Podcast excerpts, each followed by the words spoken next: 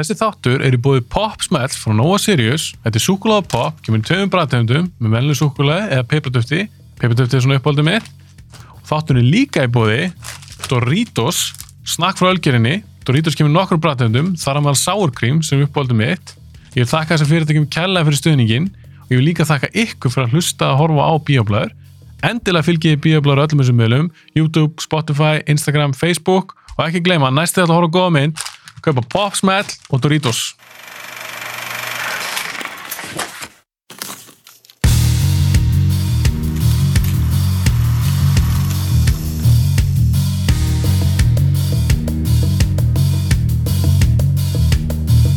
Þá varst þú á ein, einu sýningunni Mm.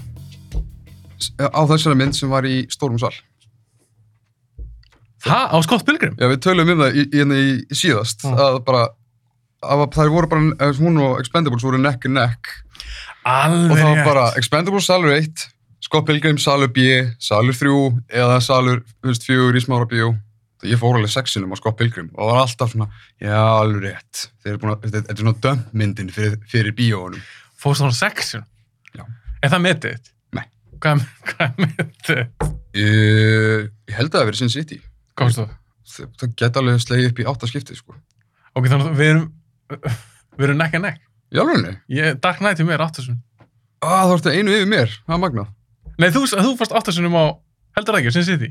Jú, neða, sjö, já, ég nokkuð vissum það frekar en ekki. Og líka, ef þú mannst eftir hvernig það var 2005, og líka Mhm. svo seti geggja ár, Mm -hmm. við fengum hann, sem hvað við fengum hann að seint.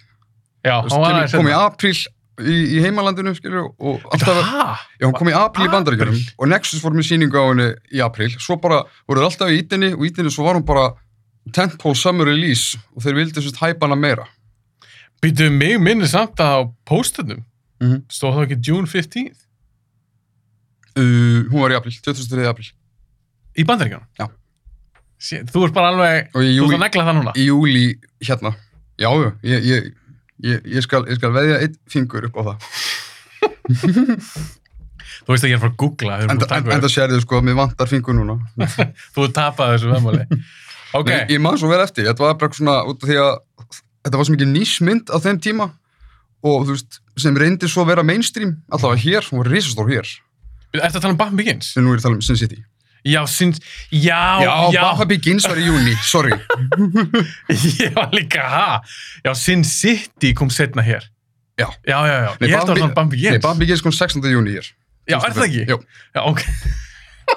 ég var ekki alltaf að ruggla þessu. man ég fór hana 17. júni en ég vissi að það er ekkert að gera á henni það er svona eins mikið ekkert og, og hægt er að beðjum af Ok, bara svo að segja alveg, að því við erum bara að byrja þér. Mhm. Þetta, ég ætla Þú varst að tala um Sin City. Ég held að þú varst að tala um Batman Begins. Já, hvernig komst, kom hún í umræðina? Voru ekki að tala um, þú metið þitt á Dark Knight, metið mitt var Sin City. Sagðu þér ekki eitthvað Batman Begins? Nei. Ég, að, sko, þegar ég klippti þáttinn, þá eftir að heyra þetta, þá er ég kannski bara eitthvað algjör rugglindallur. Eða þú sagði Batman Begins. Eða það, voru, við, ég held að við séum báðir rugglind alltaf, það kemur út á sléttu. Ég meina, við erum að tala um hversu oft við fórum okkur á mynd í bíó. Já, Og erum að tala um 7 til 8 skipti. Það er ekki eðlilegt. Nei, það, það er svona eðlilega óeðlilegt fyrir nörda, myndi ég segja. En þú hefur það fram með mig að þú sennilega borgar öll skiptin. Já. Já, nokkulega. Pældaðist því, þú ert alltaf, alltaf með einhvern passa ég skal gefa þið medalíun á því að vera harðari nördið þar. Ekki það, ég hefði ekki gert það. Og þú veist, meiri sér að þegar ég, þú veist, ef ég borgaði mig ekki í bíó, ég, ég kýs samt og vel, vel mjög moment þar sem ég bara, ég ætla, ég ætla að sponsa þetta, ég ætla að Mhm. styrkja þetta. Kláta allar sér gott dæmi. Mm -hmm. Og hérna, þú veist, það er bara, ok, ég vil bara genuinely setja peninga í þessa mynd. Mhm. Bara til að senda þau skilabóð. Það er áhugi og einhver, veist, brota, brota, veist, klús. Ef þið líður vel með að þú sért í rauninni að svolítið að styrkja myndina. Já, ég var allavega einhvern veginn sannfæri sjálfum um það að mér líði vel með það. það er einlega til að segja. En ég gerir það líka með íslenska myndir. Að það? Já.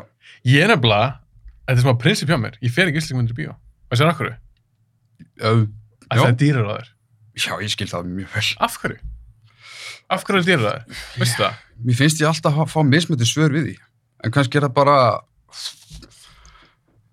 já, einhver lokal álagning. Það er bara, ég er ekki rétti maður til að svara því. Mér hef alltaf finnst það fárulegt út af því að líka, og það gera það þeim en asnalega þegar maður er kannski svo fjallum íslenska myndir Mhm. og, það, og, og, og þetta er alltaf tengt þessari meðvirkni sem ég talaði um, skilur. Svo Mhm. er margir, ég þekki og hef þekkt marga gaggrindur sem að slátra hverju sem er og svo bara, nei, ég vil ekki fjallum íslenska mynd.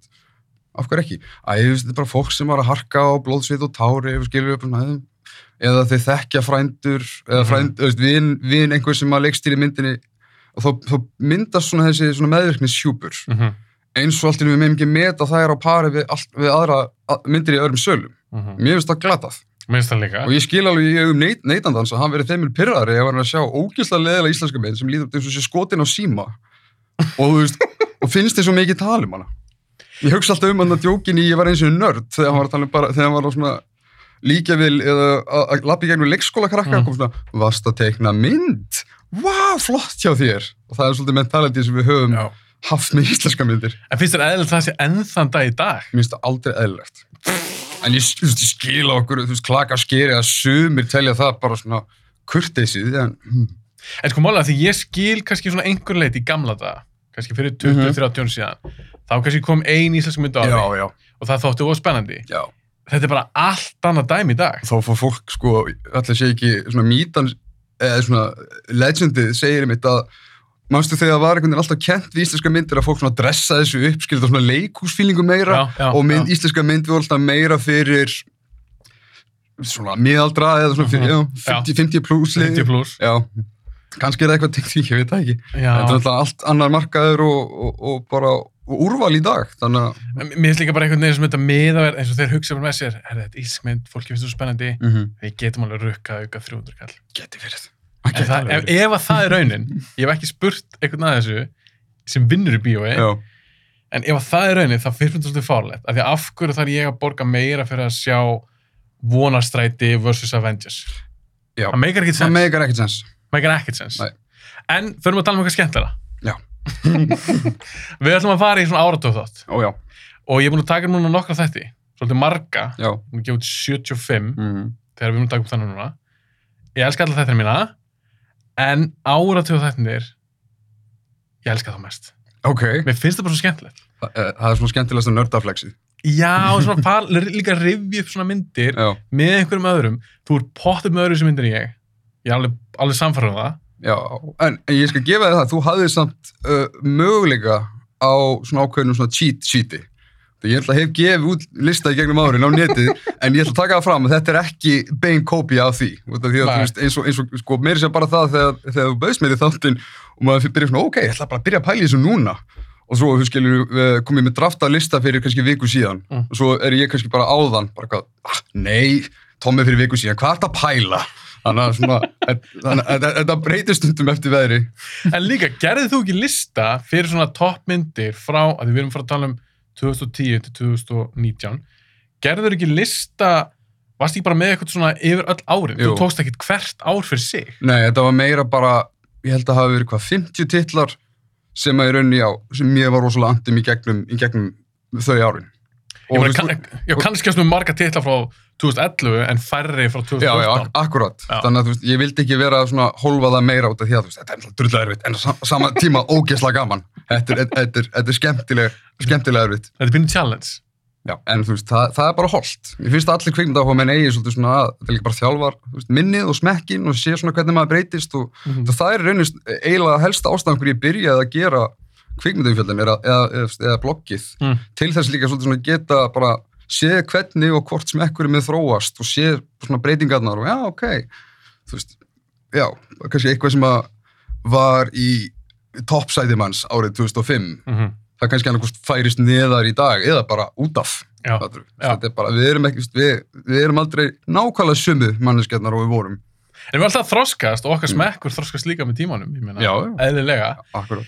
En þegar ég byrja að skrifa niður minn, ég er nefnilega búin að leika mér á Facebook, bara minni persónuleg síðu, það hef ég leikið mér í nokkur á núna, gera svona lista í lókás, Mhm. kannski topp 10 myndum mína, eða vannmyndasta myndin og eitthvað svona. Og ég fór og, ég rúlaði þessi yfir. Ég byrjaði á þessu 2013, en ég átti ekki fyrir 10-12, en ég átti fyrir 13 og svo upp úr.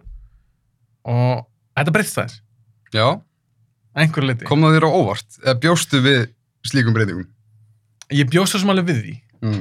ég er líka áka fyrir þennan þátt að þegar ég tókum með Bjarna þá er ég með svona vannmetna myndir, uh, myndir sem kannski sem einhver var ekki búin að segja, eða svona sem langar að benda fólki Já, á, já, já. svona í bland við einn og einn hittara. já, já, já, Núna ákveð ég að við ætlum að taka hún í topp 5. já, og við ætlum að ranka þér. ég fíla þannig að sko. Það er skemmtilega. Já, og líka sko, og það er gaman einmitt eins og, eins og þú ert að nefna að oft, oft gengur svona listagerð líka svolítið út á að kannski, já, veikja aðtöklu eitthvað sem er kannski ekki eins þekkt Mhm. en svona vill maður líka bara hafa það sem er bara, skýt með hversu margir hafa séð Já, myndirnar, bara fílar. bara þetta á að vera hana bara, bara ári, þetta er bara toppur frá þessu ári eða með uh, já, með þeim meira framúrskarandi tillum Þannig að ég ákvað núna.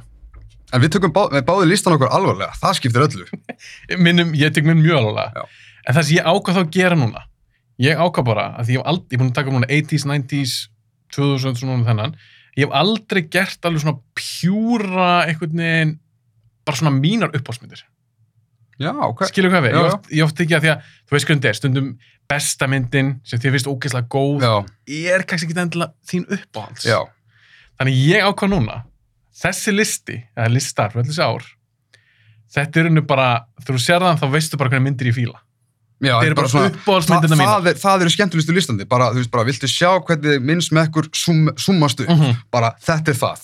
Já. Og þarna getur verið kannski svona, þetta er finnasta myndi frá árinu, þetta hafði mesta impactið, svo svipað og komst inn á, besta myndin innan gæslapa er kannski ekki eitthvað sem þú vilt horfa á endilega aftur. Nei, nákvæmlega. Mm. Þannig ég minn list, þú bara þú veist af því núna, Já, minn listi er þannig, þetta eru kannski myndir sem ég er búin að sjá oftast, Já. sem ég þykir bara mjög væntum, þetta eru mínar uppáhaldsmyndir, en ég stend við að lista. já, Þetta er allt frábæra myndir, finnst mér. eins gott. Þú ert með að skrifa neyri bók, sé ég, já, já. og þú ert með bara eitthvað heila rítkjara Þetta verður svo mikið. Er það rétt? Já, vera. Er Þetta, er full króta, þetta er, er einhvern veginn eins og, eins og svona, já, kill your darlings, þetta er svona hvað, ok, hvað myndi, hvað gæti ég svoppa, hvað væri runner up og sérstaklega, sko, þetta er náttúrulega, þetta, þetta, þetta, þetta eru óheilbrið erfiði að fara í fimm titla, en það líka er besta við challengeið. Þetta er áskorun. Já. Þetta er svo sannlega áskorun, þannig að, og ég, ég skrifaði líka niður bara svona auka titla sem svona, þessi hefði geta verið, já, hvað skipt, já, hvað velja þessa fram yfir hana, Mhm. þannig að þú veist, þessi tók enda hársbreytina yfir í, í, í, í, í loka valinu. Þannig að það er gaman að hafa það svona, ef, ef skekkilin það kemur upp. Ég er nefnilega að þetta var svona hugmyndum mér, bara, hei, gerum top 5. Mm -hmm. En málið þegar ég stakk Já, ég upp, sá sísta þátt. en þegar ég stakk upp á top 5 við þig, Já. að ég aldrei gert top 5. Þegar ég stakk upp á top 5 við þig, Já. þá ég alveg bara eitthvað svona, það er bara gaman. Já. Svo byrjaði ég að skrifa niður listana. Þá var ég bara eitthvað, shit, ég þarf að kött út fullt að geggjum myndum. Já. Það þetta var eitthvað svona erfiðar en hér. En þá notaði ég bara svona það kriterja, ég er kannski með eitthvað tvær geggjaðmyndir og það er bara önnur sem kemst á listan. Þá hugsa var mér, ok, þessi er meira uppáld hjá mér. Já, akkurat, já. Þannig að það í rauninni hjálpaði mér að gera þessi lista. Já. En átti eitthvað svona upp á þessu ár. Upp Á á, þessum svo, árum? af þessum árum. Uh, já, ég held að það sé 2014. Saman mér. Sennilega 2018 kemst nálægt í, Mm en 2014, ég man bara þegar koma top 10 lista þess árs, Mm. þá var erfitt að fara bara í 10. Og það er venjulega ekki, ekki sjálfgefið, sko. Nei. Og ég man meiri sem sko það hefur einhvern veginn fengið þá svona astnalegu spurningu innan gæðslappa að einhver kemur og spyrir þig kannski í mæ, júni, eða ekki eins og svo sent, bara eitthvað í apríl, mæ, að hvað er bestu myndið sem við séum? Það er, það er, það er apríl, mæ, gur. Já. En ég man 2014 að það var komið nóg mikið að góða myndum og ég hugsa, ó, þetta verður gott. Já. Já, það var svo mikið eftir á árinu en samt Já. kom slætt út. Akkurát, já, Já. 2014, ég held að það sé líka með mér. það er ekki það.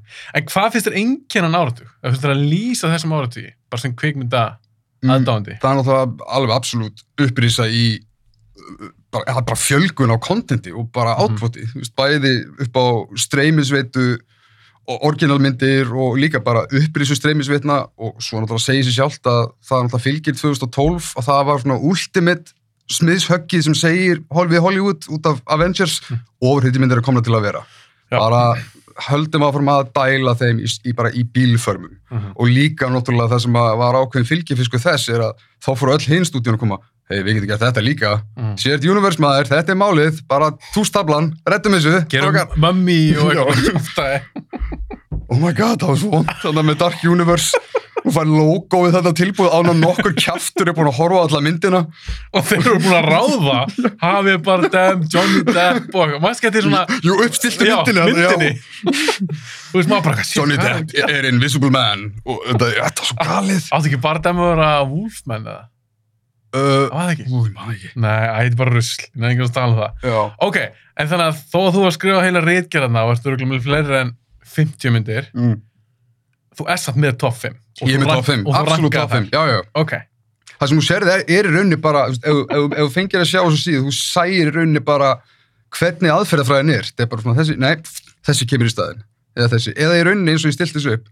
Það er top 5 listin og það er líka svona þessi hefði ekki orðið, eins og, eins og ég nefndi. ok. Svona, já, það svona, í, í öðrum heimi, þá hefði þessi alveg geta átt place með þetta, en nei, þessi varð fyrir valinu úti, hún er meira ég, hún er meira, hún á stærri stað í hjartanu. Já, þú fórst líka, þú Að gerði þannig. Já, já, já. Ok, ok. Ég, ég er Choice að þetta líka. Ég, ég er nefnilega held það, ég ætla, nú ætla ég að giska eitt. Mm. Ég held séum aldrei með sömu mynd nummer eitt. Það er mitt gisk. Ok, það gæti, gæti mega sens. Ég held séum aldrei með sömu mynd. sem er magnað að segja út af því að þegar ég horfði þátti með ykkur bjarna, Ah, ég alveg sko, ég hef örglega, ef ég hefði verið að drekka eitthvað, ég hefði örglega frussað því út þegar þú komst með nummer eitt, sem var The Fountain. Því ég er bara er annar Íslendingur sem elskar The Fountain? það eru við tveir. Þetta er bara, þú veist, þetta er eina af mínum uppáhaldsmyndum ever. Líka mér, já, líka og mér. þú veist bara, ég, ég held ég meira sem ég hef sagt, ég hef sagt það við nokkra vini mína, bara eitthvað, ef þú vilt bara sjá svona ontakka yfir því hvað geða mig gæsahúð, bara mjög snögglega, Mhm. þá rúlar er fándin í gegn bara í þessar 90 mínútur og ég er að fara að vera bara stjarfur yfir tónlistinni, atmáinu, öllu sem hún hefur fram að færa. En ég skil vel að hún sé ekki allara, en það að hún sé ekki allara gerir hann að þeim er dýrmættari. Ég meina, ég dyrk hana, en ég er búin að heyra frá miklu fleirum svona í kringum mig, sem er bara svona, ha, fannst þér hún góð?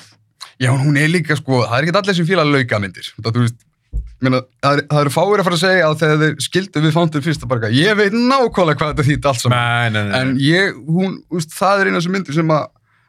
Bara, þú veist, maður sér hann aftur og Mhm. pikkar upp á þessu og svo svona fer maður svona aðeins að svona skoða uh, tákmyndirnar í henni og hvernig sögurnar tengjast og hvernig það eru aðri Já. vinklar á því hvernig sögurnar getur tengst hvort þetta sé ein tímalína eða ein, þú veist, ævi þannig sé Mhm. eða hvort sé þú veist, tvær sögur og svo ein bara svona forsæja bókaformi Já. og svo framvegis, svo framvegis, mm Mhm. þetta er bara, hún er það er svo mikið til að gramsi Já, ég mitt skil alveg, ég tala um, tala um þess að mynd við fólk og, og ég segi dyrkana og fólk segir, mér hefst það hundlegaðileg. Ég skil það alveg Já, svipa einhver sér bara, þetta er ein súr mynd og hún er súr Já. já, En mér þykir það svo vænt um hana, hún hitti markja mér Já. og mér finnst hún alltaf að vera betra og betra eftir því að ég horfa oftar á hana og mér finnst líka bara Hugh Jackman, hann er bara rosalega góður leikari. Og mér finnst reyndar Rachel Weisz líka mjög góð. Bara þeirra chemistry, æðislega mynd. Ok, förum hún í okkar áratug. þannig að það hefði verið eina frávikið þar sem við hefðum deilt sömu mynd ég veit, það er, er giskið sko Já, það, það er giski. Já. Ok, þannig að þetta eru mínu uppáhaldsmyndir og þetta eru þínu uppáhaldsmyndir. Já. Top 5, frá 2010 til 2019. mm -hmm. Skipt, eins og ég, ég gerum bjarna, skiptist brá. Byrjað þú bara 2010, Já, ég byrjaði 2010 þú byrjað 2010 og ég er að vona, þetta er bara top 5, að við náum að fara í gegnum þær alla svona þokkalega, að batteri klárast í kamerunum. Já, já, Það ætla bara að vara fólk við þessi þáttu verið bótt langur. en það voru mjög margir sem kláruð þáttu með mér og bjarna. já, ég, hefur viljað hafa hann lengri. já, ég fílaði það að þú settir þetta svona bara, wow, þú veist, ef einhver klára og sendir mér skilabóti, þannig að veistu þú ert að spila inn á svona ákveð, ákveð svona challenge þrjósku fólk sem já, ég ætla að klára þáttinn, ég ætla að klára hann. Og ég hissað þegar ég byggja ekki til ból bara eitthvað, ég horfði á þáttinn með bjarna með svona hausa við ykkur tveimur. Kannski gera eitt að setna ok, þannig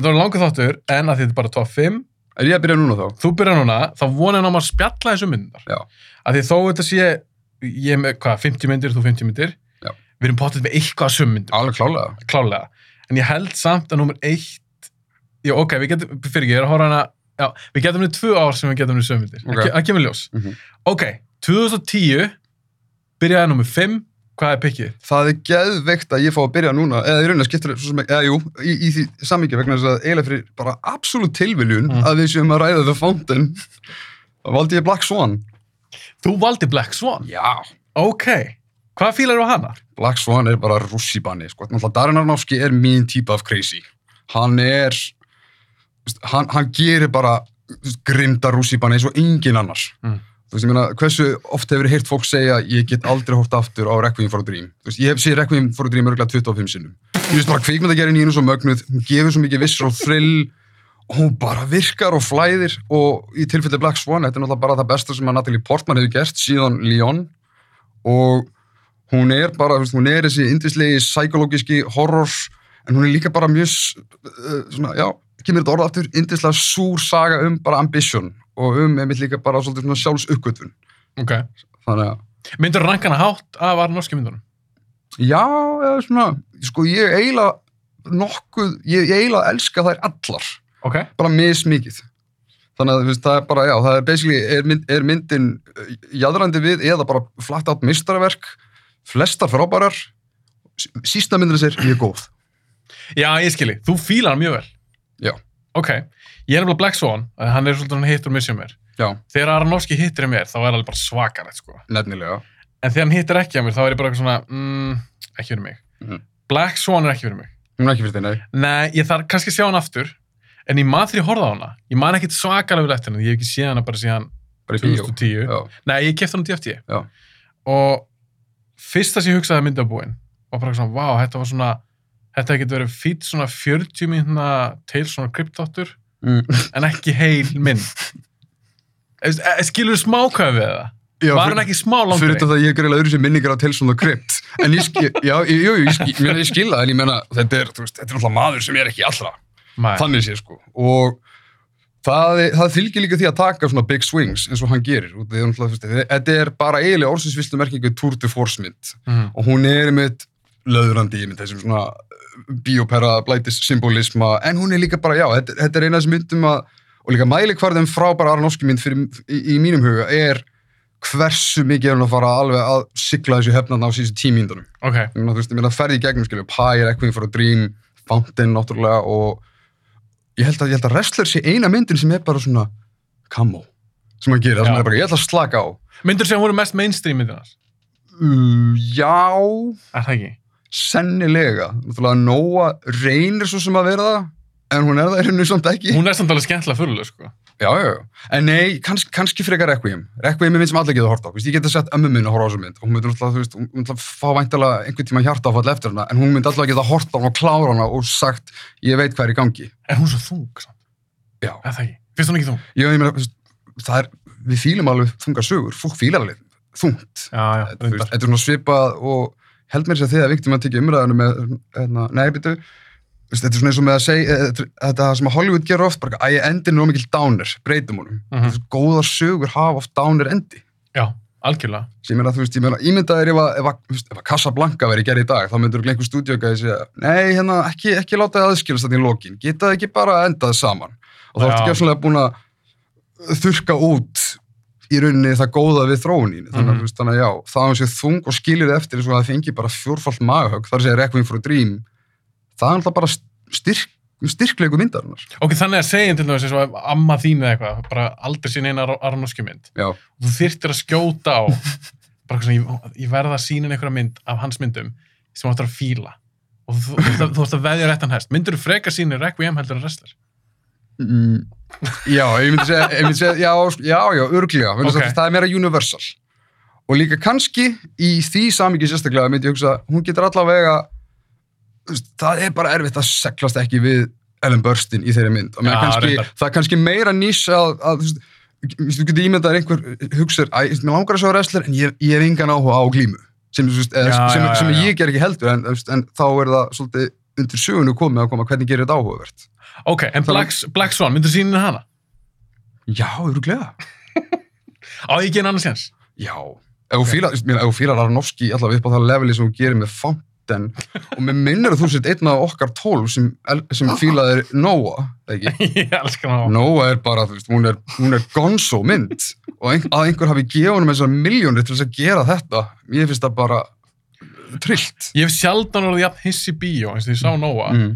af því að mér finnst þetta ekkert brjáðast áhuga saga, eitthvað svona, já, þetta er Nóa, flóðið og eitthvað. Var hann oski gera það? Og svo sá ég trailerinu, ég var bara svona, mm, Nei, nei, já. sá ég myndina og ég var bara eitthvað, Já. shit. Ég man eftir að hafa séð trailerin og hugsa, sko, ég- þegar þetta var tilkynnt þá man ég, man, minnum ég hafi lesið eitthvað að hann væri að byggja þetta á eitthvað svona graphic novel útgafa af sest, uh, sögunni Ja. Mörkina Snóa og ég hugsaði, ok, ég hafði heyrt nægilega svona fucked up hluti um þá sögu Mm og ég hugsaði bara, ok, mér er saman hvað Aronofsky gerir, bara gera eitthvað crazy Já. og ég var svolítið svona sveltur í það eftir The Wrestler, bara svona, ok, hún er mjög góð en þú veist, þetta er eða samt svona Basic. pínu, pínu basic, Já, já. meiri sé að Clint Mansell er alveg sko undarlega mikið í frí í þeirri mynd, með hvernig hann er venjulega að bara Skoraði hann hann líka? mér ráma mjög sterklega Ah. það. Er þannig ekkert svona eftirminnileg tónlist þannig, af því það, hún er geðveiki nóga. Já, Tón- já. Að hún byrjar líka með cool atrið og geðveiku Já. intro stefi og ég var bara, ok, ég er sold. Og hún byrjar líka sko bara, bara á hvað sekundu tíu er myndin að fara að sína að bara, bara ég er ekkert að djóka. Kemur skilur bara einhver textaklessa bara eitthvað bara fyrir, fyrir öld mannsins, þá var þetta. Aha. Og svo serðið með þessu grjótskrímsli þessa, þessa, Já. þessa storknuðu engla og maður er bara svona, já, ok, þetta er málið, ok. Ég dyrka það. og svo einmitt, þú veist, þetta er ógislega bombastísk, svona episk mynd sem Mhm. að einmitt verði síðan svona meira og meira small scale undir lokin og breytist bara í einhvers konar domestic thriller hann undir lokin, þegar þú komin á bátinn og, og Og. Já, og klæmaksin, klæmaksin gengur basically út af það, bara svona, er hann eða hann ekki fara að myrða afkvæmi sín? Nei, hérna, hérna afkvæmiti sína. Já. Og það er náttúrulega bara insane fyrir mynd sem kostaði 150 mögulega pluss miljónir og, og svo í talningum um líka að það er náttúrulega gegnum gangandi líka þegar þú horfir á já, veist, hana og sérstaklega aðra mynd sem er líklegast að fara komur Honum er í ekkert- er rosalega allt um Guð hann er yfirfæra Guð skítall Já. við skulum bara hérna spila þess með það Já. ég fíla það Ég fílaði bótt, sko. en aftur að Black Swan, þetta er bara já, ég hef örglega séð hana kannski svona þrísvar, ekki oftar en ég veit bara í hverju sinni sem ég hef hort á hana það er bara svona, já, þetta þetta var, þetta var þeysirið þetta, Mhm. þetta var right Ok, Black Swan nummer 5 hjá þér. mm Hvað er nummer 4? ég verður að skiptast á bara tótal Já, þú tekur bara allt árið og svo já, ger ég... ok, ok Þá getur Uh, líka það er þægildur mig þegar ég gerir timestamp á YouTube. já, Þá er já. það bara 2010, Thomas. Já. 2010, Já, ok, ok, ok. Uh, myndum með fjögur hjá mér er mynd sem ekki margir örgulega hafa séð og hún fekk ekki sérstaklega góða dóma á sín tíma. Mm. En mér var alltaf rosalega andum hana og það er Never Let Me Go eftir Mark Romanek. Já. Hefur þú séð hana? Ég hef séð hana. Hún er æðisleg. Þetta er ekki dramið. Bara mjög. Já. Með þessu indislega lúmska sci-fi, spicy, Já. ef maður segja það sko. En er últimilli bara saga um ungt fólk að finna sig áður það þarf að feysa mjög þungan sannleika. Shit, ég, hún var á top 10 hjá mér, sko. Ok, ekki. Never Let Me Go hefði komist. Ég var alveg bara svona, það er einu sem myndi sem ég bara hana, oh, ég var að kvæta hana út, ég er bara búin að sjá hana tvísvar. Ég sá hana bara- sko. Já, ég sá hana bara þessum tíma. Þannig ég var bara svona, oh, ég get ekki sett hana, en þetta er æðislega mynd. Já, og ég sá hana fyrst einmitt á sín tíma og var bara, þetta, þetta, þetta er gott, þetta, þetta, er- mjög góð mynd. Já. Og, en svo sá ég hann aftur, ég bara, og þá veistu meira hvert hann að fara, ég las að vísa ekki bókina nefnilega, en þegar þú veist svona meira hvað þið verið að preppa þið fyrir, Mhm. þá er mitt hugsaði svona, þá, þá, þá kemur einmitt, þú færið nánast þessa meðvirkni fyrir personum, ég veit ekki hvað er að gerast og, og ég líka bara er hissa að Mark Romanek hefur ekki verið að dæla út fleiri kvikmyndum. Þetta er alltaf sami leikstur að gera One Hour Photo, Æðislega mynd. sem er geðveik mynd. Ég þarf samt að sjá hana aftur en mér ást hún geggjur. Hún er hrikalega góð. Já. Þetta er flottu leikstur. Átti hann ekki að gera Úlfsmann. Wolfman? Já. Var hann ekki byrjar á henni? hann var bara, jú, það var bara kortur í tökur svo bara þetta venjulega eitthvað listrætt ágreiningur og það voru bara, já stutt í tökur, búið að kasta og Já. preppa með allt, greinilega rosalegt, disputandi milli hans og, og peningamannana og svo bara, já, kemur Joe Johnston hann bara eitthvað, ha, er ég að gera myndi næstu viku? Ok, Ég laus. ég get klofað hana. Og hún var ekki góð. nei en, En- en, maður sér svona hvernig hefði verið hægt að gera þetta eitthvað þessu áhugaverðara, skilur við, með bóti horror eða eitthvað sem hún var að spila. Algjörlega. Og ég, ef að Róman eitthvað gert hana, ég hef til það. Allan daginn. Já, Never let me go. Til hann er hún valdir hana. takk, takk fyrir það. Ég, Það er enginn hýrt um þessa mynd. ég þekki enga sem við séð hana. Ég tók bara blind by hana á DFT á sín tíma. Það er gott. Og ég var bara, djöð, þetta bara geggjum. Það er svo gefandi þegar maður tekur blind by og, og actually ekki sér eftir.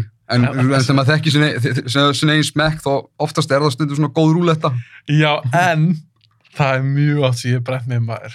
eða, já er eitthvað, er eitthvað að því að fara að koma nei, nei, nei, Nei, nei, nei, ekki tíma að brenna á. En Let Me Go, þetta er aðeinslega mynd, Mm. flott drafmynd og það er frábæra leikari í henni. já, Mér finnst öll helviti góð í henni. ótrúlega góð Hvernig fyrir það Andrew Garfield? mér finnst hann- sterkur leikari Mhm. ég hef aldrei sko, og meiri þess að ég man hvað mér fannst súrt þegar hann var tilkynnt sem Spiderman Já, bara, þetta er frábæra leikari en ég, ég er ekki að sjá fyrir mér þetta sko, einhvern veginn að hann, hann sé Spiderman en svo var hann fín það voru bara myndirna sem var ekki það er ekkert honum að kenna. það er nefnilega ekki honum að kenna Nei. og hann alveg púlaði sitt sko og þegar það var tilkynnt ég er svona mest tengd á þeim tíma við sem bara einn af já, allt weirdo karakter í þeirri mynd en ég tengdi, tengdi hann sérstaklega við einn sérlega weirdo karakter úr Imaginarium of Dr. Parnassus Sá hann ekki. Og hann er bara svona, "Ö, þetta, sást hann ekki síðustu Heath Ledger myndina Sá hann ekki. Var þetta ekki Gilliam mynd? Jú. Hann er- Síðasta hitt Ledger myndin, herra, herra Dark Knight hérna, sjö sunnum. Dark Knight er Nei, átta sunnum, svo ekki, hegi. Jó, það er eitthvað stórmunur og Dark Knight og Já, ég myndi, þú veist, en, en, en það, er, það er stór eðljuslæði munum vilja mynda, en, þú veist, en það er enginn að fara að skilja við glápa á Dark Knight án þess að fara að koma bara, þú veist, í skíunum yfir, bara Heath Ledger sem bara eitthvað svona mental screensaver, sko. Er það bíó séma mig núna, Tómi? Í undirmeðutinni örglega. Við það afsökunur. Bíó séma.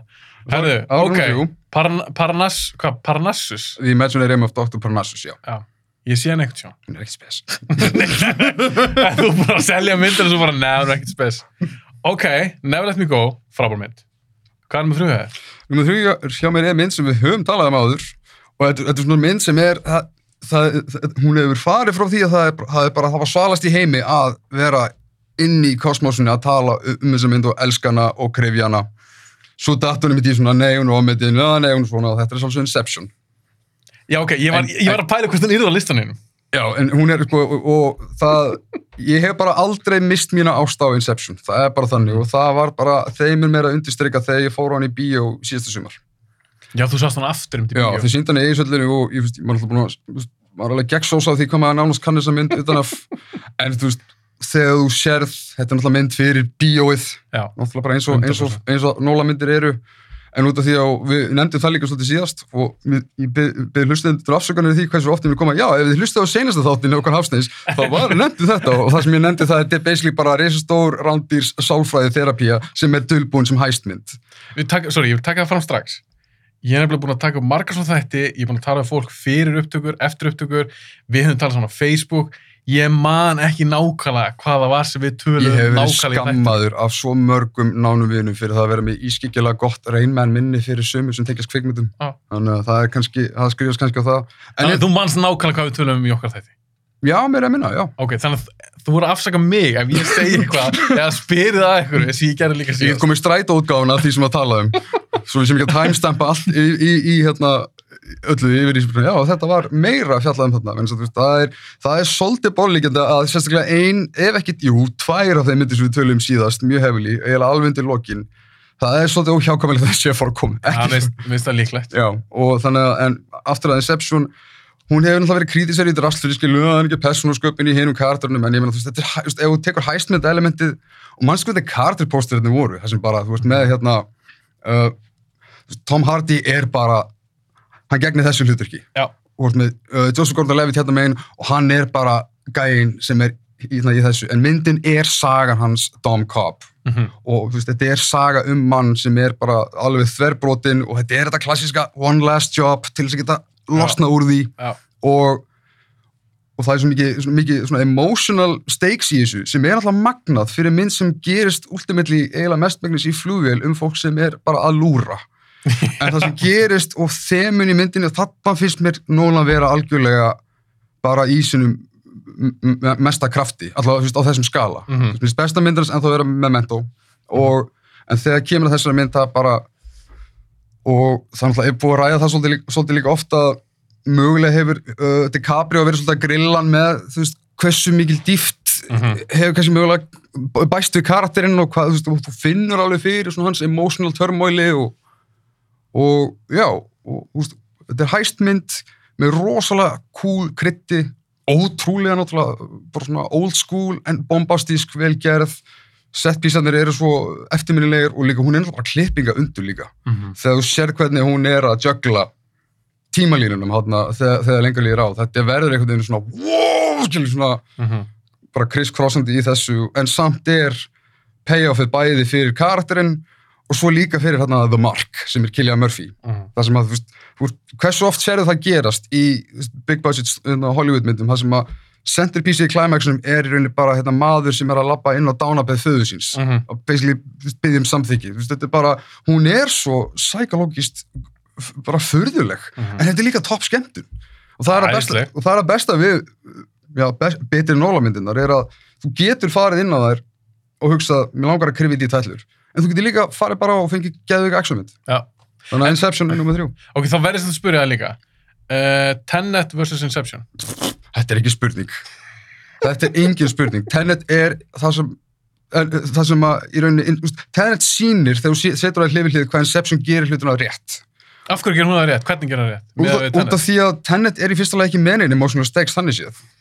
Hún telur sig hafa það í formið Elizabeth Debicki og, þú veist, hennar einmitt svona gulrót þarna til þess að koma stað undir lokinni er einmitt þessi, þessi sonur sem að við fáum aldrei að kynast niður vita og þú veist með algjöran blank slate protagonista bókstala, hann heitir protagonist Það er og mér finnst nú detta of mikið það sem hann er að daðra við hann í Inception sem er þetta James Bond blæti þú veist, þeir eru komin í hérna On a Majesty Secret Service svona snjókablan Mhm. Já, já, já. mér líður og hann hafi verið þar á Inception og hugsað mér langar svolítið að gera mína bondmynd sem er samt svona eins og, 100%. svona eins og að leysa sudoku þraut bara svona fyrir 200 miljónir og, og hún er meira bara gimmicky á meðan þú veist, mér finnst, mér finnst Inception vera almennlega saga um almennlega katharsis Mhm. og það vitt svo til að gimmickarnir virka á styrkjana. Mér finnst það ekki þannig í Tenet. Bara absolutt ekki. Ég gæti ekki orðað þetta betur. og, lík, og líka bara Inception verður betur og betur eftir því sem ég horfa á hana. Tenet svo sannlega ekki. Mér fannst hún, hún góð, eða svona fín, góð þegar ég sá hana fyrst og ég hef hort á hana tvistum síðan þá og hún var einhvern veginn bara svona hún bara svona hrapar og hrapar út af því að það er bara ekki að frétta í það er ekki það og þegar ég bara hugsa um Tenet með þér að horfa á bara, vá, hvað hefur verið erfitt að taka upp það, hann er berast í sjálfs í, í rauntíma og hinn er að fara aftur og bak í stans að pæla í sögunni, eða, veist, eða hvað ég vil fá Eða hvað er þetta hún? Ok, nú lókast glögginn hjá okkur. Ég opna hann eftir. Ok, ég svo, ok, ég, bara, ég er að skoða þessu listum, ég er bara svo gáðan að sjá hvað ég er með svona versus þú. Mhm. Ok, uh, Inception er nummer þrjú hefur það ekki. með þrjú. Hvað er nummer tvö? Númer tvö er mjög svipuð rússíbana reið Mm. en í allt, allt, allt er þessi formi, miklu smæri skala en sýnir það að þú getur gert hasaratrið bara með því að hafa góðan díalóg og kjaft og það er social network. David Fincher sorkin kraftaverkið sem það svo mynd er. Mhm. Þegar ég sá þessum þetta í fyrsta skipti, mér leið bara eins og það væri bara svona strap-in dæmi, þú veist, mm bara hvernig hún, hvernig hún struktúruð, bara þú veist, já, sorkin upp á sitt besta, það er, það er mjög erfitt að jafnast á við það, sko Já, og líka Sammála. bara, meiri sér að þeir sem að örgulega hata Jesse Eisenberg sem að örgulega eflust margir gera.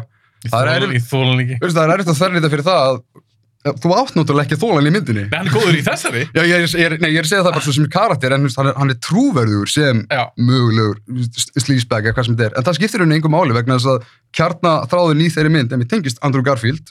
Mhm. það sem að þetta er alltaf bara þetta er eins og grískur harmleikur í einhvers konar svona postmodernískum stíl um bara, já, rýrnun vináttu Já. og þetta bara svona þetta, þetta kolminita svo frábærlega í þessa einu litlu senu það sem er ekki eins og vera að móturum á það díalógin, það sem að, veist, það sem að Garfield basically tekur þarna og slammar tölvun hans og þá bara sérðu, vá, myndin þetta er það sem myndin er um Mhm. og líka hún er bara svo já, hún, hún tónlistin.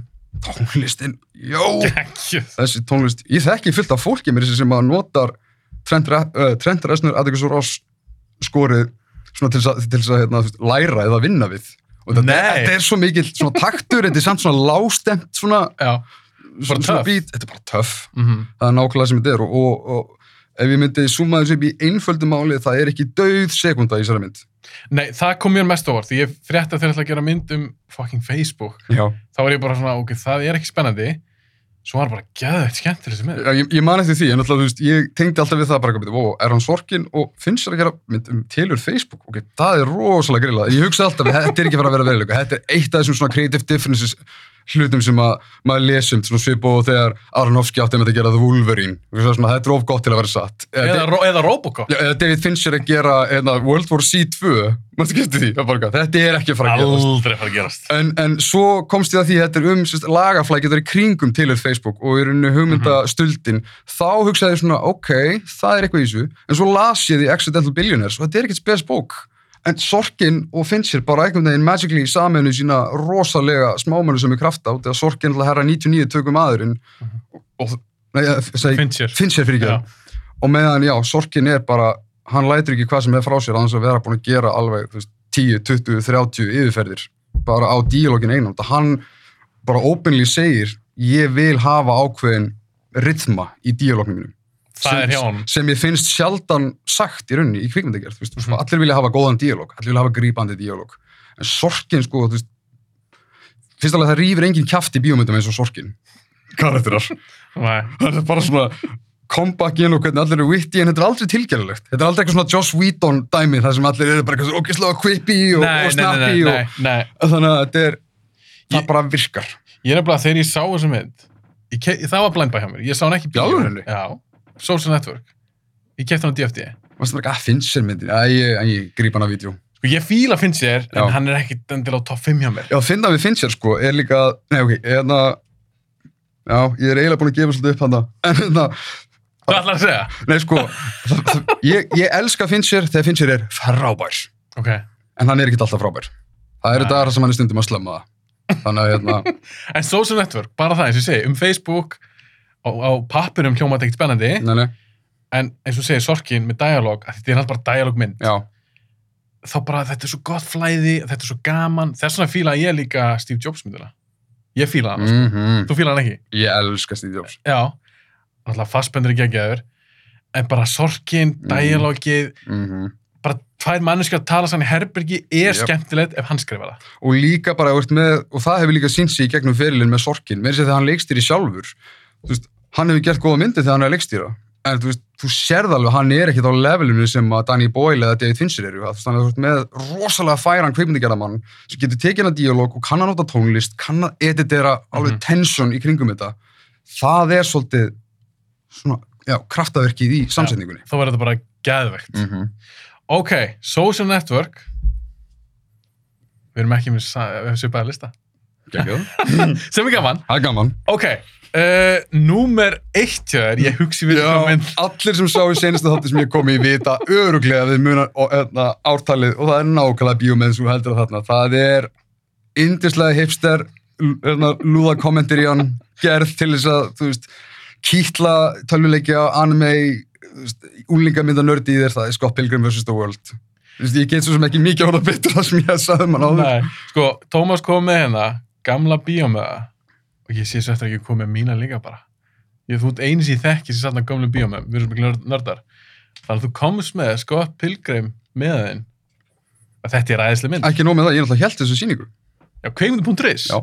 forsýnir Scott Pilgrim. Ég sá Scott Pilgrim á það sem kallast pröfusíningu Mm og ég var apeshit spenntur fyrir þessar mynd árið sem að hún kom út. Mhm. Þú veist, 2010, ein, þú var ekki í umræðin, en, en ég var svo heitur eftir Hot Fuzz að ég er bara, mér er sama hvað Edgar Wright gerir, ég er til í það. Ja. Svo kemur þetta og er að nánsað og ég bara byrju, ok, og Michael Cera er í þessu, svo las ég mitt bækurnar og ég hugsaði, ok, þetta, þetta, þetta, er gott, en hvern, hvernig ætla hann að gera þetta? Mm. Þetta eru, þetta eru, veist, þetta eru sjö bækur, eh, nei, sex bækur fyrir ekki, og hérna, Er það bara sex? ég, Ég las þetta aldrei, sko. Það eru bara sex og er veist, þetta er náttúrulega um það að berjast við The Evil Exes og, og hérna númer sem sagt uh, 5 og 6 eru alltaf típurarnir þannig að þeir flokkast sem eitt bardagi Já, og, ok. og ég hugsa alltaf bara hvernig er hann að fara að þjappa þessu? En svo einmitt, já, þetta er eiginlega bara eins og að horfa á bara rosalega vel samsetta úlinga þroskasögu um, um bara frekar mikið dús gæja sem að lærir að vera aðeins minni dús og líka hvernig hún díla við það veist, hann er bara að deyta heit, heit, heit, þú veist, svona, í hans huga bara þetta heit skvísa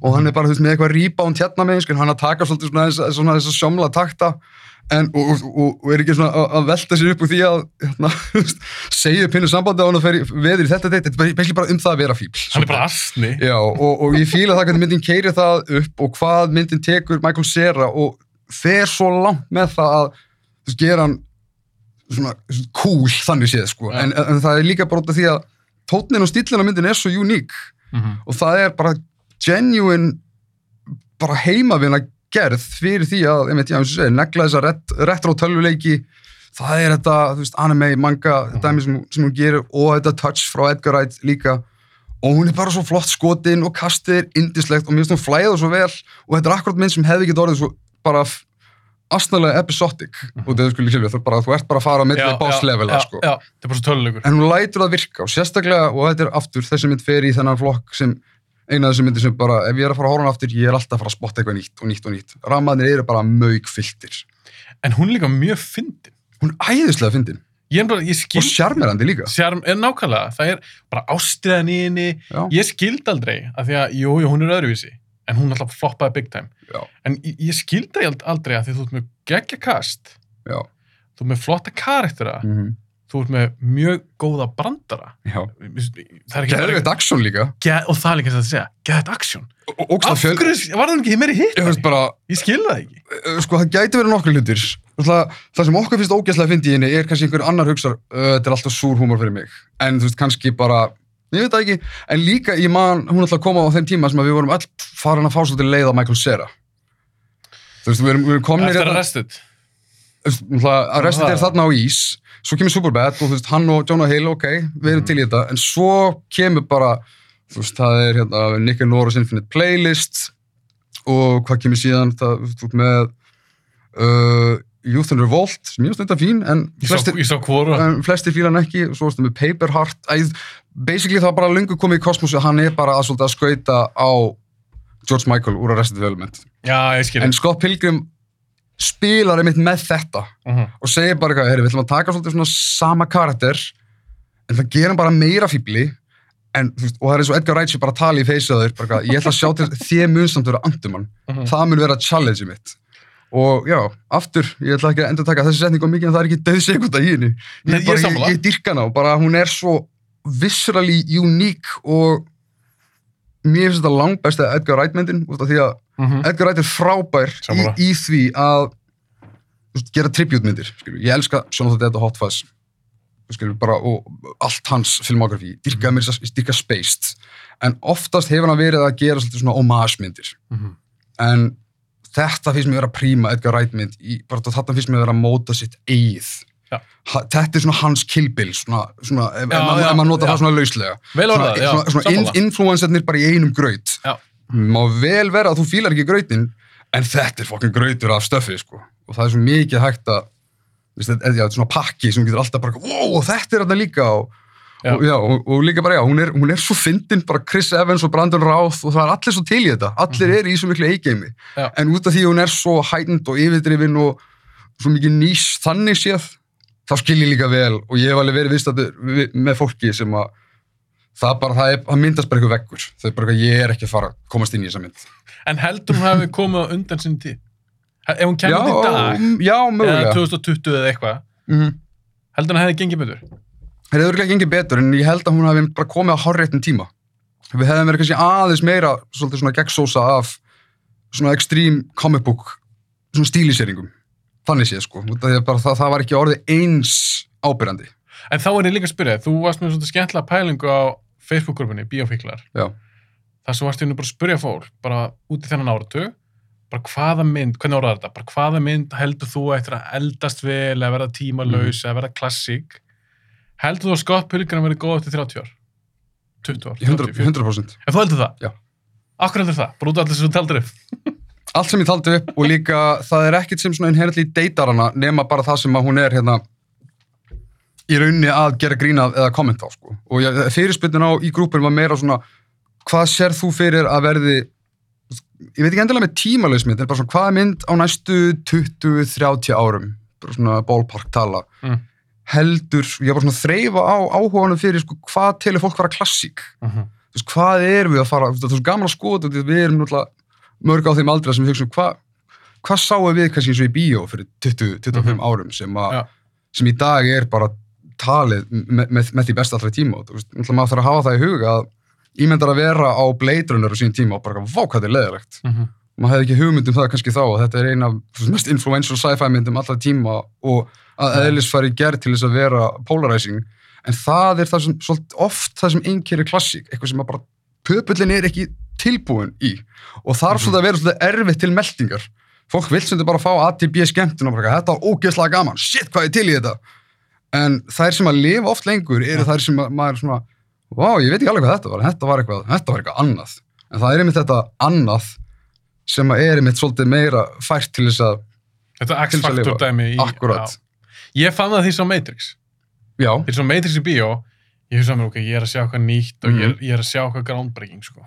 Og margir náttúrulega geta hamrað Matrix og segja, wow, þetta er svo 90s, serðu fokking samloku símana, eitthvað svona, hvað, svona, hvað heit það, slide símanir, já, jú, jú, jú. en, en ég meina, myndin specifically segir, við erum að búa til illusion að þetta sé 99, þannig að veist, þetta er bara eins og, Mhm. þetta er bara eins og skilur að þú veist að gera framtíðamynd og það er farið aftur í tíman til 80s, það á alltaf að vera rosalega 80s, fólk tengir þetta þetta svo stert við það að út af því hún var svo influential, allir vildu vera Matrix, allar hasamyndir vildu bullet time, fólk Já. fór í leysitak í síðum frökkum, svörtum, með sólgleru inni og þetta er bara the power of cinema, en Matrix bara á hugmyndafræðilegu leveli, á bara action leveli og bara, þú veist, minn sem hefur verið kennskils mér í fermingafræðslum bara út í eitt, vissur það því? Ha, Ég komst að þessu einhvern veginn í setni tíð, það bara, marg, í, mörgum fermingarfræðslum var bara sínt þetta, þetta getur, þetta tólka alls konar úr Matrix, Já, en, en margir koma og segja bara, þetta er hinn fullkomna Jésús já, þannig að þú veist, en þetta er samt mynd sem er bara kent bara í struktúr, kennslum líka,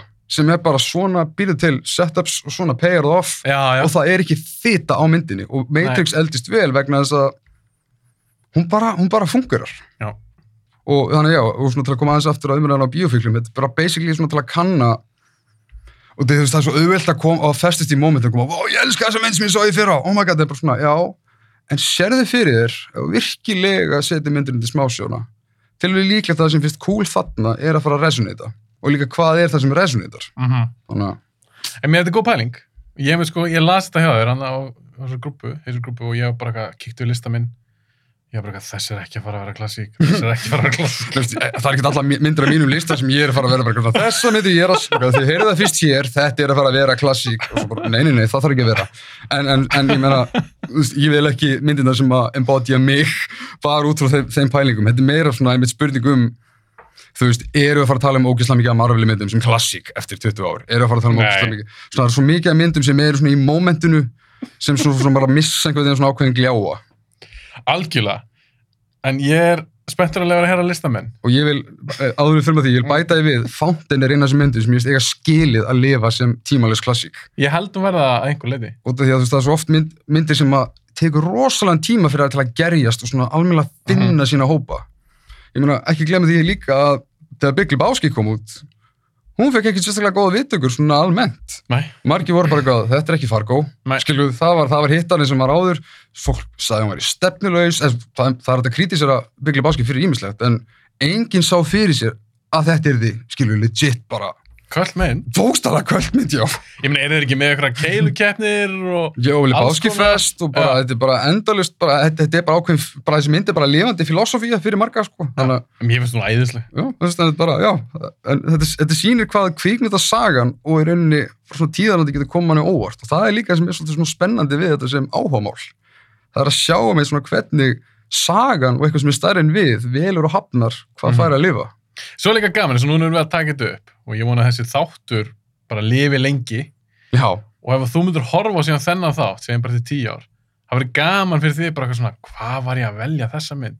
Eða, vá, ég er sammála bara öllu sem ég valdi hana ég minn þá minn ég koma að þetta er það sem að 2021 Tommy virkilega seglaðist við, ég meina, þú veist, ég meina, eins og, eins og tók fram áðan, þetta er ástafur ég vildi byrja að skrifa um kvikmyndir, bara til þess að svona mappa út minn smekk og fá svolítið svona fá þess að virkni í gegnum bara að skoða ok, hvað er það sem að ég svo að stað og, og fíla og hvernig, Mhm. þú veist, ég meina, ég hef alveg vel fengið svona aularhroll yfir stöffi sem ég hef skrifað í textuðu topplista eða eða mér sér botlista eða eitthvað svona, "Ó, þetta er ofmetin mynd og svo hef ég hort á hana kannski 10-15 ára setna bara, ég, þessi útgáfa mér vissi ekkert hvað hann var að tala um en það er holt, en það er holt, það er akkurat það sem við eigum að gera, við eigum introspekt að skoða okkur, ég þó líka að tala um fólk sem er bara eitthvað skilirislaust, bara eitthvað út af því að ég fekk gæsúð þegar ég sá hana því á 12 ára, ergo verður hún alltaf frábær.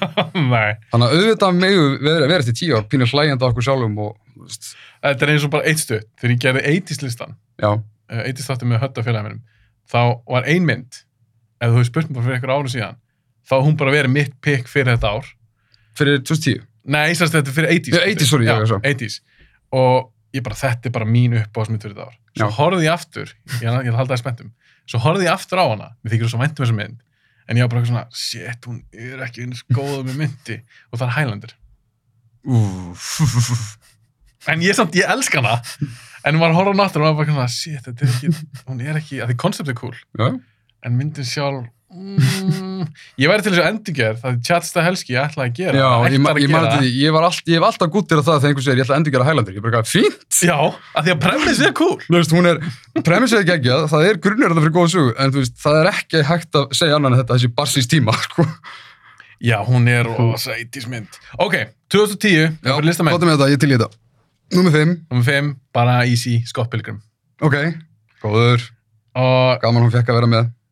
Já, hún, hún var þar með. Ég bara upplifin því sá hann í bíó, þegar ég keipti hann síðan á Blu-ray, búin að sjá hann okkur sinnum. Mér finnst þetta bara mjög skemmtileg mynd og hún átt klálega skilið fimmtastið. Hún komast ekki ofar Nei, en, en 15 seti er, er afreg, sko.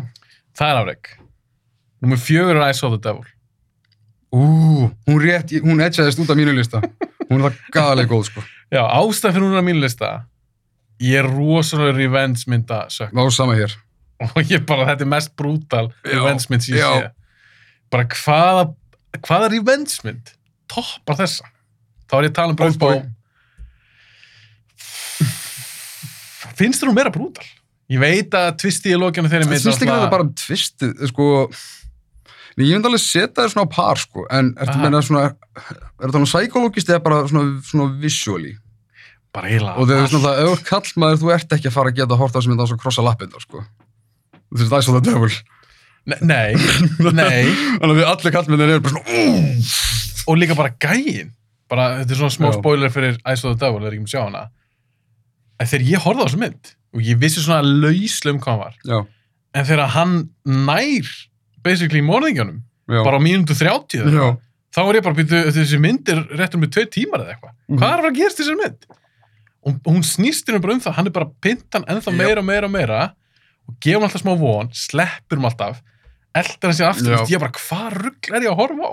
Þetta er svona svipað og Oldboy, þetta er ógeðslega töff deconstruction af því hvað það er sem við fílum og við revengemyndir. Við fáum sem ekki kikk út úr, skiljum svona, já, dreft hann, dreft hann Liam Neeson, eitthvað svona þetta, eða, eða Kill Bill og allir veist, það er, þetta er bara eitthvað human í okkur, skilju, það er bara einhver fokkar í fjölskylduðinni, eða gæliturniðinu, eða lífiðinu, þetta er bara, við viljum fá þess að losun. Og þess vegna kann ég svo meta að það er góð mynd nær að snúa út úr revenge-formúlinni og I saw the devil er svo mikið bara eitthvað svona, já, já, heldur á fíla revenge-myndir. En hún situr í manni. Ég, ég setti hana mitt, ég skrifa hana niður hjá mig sem svona, hún, hún, hún var svona edgið út. Já, það er, það er mitt máli, við þurfum að kvæta út góða myndir. mm -hmm. Já, mér finnst þú frábær. Oldboy, það er þetta eitt í Oldboy sem er náttúrulega mjög brútal og það er að læsa mann inni í, hvað var hann, 15 ár?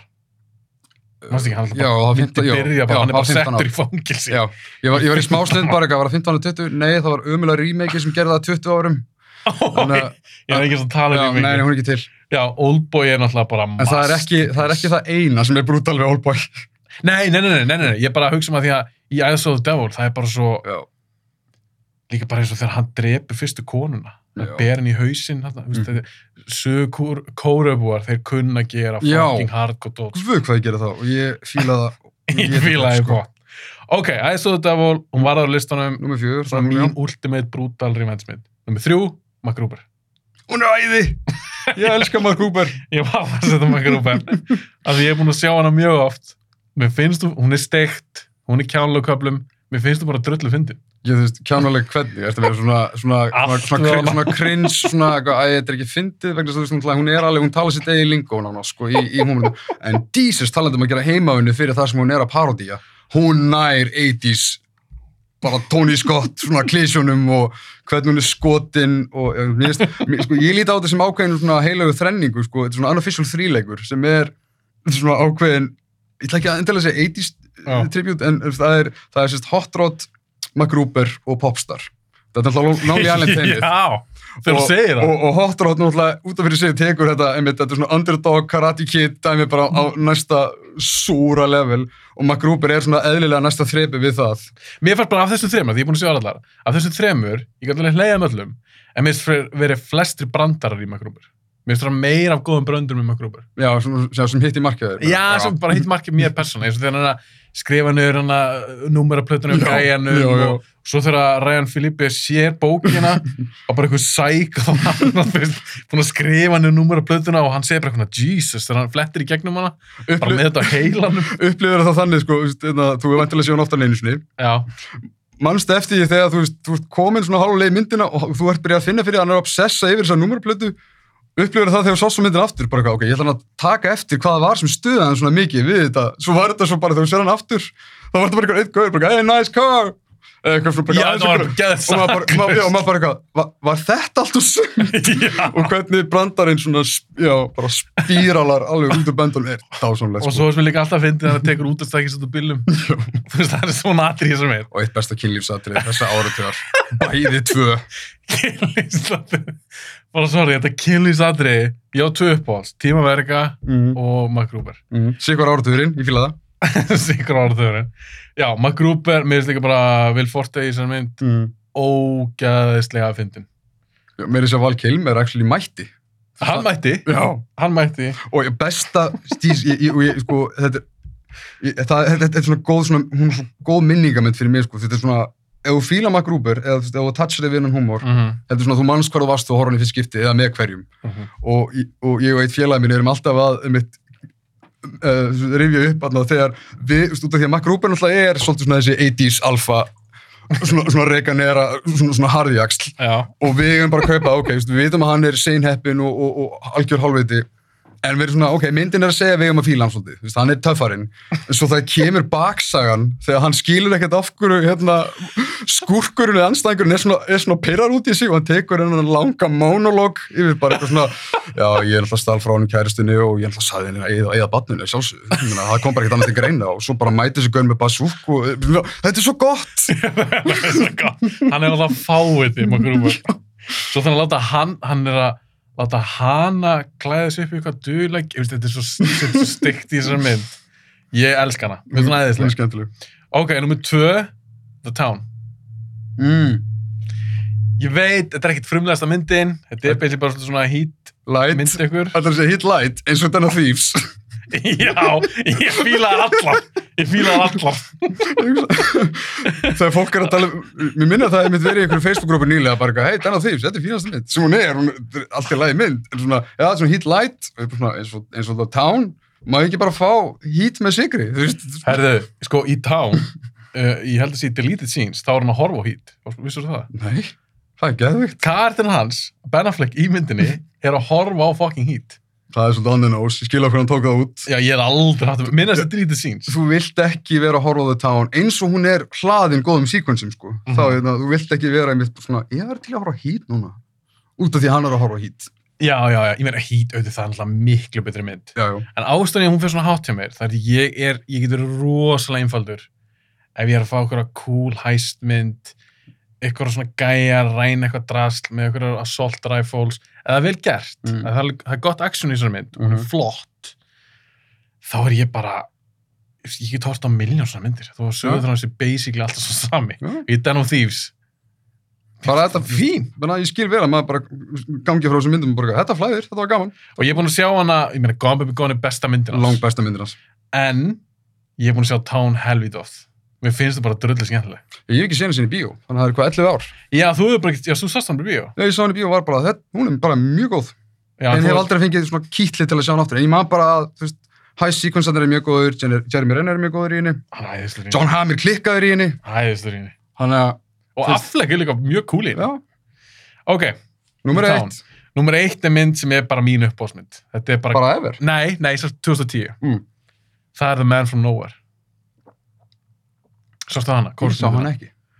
Herðu, ég þarf að sjá hana. Herðu, ég hugsaði með mér það er kannski ein mynd sem Dómars er ekki búin að sjá á öllum sem listum með mér. Þannig að gaman, að ég kom já, einhverja mynd sem þú ekki ég séð. er svo til ég að setja eitthvað á watchlistan.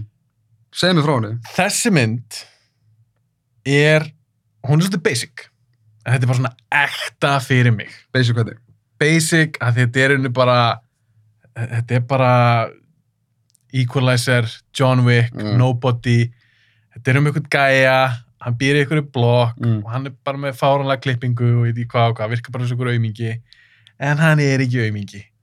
Hann er eitthvað retired, eitthvað gæi og svo rænaði stelpu. Þetta er bara svolítið svona Leon dæmi líka. Já. Rænaði stelpu í blokkinn hans. Ég vona ekki og Líón hafði mjög kinky Já, superstar. ok. ég er að tala um þetta samband einhverju svaka gæja, ung stelpa. Er það með hjarta úr stáli?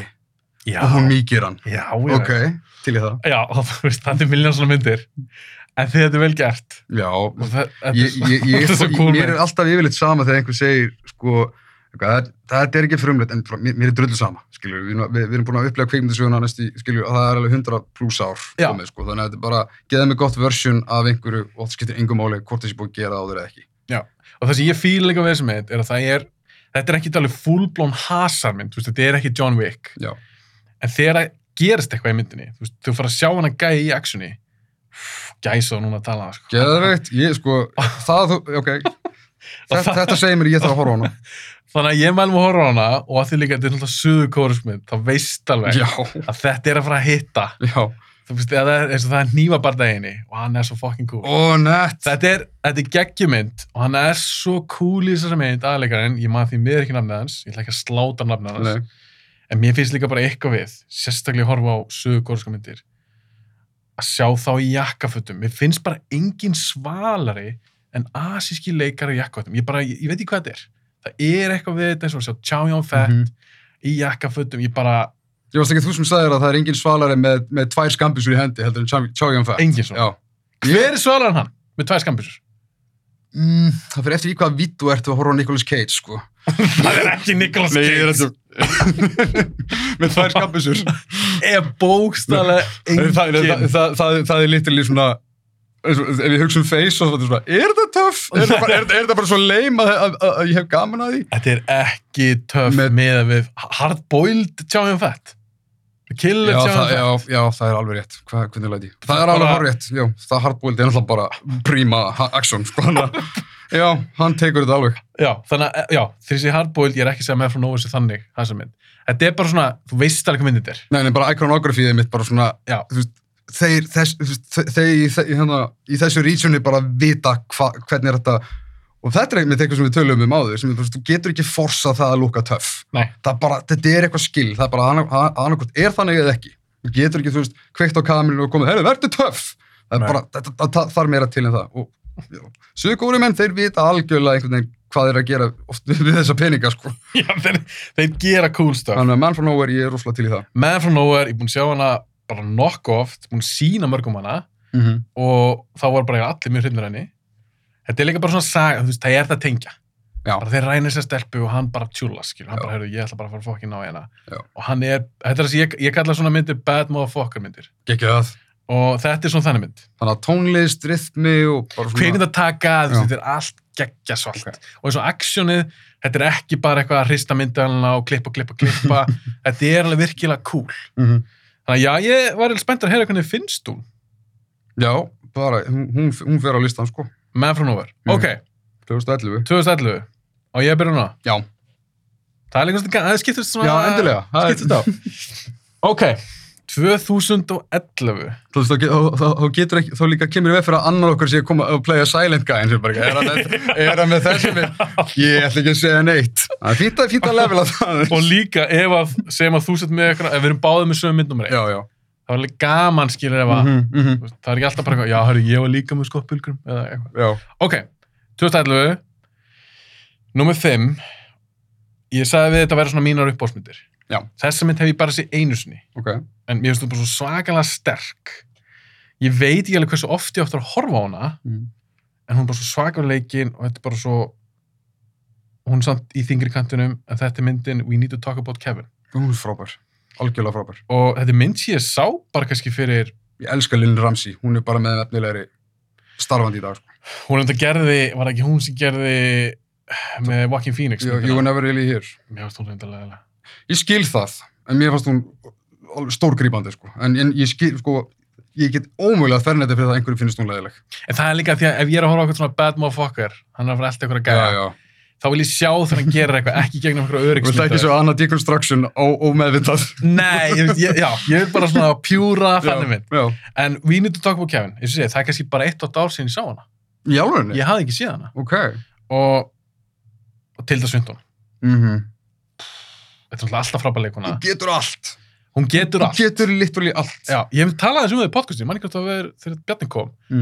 Hún getur verið í eitthvað svona Doctor Strange og eitthvað svona léttmyndi. Konstantín lítið hlutverk, hún ónar það. Já. Hún getur verið, þú veist, ég meina, Deep End var myndið sem kynnti mig svona almennilega fyrir henni, stórkostlega henni. Virkilega góð í þessu spyr í endurgerðinni og er í, í þremur hlutverkum í, henn, í þeirri mynd og það bara, veist, eða til þess, og hún, líka, já, hún er búin að vera í Wes Anderson myndum og hún bara, veist, hún, hún kann að skilja eftir bara, bara impact, eða svona print. Bara, En þessi mynd, þarna var ég bara eitthvað, vá. Ég var eiginlega bara svolítið, að því mér finnst alltaf frábær já, til það, en í þessari mynd, ég var blown away. Og mér finnst líka Ezra Miller, fíla hann ekkert svakalega, það er flottur í þessari mynd. Hann leik náttúrulega sonunnar. Og mér finnst það bara rosalega átakaleg. Hún er, hún er í þingri kantanum, ég get alveg skilið vel ef einhver segir bara að þetta er leðileg mynd. já, En hún hitti markja mér og ég fann svo til með þessari konu, Mm. Þessari fjölskyldu og bara þessum harm, harmleik. Já. Þannig ég varð að setja hann á hana lista. Mér fannst hún eiga að skilið. Hún hafði það mikil áhrif á mig. Var það blind buy? Nei, það var ekki blembæ. Það var, ég sá hann á Hulu. Mm. Ég vissi alltaf af þessari mynd. Já, já. Ég bara átti að fyrir að sjá hana og ég horfði hann með kæristunni. Kæristunni er kannski svakar að hérna þungumyndum, en henni fannst hún geðveik. Já, það, Ok, það var nummer 5 og nummer 4 mynd nummer 4 að mér hefði kannski eftir að vera nummer 5 bara á nafni, það hefði verið byrjum fyndið byttu, byttu, Þú veist þetta bó byttu, sko, en, en ok, þegar, maður er sko að tella niður sekundáður í það, bara, gáði, byttu, mann ég eitthvað frá 2011 sem hefur með fimm í titlanum, örf, uh, kíkja hérna, lústiði minn, nei, ekkert með nummer fimm, Frá- Þú hefur aldrei sett þessa mynd frá þegar. 2011, þetta er Fast Five, Fast Five Fast Five, ég ætla að raukstu þetta var besta GTA mynd sem hefur aldrei verið gert. Fast Five er nummer 4 að mér Ég er búin að sjá þessa mynd nokkur sinnum og Ég líka. ok, þá var þannig fyrst hún ekki leiðileg Hún er ekki leðileg. Ástæði sett á lista minn að því ég er sem segja, svona uppáðsmyndir Hæst mynd. Hæstmynd Ekki bara hæst mynd, þetta er bara þau sögðu bara, herðu, fuck street racing, við ætlum að fara hingað og við, erum, við tökum stór sveitanda rock með okkur. Þannig að, já, hún var, hún var game changer fyrir seríuna og svona hægt og rólega breytti sig yfir í overhittu myndaseríu úr því að vera svona gutti keppnis point break endurgerðir. Það er hún bara leiðilega Þær voru hundleðilar. Ég skil ekki, ég skil ekki það að fólk segja að fyrsta myndin er er seríu. ömurleg. Hún glötuð. Ég er bara meiri sér árið 2001, ég var bara, þetta er bara point break, bara ömuleg. Hjælt að það væri það versta sem sæði maður einhverju þannig væri í esnu, þá til síðan kom point break endurgerð. Ég er þannig ekki að sjá hana En Fast Five er, það er, Justin Lin var virkilega útskrifaður þegar hann gerði þá mynd. Það er málið, hann var búin að læra. Já, og ég eitthvað aftur að sjá Tokyo Drift. Ok. en ég held þú sé ekkert spes. Nei, ég ætla samt að sjá hana. Já, það er eina fast myndi sem ég ætla að sjá. En mér varst fjögur hræðileg. Hún var hræðileg. mér varst hún umuleg Fast and Furious. Já. hún, hún, mér varst hún bara, mér varst líka bara leinin Þá var hann líka, Justin Lin mitt komin í hennan gríngraskýr,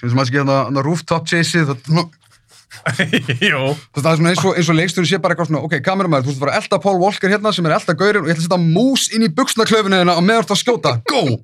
já, það er svolítið hún og líka var það ekki, var ekki olju tankarbillir sem að var eitthvað svona tölvugjörur og hann jú, krassar jú, og- þannig opnunar. já, og hræðilegt ég hata það mynd Og það er ekki snefill af einhverju svona áberði tölvugerði minni mig við Fast Five. ekki þannig, það er hann að draga beningskapuna til að það ekki mæntalega Gæti verið, já.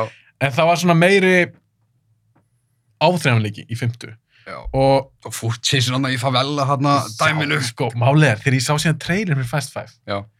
og ég og Snorri, þú þekki nú Snorri Já, við hefum við fórum á smitt og ég sagði Snorri, verðum við ekki bara láta plata okkur því að rock er í þessari? Við látum plata, pla, látum plata okkur einu sinni enn.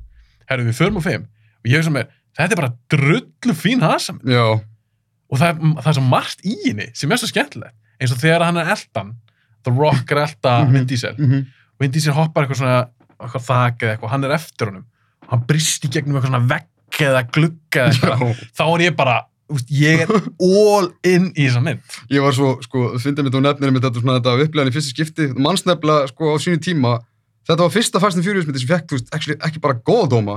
Fólk var virkilega að fíla hana. fólk, fí, Bara, fólk fíla hana Og ekki það, ég, ég venjulega fíla ekki svona parametrin á Rotten Tomatoes og þannig, en hún var alveg sko komin í 80 pluss eitthvað. Og ég man sko, ég, mín saga því að sjá þessa mynd fyrst, þetta var áður en að nokkur dómur kom út, ég var beður um að yfirfara textan á henni, Mm.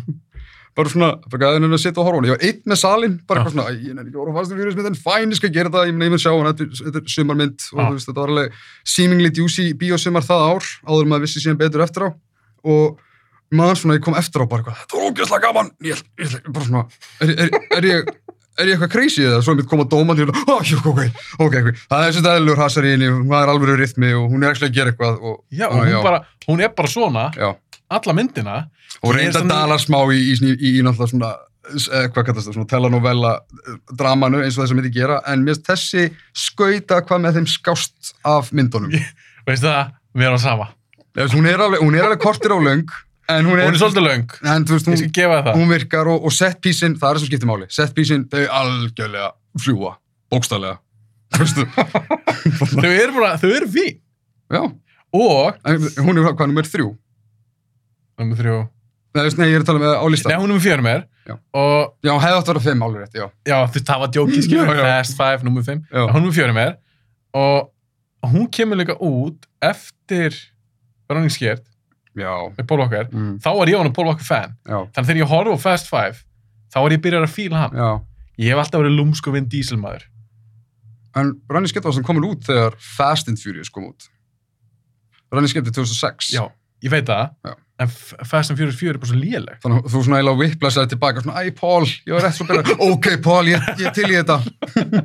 Já, þannig að þegar ég fekk góða mynd, ég bara, yes, Paul Walker, ég fílaði núna, Já, ég fíla Vin Diesel, fíla Rock, yey, þetta er flottur hasar. Mér finnst ekki bara Justin Lin sem leiksturi, svo talaði um, hann var svona svolítið útskrifaður, að það er rosa munur á 4 og 5. Magna líka, hann kom inn í seríunni sem svona director for hire, skilju, og það er svo magna, þessi, þessi séri er svo mikið, er svo mikið mystik fyrir mér. Þetta er áhugaverð, Þú serja. veist bara, ok, fyrst, fyrsta myndi kemur, þú ert með að kasta þarna og það er verið að stilla eitthvað upp, svo kemur Vin Diesel hann er bara, nei, Sem ok, er það, hræðilegt. það er bara svona, ok, þetta, þetta virkaði ekki og Paul Walker kemur hann aftur og þeir indexin er svona að skránsa saman með því að gera bara eitthvað svona Miami Vice útgáfa Fast and Furious mynd með Too Fast and Furious, svo bara beilar Paul Walker og þá bara, herri, Justin Lin, komdu, gerði eitthvað við þetta, bjarga þessu. Og svo endar hann bara með því að svona slowly móta seríuna bara í allt aðra áttir, skiljum Mhm. og hann stamplaði aðeins með Fast and Furious, en í það minnsta fekk hann alltaf hérna tilbaka, sem var svo sem ekki erfitt, þetta Vin Diesel kom alltaf bara inn í seríuna með skottið millir lappana tilbaka, bara eitthvað, og Riddick var ekki alveg að ganga eins og ég held, og hérna, Og er drast. og er drast, þannig að, þú veist, og svo bara, já, hann útskrifaði svo alveg fulli með þessu mynd, og ég var svo sáttur að hann held svo áfram og gerði þarna Furious 6. þannig að- Sem er líka aðeinsleg. Hún er skemmtileg. Hún er mögulega á listanum mínum eftir. Mögulega, Thomas, ég ætla að halda það spennt. Mögulega, ok.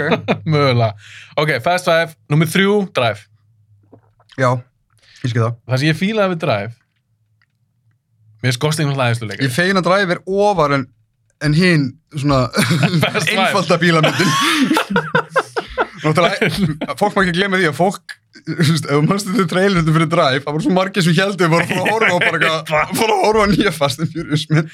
Ég held með þessam, ég held ég að lesa það, eitthvað koni bandarækjunum, hún uh, lögsótti. Já, Er þetta ekki rétt sem er? jú, þetta er rétt. Af því hún bara, eitthvað, þetta er ekki myndin sem ég á selv. Já, bara sorry, þú keiftir fokkið miðan, þú tókst ákveðin að fara á þessa mynd, þína væntingar skipta þú veist, vörunni máli. On. Þetta er svip, ég aldrei skilið þegar fólk strunsar á bíói, sérstaklega eftir myndina og bara eitthvað, þessi mynd var ömulega, ég ætla að endur greitt. Sorry, þú tókst rúlettuna með því að ákveða að fara á þessa mynd. Það fylgir bara geiminu og þú ert ekki að alltaf að að vera sátt eða sáttur. Nei, bara smekkur manni misja. Já. Ég meina það er fullt af fólki sem fílaði Drive þó hún hafi ekki verið eins og Fast and Furious mynd. Já. En já, mér varst hún æðisleg og ég held að þetta sé fyrsta myndin sem ég man eftir Oscar Isaacs úr. Já. Uh, Ég, ég man ekki Robin Hood. með, Rosa- Rosa Jú, Crowe. og fyrra árinu, Ég sá hann í. og fyrra árinu Sucker Punch. Það var antagonistinn í henni. Hún var svo léleg. Það var mjög leilig. Já, var hann í henni? Lék hann eitthvað starfsmann hann á spítalum? hann var bara antagonistinn. Hann, var, hann var svona basically bara þú veist svona Nurse Ratchet útgáfan af Ó, ok. þeirri mynd. Og bara sett í gegnum svona heavy metal pop art dæmi sem Zack Snyder er þekktu fyrir. Algjörlega löðnandi í fetisisma þannig að ég skil vel að maður gleymir honum af öllu. Og með þessi extended cutinu af Sucker Punch. Af hverju sá ég hana? Þá er hann með sem er söngatrið með Carly Gugino Ói, bara. ekki Já. söngatrið svona musical númer Ég hata það mynd. Ok, á var hann henni? Ég, ég myndi ekki eftir því. Ég sá Suckman sem ég myndi ekki eftir en áttu Skorpjón jakkan því. Nei. Menn voru að kaupa sér hann og fara í hann. Og ég líka bara, þú veist, jésús, maður. Ég held að ég að tala um þetta við snorra í ykkur þætti. Ég með, held það. Með skorpjum jakkan. Já, ég var, ég var, ég var, ég var, við vorum að djóka því að Snorri var að segja mér frá gaurum. Ég segi gaura. Mhm. að því ég vil bara... Þeir vildu vera Ryan er- Gosling. Þeir vildu vera. Ryan Gosling, halló. Nei, hann var að segja mér frá gaurum sem kaupir sér uh, sagt, uh, reyðhjóla hjálm Já. sem er prettohjálmurinn. og þá spurði, ég sagði eitthvað, ha? Já, hann var að segja mér frá því. Þá spurði ég hann og ég googlaði þetta eftir þáttin, þetta er rétt hjá honum. Þú getur keiftið svona reyðhjóla hjálm og það eru prettohjálmurinn. Og ég spurði, hvort er lúðalega að vera með svona hjálm eða kaupa skorpingjakkan og gangi í honum? eina leginn til þess að ég myndi hjóla með breyndurhjálmi, það væri til þess að fara sko í miðbæri Reykjavíkur, svona, á- í, þegar allt er í eðlu svona non-covid standi fara einhvern veginn með svona tvö þrjúleiti í miðbænu bara svona skauta þess fram hjá nokkrum hverfum bara til þess að einhverjum sem eru orðin það hýfaður og fullum myndi koma, Va, var ég að sjá þetta? Er þetta bara, Þetta er svo fokki fólki. já, Og þú myndir ekki kaupa þess að vera cool. nei Nei.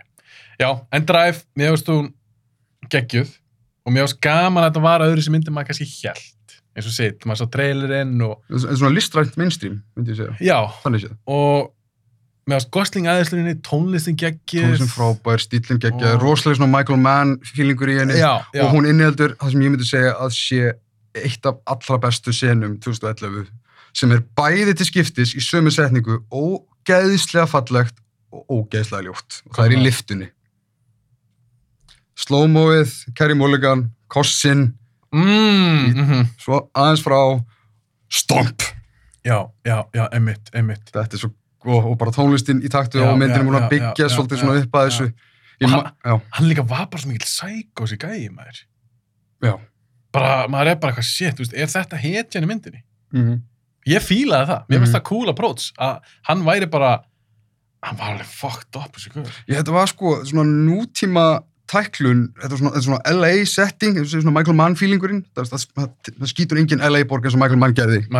Og, en sem svona í svona samblandað við svona spagetti vestra tróps, skilju, svona gæ, svona, svona nafnlösi gæin, eða svona nafnlösa hetjan eða andhetjan öllu heldur, sem er einmitt bara svolítið The Rogue. mm Og hvernig Gosling einmitt náði að, ég man að þetta var risastórt ár fyrir Gosling, sko. Hann var nýbúin að gera mér þess að Crazy Stupid Love sem hann er frábær í.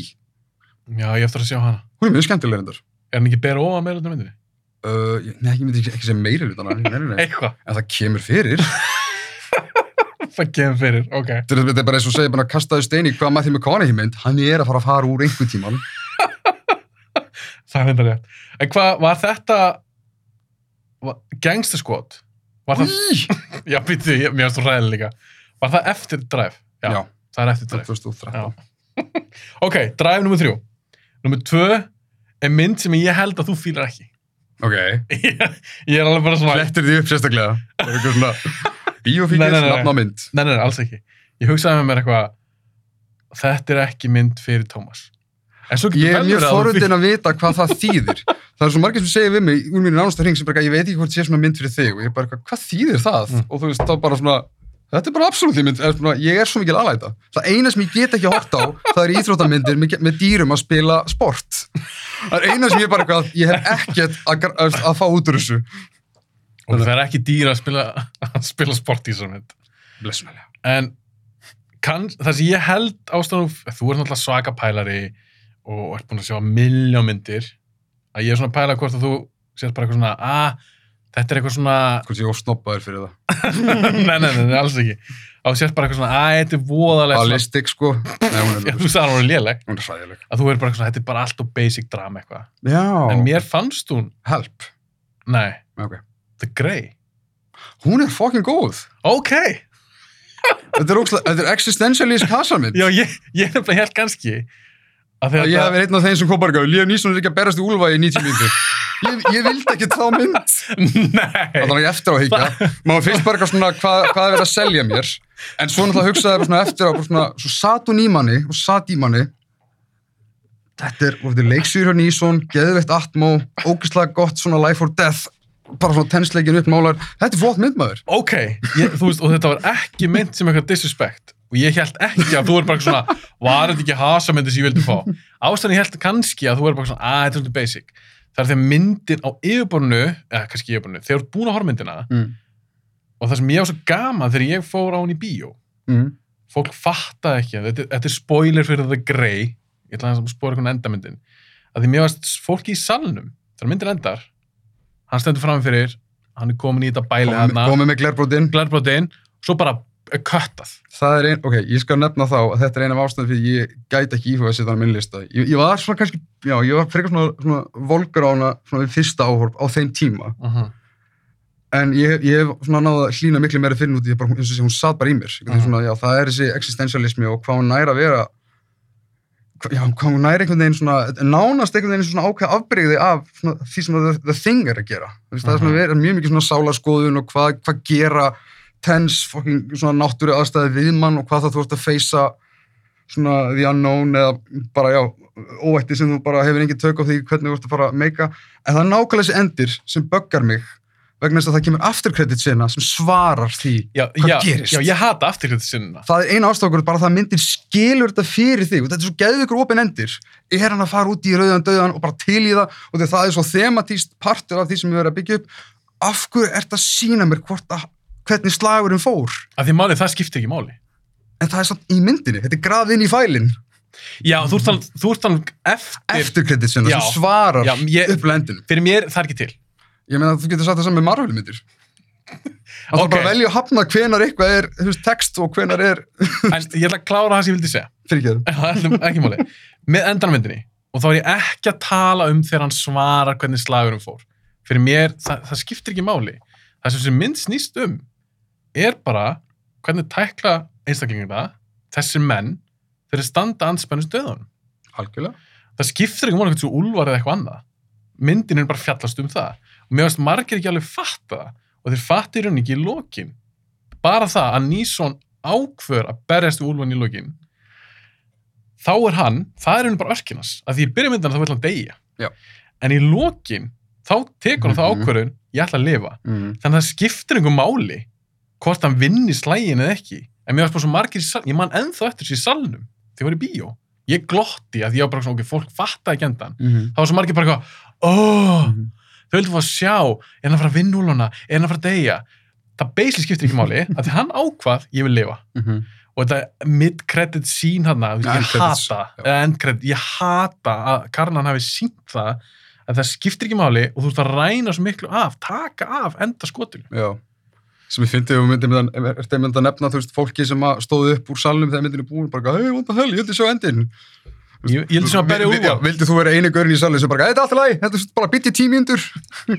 það kemur ljós. En, en ok, þá kemur önnur spurning sem er, serðu fyrir þar að sé hægt að túlka myndin á þannig að hann sé líka kannski bara sáttur við það að vilja mögulega deyja, sem, eða vitandi það að hann er anspænir stöðunum og þú veist, að það er bara ekkert sem hann getur gert, en hann er til að fara, veist, með fæti, skilur mig. Ég tólka aldrei þannig. Nei, ég segi, ég, ég, ég, ég spyrum, sér þið fyrir möguleika sé hægt að sjá það báðu vegu? Er það bara um, mm, og það að basically við séum með krókarni í lokin sem að svarar því, það hefur bara gert það svo, svolítið cool, ef þú Mhm. gætir raunin séð báðu vegu eftir því bara hvernig, þú veist, einstaklingur þú ert, hvernig þú getur lesið í, en ég hef reyndar ekki séð þau greið, sko, í örgulega núna tíu ára nýju ár, já, þannig að ég geti haft alveg vel, við getum verið vel út á kortinu með þetta, en mm, þetta er flott val, já, ok, ég er ánar og fíla hana því ég, ég held kannski að vera bara eitthvað svona, að þetta er of basic eitthvað svona, já, hún er allt nema basic, sko. já að ég, mér finnst mér finnst það bara bestu myndunars karnan finnst mér narko þessi. Ég er að sjá narko eftir á lands ég sá hana. Já, þetta eru mínar uppbóðs karnamyndir mér finnst hann betri í bara eitthvað svona aðeins meira drama mm. Heldur í Boss Level, Smoking Aces, A-Team mér finnst hann ekkert svakalega skemmtileg þar Það er samt svo gott energy í honum í þessum stemningsmyndum hann á milli. Ég fíla með hvernig Karna getur verið svo rosalega harðsóðinn og há dramatískur með svona ákveðin, ákveðin svona kjaft með því.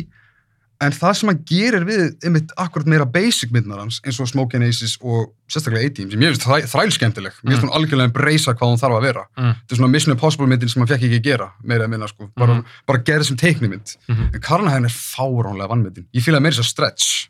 Bara þetta er bara svona, þú, þú eh, með Wilson var ekki Patrick Wilson? Patrick Wilson, Wilson jú. Þetta er ekki, þetta er ekki eitthvað svona super eftirminnilega myndir en þú sérð alveg Carnahan touchið. Hann er ekki bara einhver, einhver svona bla aksjón eða svona, svona, hvað segir maður, svona karlafílu leikst, leikstjóri.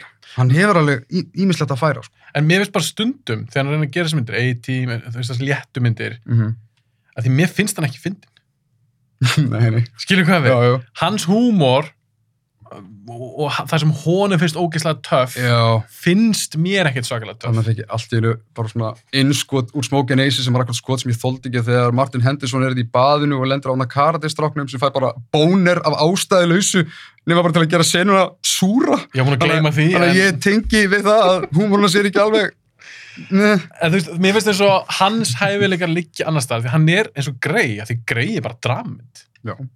Þetta er, hún var markasett sem einhver að Eða sálfræði trillir bara eða, einmitt, einhver survival drama sálfræði trillir einhver. Mhm.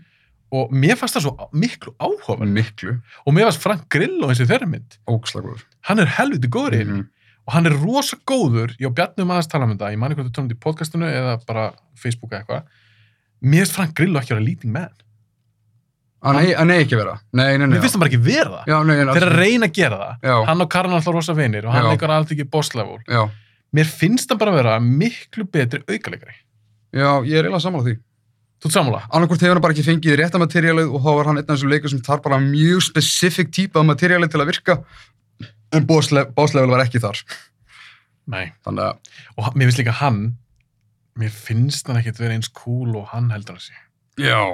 hann vera og vill vera cool. Já, hann vill vera cool.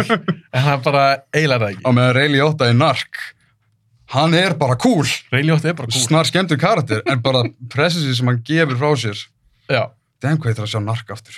Já, ég er svo langt sín sá já, mjög að mitt en mér fannst þú dröllu góð. maður bara hvað hann var svona visceral og Já. lífleg ógslag svona rá fer alveg rosalega kaotíst með stílinni mitt og klippinguna, alveg sko drekkir skjánum í splitskrinni og alls konar en það er bara púlsíni sem ég finnst bara vannmetin mér finnst líka Jason Patrick hann getur átt verið helviti skemmtilegari mjög, hann þarf líka bara að velja, vera duglegur að velja handrit. E, hvað er hann að gera dag? ég man ekki svona til að síða nýla góð punktur, senast þegar mann eftir hann var The Losers það sem hann bara, veist, hann, hann bara tögði hvert einasta veggfóður á skjánum sko, býttu, er hún ekki alveg 2012? eða? 2010 hún er 2010 hún kom á sama ári 18, ég man að þú veist, þegar 18 kom það bara, að þetta er betri Losers-myndin eða, eða, Losers 80 er- var tölvöld betri eða, eða 18, nei, eða, já, eða Losers er verri 18 myndin. er tilbúin fyrir eitt Mjög tilbúin. Tvö- tvö- 2011, ok, ætli ég geti, ég ætla ekki að giska, nú ætla ég svona að að rammin hvort að ég gæti mögulega. þú getur potgiskað Er það samt, sko? Já, það, veldur því hvort það sé geiramynd eða dramamynd. Þessi sjónramynd. þetta er alltaf sjónramynd maður Er Ég er bara Er sjónragaur. það, ok, byrju, er þetta Attack the Block? nei, hún var top 10 Gekkið hún er geggjuð Frábært. nei, þetta er ekki að taka blokk Sjónramynd. Uh, nei, ég ætla, ég ætla bara að býja spenntur. Númer eitt er ein besta hasmynd sem hefur gerð fyrst mér og það er það reyt. Er hún frá 2011? Ég er bara að gleyma því. Ah! Þannig að ég valdi það reyt. Ó, ég þarf að skipta þessu út. ég seti hann á 2012. Já, það er alltaf lega. Því mál er, ég lendi stundum í því. Það eru heldur tvær myndir hjá mér sem gátu verið einhvern veginn á tveimur árum. Stundum voru að sýnda kannski okkur um festivalum. Þannig að við erum alveg lögulega afsakaðir. Ef já. þú ert með hann 2012, það er allt í góðu. Já, það er nefnilega alltaf sko, maður gleymir í stundum sko, það er stundum með þetta sweet spot sem er erfitt að svona quantifya, sem er, þú veist, já, sínd á festivalum skilur á maður að meðast alltaf við framlýslárið eða hvena maður hafði bara tíma til að sjá hana sem er samt eiginlega ógilt þegar maður að gera lista svona mik- mörgum árum setna Já. og ég lendi í þessu sko alveg, alveg ég skransaði alveg nokkur nokkur sem þarna þegar ég var að fara í gegnum þetta aftur og bara, nei, þetta er Já. en þú veist, þetta, þetta er Þetta er þetta nýja hard boiled sko. Eða mjög nálægt í Þetta er geðveik. það er eitthvað sem að toppar þessa mynd fyrir mér það er Raid 2 Sama hjá mér. Hún mög, kemur mögulega eftir. En reyt eitt, ég maður því sá þessa mynd í bíó. Ég held með þess að ég að fara á fórsynningu á þér. getur verið Ég fór hann í lögursbjó. ég lagði mikið upp úr þér en að fá fórsynni sem mynd út af því að hún var frumsýnd ofan í eða rétt fyrir ef ekki rétt eftir Avengers 1 og það var engin að sína veist, að einhverju sí... in, einhver indonesískri bara svona, svona það sem margir hugsaðu sem svona eitthvað die, die hard knock-off ég maður bara hvað er lítill áhug fyrir henni en, en Raid er, veist, þetta er þú ert bara búin á því að horfa á þessa mynd sko. Já. Þetta er brútal en seldi, action, seldi mér þessa mynd eins og ég hef aldrei Náttúrulega, ef þú, sem að þú er svona gæði sem bara hefur ekki áhuga á hasamyndum þá er þessu myndi ekki að gera neitt fyrir þig. En ef þú ert bara svona, já ég fíla hasamyndir. Já. að því meina, hva, það er bara svo geðu ykkur hasar í mig Já, og það eru gæjar að skjóta menn í andlitið point blank með skambissu. Og það er einmitt, það var Joe Taslim sem leikur stórt hlutverk, sem leikur núna Sub-Zero í Mortal Kombat. Já, akkurat. Það er, hann- leikur náttúrulega stórt hlutverk í þessar mynd. Og mér, minnir þessi hann sem að skýtur, þeir ráðast hann inn í ykkur íbúð. Mm. eitt af mörgum þannig aftur. Og hann skýtur gæja point, ég hafði bara aldrei séð þetta í bíómyndu mm Mhm. bara point blank, það er bara sentimentir andlans. Og það er svo fucking klikka og skilur, menn eru að nota þú veist, það er, það er byssuhasar inn á milli bara eitthvað styrlaðasta action koreografi í slagsmólinu sem að þú getur mögulega bara að láta þig dreymum og þessi mynd er bara tákmynd alls þess sem ég elska við hasarmyndi sem er bara að horfa á fullt af stöndgæjum eða stöndleikurum að hætta lífi sínu okkur til skemmtunar. Og maður er bara eitthvað, hvernig fór þeir að þessu? Já. og þessi mynd er, það kemur orðið rússíbani aftur. Og þegar fólk segir að það er ekki hægt að gera frábæra töluleikjamynd ef að reyt væri, þú veist, bara skot slagsmáluleikur, svona geruru það. Já, að þetta er svo, svo ein- einfaldur sögurþráður Ég er líka að fíla það, ef ég er að horfa á hasamynd, Líka levela sig upp alltaf. já, levels up. Ég, ég fíla á hasamyndir, ef ég, er náttúrulega- ef ég er að horfa á hasamynd, ég vil alltaf fá góð koreograf hasarættri, hvað sem Mm. er byssubardaði, bíla, eldingarleikur eða slagsmældri. Og auð greinanleg og sjáanleg. Já, og það er einmitt í reynd. Því að Gareth Evans, ég rugglaði stundum saman, Ég- Gareth Edwards Ég, og ég Evans. ger þetta líka. Ég held, heitir hann ekki Gareth Evans sem gerir reynd? Edwards gerir Godzilla Og og... Rogue One, jú. Og guð, nú þegar þú segir þetta upp, er svona, ég ætla bara að segja jú. Þetta er Evans. Góði, Gareth. Gareth Evans, gerir reynd. Hann bara skilur hvað gerir hasamynd að góðri hasamynd. Já. Og þetta bara fjallar í stuttumáli fyrir þá sem kannski hafi ekki séð þessa mynd. Fjallar bara um löggu tím eða lögguhóp sem er bara að sækja eitthvað kremma Já. og þetta er bara blokk og blokkin er bara full af einhvern glafmunum og þau þurfa bara að berja sig, berjast í gegnum allar þessar hæðir Þú veist, ef þú hefur sagt mér þetta ef ég ekki sé þessa mynd, þú veist að þeir þurfa að fara í gegnum allar hæðir og ná í gæðin, ég verið bara, ég er sold hvar get ég horft á þessa mynd Já, ég, feina þú sagði þetta frekar aldrei bara, ég myndi ekkert horfa á það. Ég elska mynd svona simple premise myndir sem er mitt bara eitthvað, þetta átti að vera bara einfalt mission, en þú veist, hell ensues, basically, bara. já, Og- basically, já. svo bara þurfa að vera slást á allar þessa gæja þetta er geðveik mynd eina sem ég get svona sett smá út á, nú er ég bara pikki Já, að ég keifti aldrei að þetta væri íbúður eða, veistu hvað ég er að tala um setti senni í þessari mynd, þetta er svo cheap ég myndi Þetta- bara, þetta er slum hverfi, getum við ekki bara sagt það? já, en samt Þetta ertu að að þú veist, þegar menn er að vippa næsta gæja í, í, þú veist, í veggina, þú finnur að þetta sé svona pappi og þannig. Nei, ég líka bara sé það. Þegar oh, kannski löggurnar með byssurnar eitthvað að lappa eftir gangi, Ok. bara veggirnir, hurðirnar, og ég bara sé, ok, þetta er allt bara byggt. Hmm. Og ef þetta kjaftaði mér, ef þetta var tekið upp í alvöru blokk sem ég stórefa, Mhm. þá skulle ég geta þessu orðun í mig. En mér fannst ég bara, mér fannst ég bara að sjá að umhverfið er ekki ekta. En hefur þið farið í fullt af húsum eins og í bandarækjum og öðrum, sko, oft er bara, við, við á Íslandi gerum undarlega sterk hús, við þurfum alltaf að þvola jarðskjálta, við nota benni, sko, oft líta hús erlendis bara eins og, eins og dúkuhús, sko, eða bara eitthvað svona IKEA display. Þannig að kannski er þetta, kannski er þetta alvöru en blokk. kannski myndi bara svo intense að þú bara pælir ekki í því, nema, já, Ég, og líka, henni til varnar, ég pældi ekki rosa mikið í þessu horfna fyrst. Ég er bara pikki, þegar ég horfði hann í tíundarskiptið eitthvað. og líka bara svo að þau eru alltaf koreografast þetta eru stór slagsmáladri Já, bara hvernig íbúðunar eru settar upp. Já, þetta er líka oft verðist vera bara svona kassi eða svona ferhyrningur þetta er svona, já, ég, ég skil okkur þú gerir þetta, hún kostar alltaf ekki raskat þessi mynd og ég er alls ekki að draga úr henni fyrir þetta. En ég mæli með að fólk horfur aftur að bara horfa þessum veggin og horfa hvernig íbúðunar eru þetta er rosa mikið eins og ég horfa sett já, ok. ok, Nú þarf ég að horfa á hana, næstu sjá, horfa á hana. sjá hvert þetta, þetta böggar mig. hafðu til huga, þetta var mitt pick fyrir 2011 nú er komið að þér Kvílík nummer eitt, sko, sko. Þetta er action masterpiece, sko. hún er það og bara, þú veist, og líka gott að bæta líka við, sko, að þú veist hvernig eins og þegar í mitt á mitt svona eitt, eitt gauður á móti m, m, m, svona mörgum anstæðingum að þú fyrir, sko, mér finnst allt svo vannmetið að þið líði eins og aðalkartirinn sé bara andlega búin á því. Já, og aðalkartirinn í reitmyndunum, þú veist, þú verður bara meðvirkur fyrir hans þóli og það sem hann er þetta, beating sem hann tekur í gegnum þessa anstæðinga, þetta, þetta gerir bara John McClane að bara einhverju barnapíu, sko. Já. og ég helska með þessi tilfinningu, það er bara svona eftir þessa síningu eins og þessu sem við nefndi, mér finnst að það hafi verið klappað og öskrað og alls konar. og hálfur salun eftir að var bara um leið og kreitlistin kemur, svona oh, Já. wow. Hún er þannig mynd sko. Ok, minn top 5 listi fyrir 2011 sko, ég er ekki með neitt að þessu. Nei, jú, ég held að ándjóks í þessu tilfellu getur hafi séð þær allar. Að það? já, Ok. og ég svona ég svona laumi svindlaði mynd nummer 5 sem ég ætla að byrja á. Ah.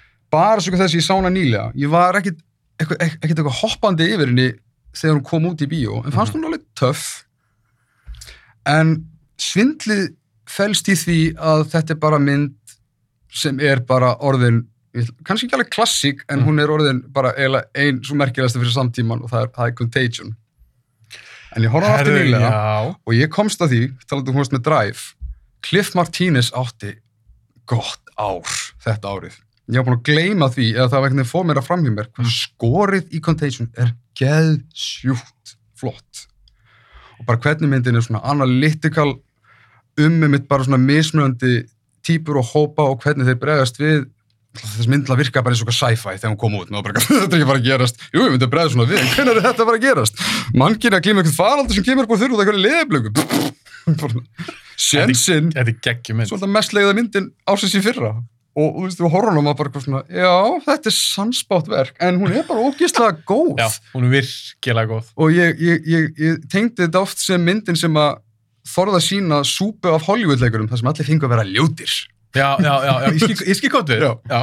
eru allt svona, þú veist, þau fá að vera svona óförðuð og svona, já, Menjuleg bara einhvern veginn. já, nefnilega og ég, Já. og þegar Soderbergh er í góðum gýr, þá virkilega kann ég að meta hann Líka ég. Og fyrst einmitt þegar ég horfði á þessum mynd var ég bara svona, ok, þetta er meira bara svona ma maður hoppaði svolítið á það bara, já, en hún gerir ekkert nógu mikið fyrir alla karakterina en hún er bara ekkert um það, hún er bara um situationið Já.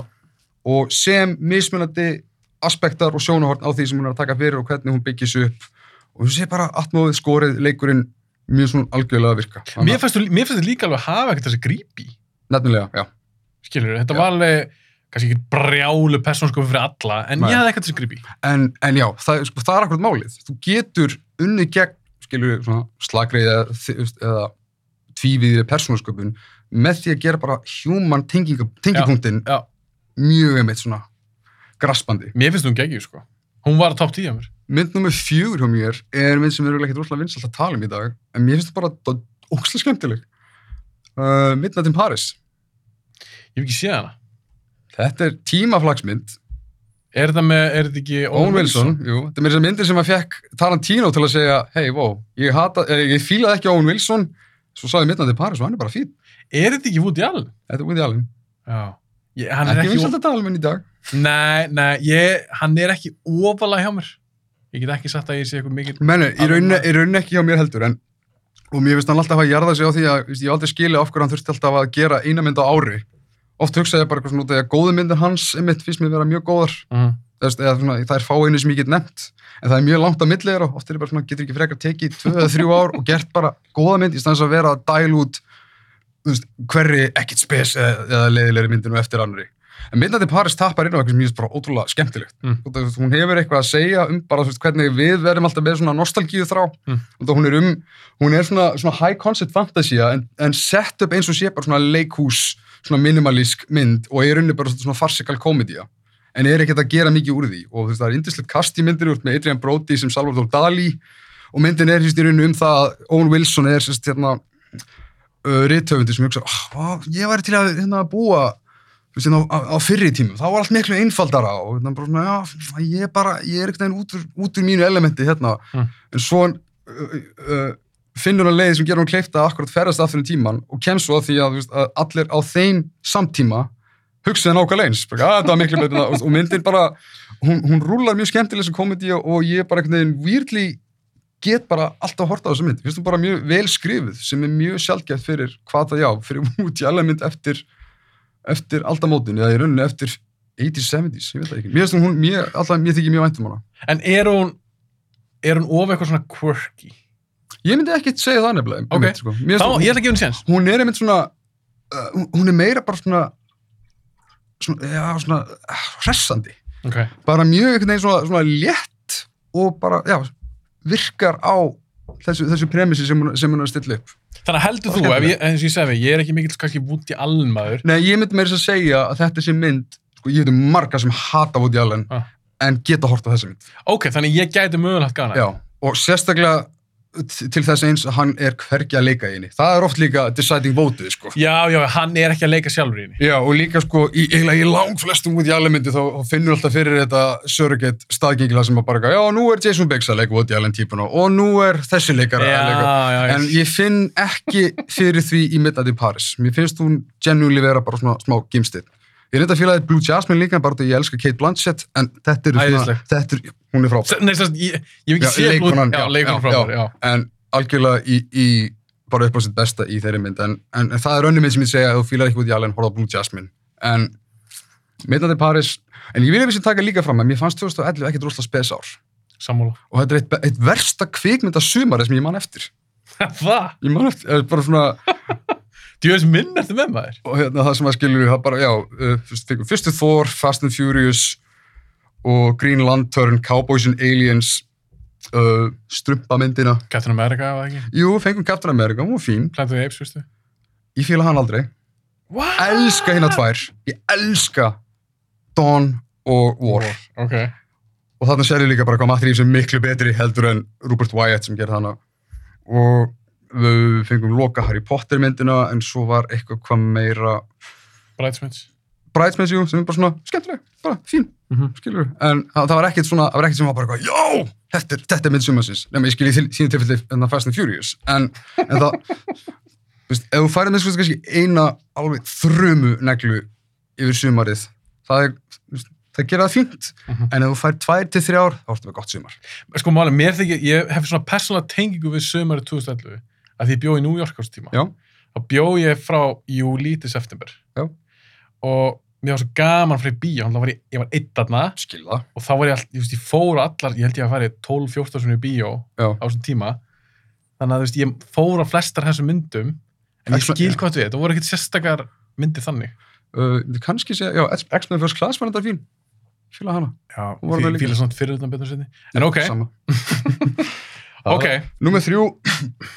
Er mynd frá stórmeistara sem basically er mynd sem ég velti á fyrir mér handa hverjum var þessi mynd gerð en á sama tíma ég, ég eiginlega kaupi ekki þá lógík út af því, þú veist, fyrir mig er það þannig að þú gerir góða sögu það er alltaf einhver sem getur tengt sig við hana Ja.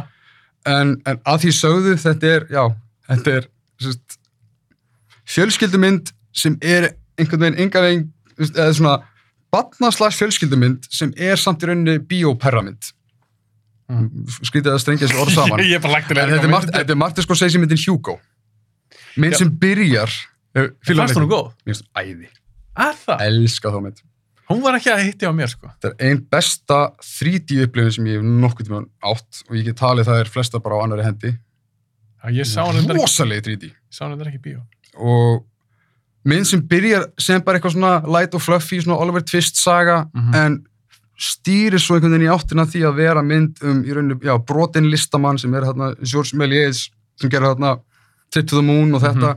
Og myndir fer bara að snúast um svolítið svona að lagfæra hans bara, já, bara mental og listrannu sál. Og myndin kemur líka með kommentir á bara mikilvægi uh, varðveislu kvikmynda. Mm -hmm. og það, þú veist, já, meiri hlutuna myndir manns voru bara soðunar í bara einhverja materjál og bara, bara hurfu. Já. En myndin er rosalega sjarmennandi, hún er ótrúlega vel gerð. Með Sasha Baron Cohen svo fyndin í henni og skemmtileg, með allt kastið svo svo mitt svona hvað, hvernig var best að lýsa því? Hún er svo offbeat og einhvern veginn idiosyncratic og Hefur hann oftar einu sinni? já, hana, mér finnst hún frábær, ég elska hana. Ég á hann á Blu-ray, sko. Ég blend bæði hann. að sjálfsögðu á maður hann á Blu-ray.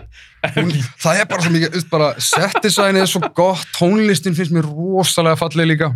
Og já, ég, ég, ég var alveg dólfallin yfir henni, en ég skil líka samskapið, þetta er ekki mynd sem að margir fá mikið kikk út úr, mér fannst hún bara Þú svona- einhvern veginn við hana. já, alveg, alveg rosalega mikið og finnst hún bara vera rosalega eða ég sá þetta alltaf fyrir mig eins og, eins og Scorsese væri að sína Scorsese er náttúrulega, hann er primarily þekktu fyrir að vera bara svona, svona guðfæðir gangstyrmyndana Mm -hmm. en ég elska þegar hann kemur bara, ég ætla að prófa eitthvað nýtt, ég ætla að gera búningadrama núna eða ég ætla að gera, þú veist, hérna eins og í þessu tilfelli, þetta er bara Spielberg myndinans Já, já, já. Og hann er bara eitthvað, hey. Fjölskyldu eitthvað. Já, bara, eða bara svona einmitt, rosalega, svona, það er melodrama í þessu, en það er ekki þessi, þessi, þessi Uber Spielberg melodrama, þetta er ekki Mhm. Warhorse, sem er enda frá 2011 líka og ég fíla hana. Ég sá hann aldrei. En, hérna, en þetta er svona sko að segja að koma, hei Spielberg, ég ætla að vera betri Spielberg en þú, Og þér fannst það takast vel hjá hann? mjög vel. En ég bara, ég, ég er sko að segja í klappstýra, sko, þannig að, Ég, þú ert svona að selja mér að sjá hana bara aftur. og, já, og hún náttúrulega var, minni mér rosalega ábyrjandi á Óskarðum, en ég man ekki til þess að margir einmitt svona sá hana þannig, eða ég man ekki eftir miklum umræðum um að Hún glemdist alveg. Já, og alveg eðlilega, sko. Ég, sk- ég skil það, eins og sé, sko, ég, ég finnst venjulega ekki sangjart að koma, handa hverju mér þetta? En eftir að ég sá hana og sá hversu illan ég gekk í bíó, er bara, Já, var ég, það máli, hún var flott. já, Já. allavega, sérstaklega hérna. Já, ég man alveg að ég út af Scorsese, keift hana og ég var bara svona, mm, en ég, það er svo langt síðan ég sá hana, ég Mhm. man ekkert nákvæmlega hvað það var ég fíla ekki, en mér Mhm. fannst bara ekki skemmtileg. Já, Ok, Hugo var það nummer þrjú hjá þér. það var nummið þrjú og ég sá hana tvisvar í bíó vegna þessi þríti var bara klikkuð. Ég manum veist, þegar það var tilkynnt að Scorsese var að gera 3D eftir að Avatar var orðin hittari var bara svona, og við fengum bara, þú veist, sarp af ömulegum 3D myndum sem voru bara gerðar bara, hérna, bara allt í einu, bara yfir heila helgi. Uh, uh, Alice in Wonderland, 3D, Clash of the Titans 3D, uh, hvað meira? Hvernig fílar þetta 3D, Tómi? Hvernig fílar þessa 3D bólu sem var á þessum tíma? ég þóldi hann ekki. Veist, ég, ég fíla 3D, en þú þarft að þetta er bara eins og, hvert annað tól? Þetta er, svona, þetta er, þetta er eins og að segja, þú getur ekki verið á móti CGI vegna þess að þú veist, bestu brellundar eru ósýnilegar. Mm og besta 3D er það sem að enhansar myndina þú getur ekki bara smelt hvað sem er eða hverju sem er í 3D og, Hollywood eðilega þetta.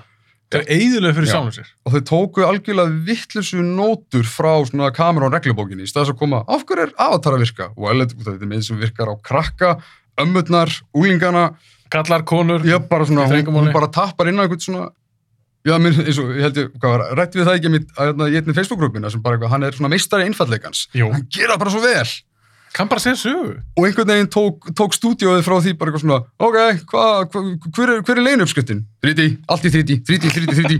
Þetta svipaði mér svona þegar Inception var stór. Hey, hver er leinuppskriftin? Uh, boing!